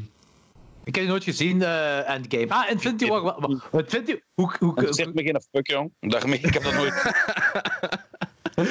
Oké, maar maar omdat- vertel de vergelijking, ja? De Infinity War is een hele, hele goede ehm ja, superheldenfilm. is enorm, enorm veel personages. En ze kunnen daar... Allee, bedoel... Goed is veel gezegd. Nee, sorry. eh, grapje, grapje. Nee, ik snap een mening daarover. Ik, er, ik respecteer het volledig. En dat, allee, dat is gewoon een, keigoed gebalanceerde superheldenfilm met kei toffe actiescènes. En dat eindigt op eh, een grote reveal. Allee, een grote downer. allee, hier een grote downer. In Kill Bill iets minder, maar dat is heel fast-paced. ehm, Infinity War. En dat had ik met Kill Bill volume 1 ook. En Endgame pakt... Duurt drie uur lang. Ehm, de, de eerste act is echt enorm, enorm traag. Maar echt alleen een traagheid dat je nog nooit gezien hebt in dat Marvel-universum. Maar ik vond dat heel goed daar als ademmoment. Eh, Als moment dat je echt even iets kunt hebben van... Amai, we hebben character work en we vinden echt toffe personages. En we zien hoe dat die reageren op een enorme tragiek. En dan gaat dat meer terug in de realm van... ehm, heel ja, eh, toffe actiescènes, Is, de, de eh, Marvel Is. Endgame een western? Nee, nee, Endgame Ah, is niet hè. Maar wat ik wil zeggen is, ehm, die fast-pacedheid bij die twee Avengers-films in Infinity War stoorde mij een beetje, omdat ik die iets te snel vond. En in Endgame vond ik dat een heel, heel tof ademstuk. Allee, dat was heel tof om, om gewoon die personages te leren kennen en die veel meer uit te diepen. En in Kill Bill vond ik dat dat eigenlijk al zeker met haar genoeg was gebeurd. Ehm, haar personage uittypen. En de, de traagheid in het tweede was, was iets... Ge, allez, was, was een beetje storend voor mij. Maar, maar hetgeen, hetgeen wat de tweede, in Kill Bill 2, vooral uitziet, is, is gewoon het ding... eh, Het huwelijk-stukje. Ja, dat vond ik heel goed. Allee, dat vond ik... Dat is toch, het, dat is toch het, eigenlijk het... Ah nee, zij, zij en, en dan eh, eh, ehm, de, de, de, het stuk met, ehm, met die wenkbrauwkerel, met die witte wenkbrauwkerel. Eh, maar voor de rest is zij toch... Wordt er niet zoveel over... Allee ja, het gaat toch ook meer over de andere personages waar, waar eh, nader op gelegd wordt in Kill Bill 2. ja, Eh, ja, met waar, backstory en zo bedoel ik. ik, vond toch zo. Allee, ik denk dat het vooral een stuk in de caravan ligt met, ehm, met Michael Madsen. Dat stuk, En, dat, is, eh, dat is een heel lang stuk. Ja. Ja, ja. ik, ik vind, dat vond ik iets te lang misschien. En dat is misschien. Allee, probeer. Allee, ik wou gewoon zeggen van... In de andere twee films was, was dat gevoel helemaal andersom voor mij. Maar ik vond dat Kill Bill volume 1 genoeg geademd had om dezelfde pace te houden in een tweede. Nu, ik snap het wel. Ik snap het. En, en, en ze hebben dat, dat stukje in de caravan hebben ze dan ook weer de pacing even verhoogd met die griet met haar ene oog. Ja, dat was fantastisch. Dat Dus ik dan, eh, amazing. en hoe goed is dat gewoon dat ze het tweede oog ook gewoon eruit haalt? Dat is Ja. gewoon geniaal. Dat is gewoon zalig. Dat is, dat is- En dat je te weten kwam toen haar eerste oog eruit gehaald wordt. Ja, ja, ja, ja, ja. Ja. inderdaad, ja. Dat vind ik heel cool. De, de, de, de film van ja, Kill Bill 2 dat eindigt zo met eh, die laatste footage in zwart-wit. Dat ze een auto aan het rijden is. Mhm.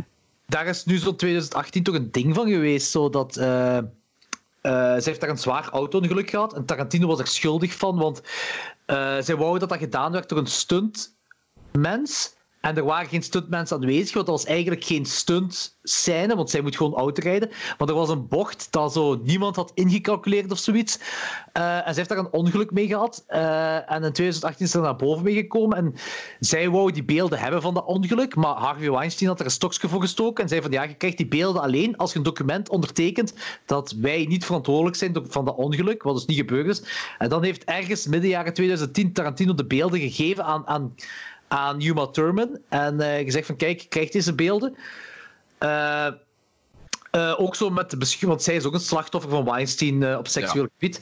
Eh, en je krijgt deze dat. En dat ervoor gezorgd dat de relatie tussen Uma Thurman en Quentin Tarantino terug opgekrikt is. Want daartussenin was er zo vrevel omwille van de auto-ongeval. Ah, oké. Ja. Nou, blijkbaar is het nu al terug, terug goed gekomen. Maar goed, eh dus Kill Bill was een 9 voor, Kill Bill 1 was een 9 voor u, voor een, een 8 voor, voor eh, Anthony en Kill Bill 2 dan? Bo. Eh, dat is een 7 voor mij. Een 7. Eh, en Reservoir Dogs gaf je 7,5, hè? Nee, ook een, allee, een hoge 7. Dus pak ja, inderdaad een 7,5. Ik vind Re- Reservoir Voor mij- Dogs beter. Oké. Voor mij een 7,9. 7,9. Eh, voor mij is dit. Ja, ook een 8,5. Eh, Dus ik heb zo drie 8,5's. Eh, Ik bel zelfs terug. Pa, ik bel zelfs terug, goed? Ik bel zelfs terug. 10 minuutjes. Ik, ik, ik bel zelfs, goed? Ja, maar ik, ik bel zelfs. Ik ben bezig met iemand anders op GSM. Tot zelfs. dat is echt Zelfs. Deze is echt al een peperkwekerij stapel geworden, hè. Ja, ja, ja. dat is- Oh, Ja. man, ik is toch altijd wel met mij. Oh, broeders, eh. Ah, ah, Oké, zo- dat is al de tweede keer dat jij met je pa bellen zijn in de podcast ook. hè. Trouwens, uw beeld is ook stilgevallen bij mij. Heb jij nog beeld van Anthony? Bo? Ja, nu Nee, wel dat- terug. Ja, oké, nu is het in orde. Ja, ik, ik, moet, ik moet die track terugbellen binnen 10 minuutjes. Dus, eh. Ja, bij jou is het toch tegen het einde van de podcast. Ja, voilà. Ehm, maar dus, eh, v- voor mij is het dus mijn derde 8,5, maar mijn 8,5 zijn dus echt zo Jackie Brown van onder. Dan daarna is het eh, Kill Bill. Nee, Kill Bill 2 en dan is het daarnaast Kill Bill. Dus dit is... eh, ik vind ook wel... Ik vind, ik vind het een film, maar... Dat Ik, is eh, trouwens niet, trouwens niet mijn laagste score voor Tarantino-films. Mijn allerlaagste score is Hateful Eight. En dan komt Kill Bill 2 en dan komt Kill Bill 1. Zo is het, juist. Oh, dat lijstje volgende week, dat gaat zot worden. Dat gaat inderdaad zot worden. Ja, voor mij is het een denk dat wij 8,5. heel verschillende lijstjes gaan hebben. Ja, ik denk, dat, ik denk het ook, ja. Maar wel allemaal hoge scores in totaal. Ja, dat sowieso. Tuurlijk, tuurlijk. Nee, goed, dat was het. Dus de eerste deel van de Quentin Tarantino Spotlight. Volgende week doen we het tweede deel, eh, waar we beginnen met eh Deadproof, denk ik. Kan dat, ja? inderdaad. Ik denk Deadproof. En eindigen met a Time in Hollywood. Eh, Bo, dikke merci dat je deze met ons wou doen. Dat was mega cool. Heel graag gedaan. Ik vond het super plezant. Uh, ik, dat- deze is echt. Ik lever bloemen. Hè. Eh, Ik hou toch heel een tijd podcast luisteren en, en naar musicals luisteren en zo. Dus, eh, dus ja, ik heb altijd peperkwekerij. Dat is, dat is altijd de eerste dag dat dat uitkomt dat, dat ik dat eh, luister auto. En dat is heel leuk. Ja, ik heb echt meer tijd gespendeerd met jullie dan, dan met anyone else, denk ik, deze periode. Ah, ja. Ik weet niet of dat zo is, maar... Ja, ik hoop dat we niet te veel teleurgesteld hebben, eh, Bo. Nee, nee, nee. Ik had, eh, ik had heel duidelijke verwachtingen en ze zijn uh, overtroffen. Ja. Ah, Horen wij niet vaak, hè, Jordi?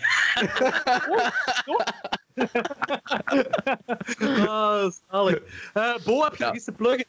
Eh, ja, eh, luister naar Ingeblikt podcast. Ik ben nu ehm, elke, elke week ehm, iedereen zijn top, allez, de- van een paar mensen, top 10 corona aanradertips ehm aan het opnemen. En Anthony is, eh, is ze, wanneer dat deze uitkomt, vorige week als gast geweest. Dus eh, luister daar zeker naar, want Anthony heeft heel leuke ehm, filmtips. Misschien kan als vervanger dienen voor Anthony zijn eh, top 10 coronatips. Wat was dat? Wat was dat, Anthony? Er was een beest aan het lopen over mijn scherm.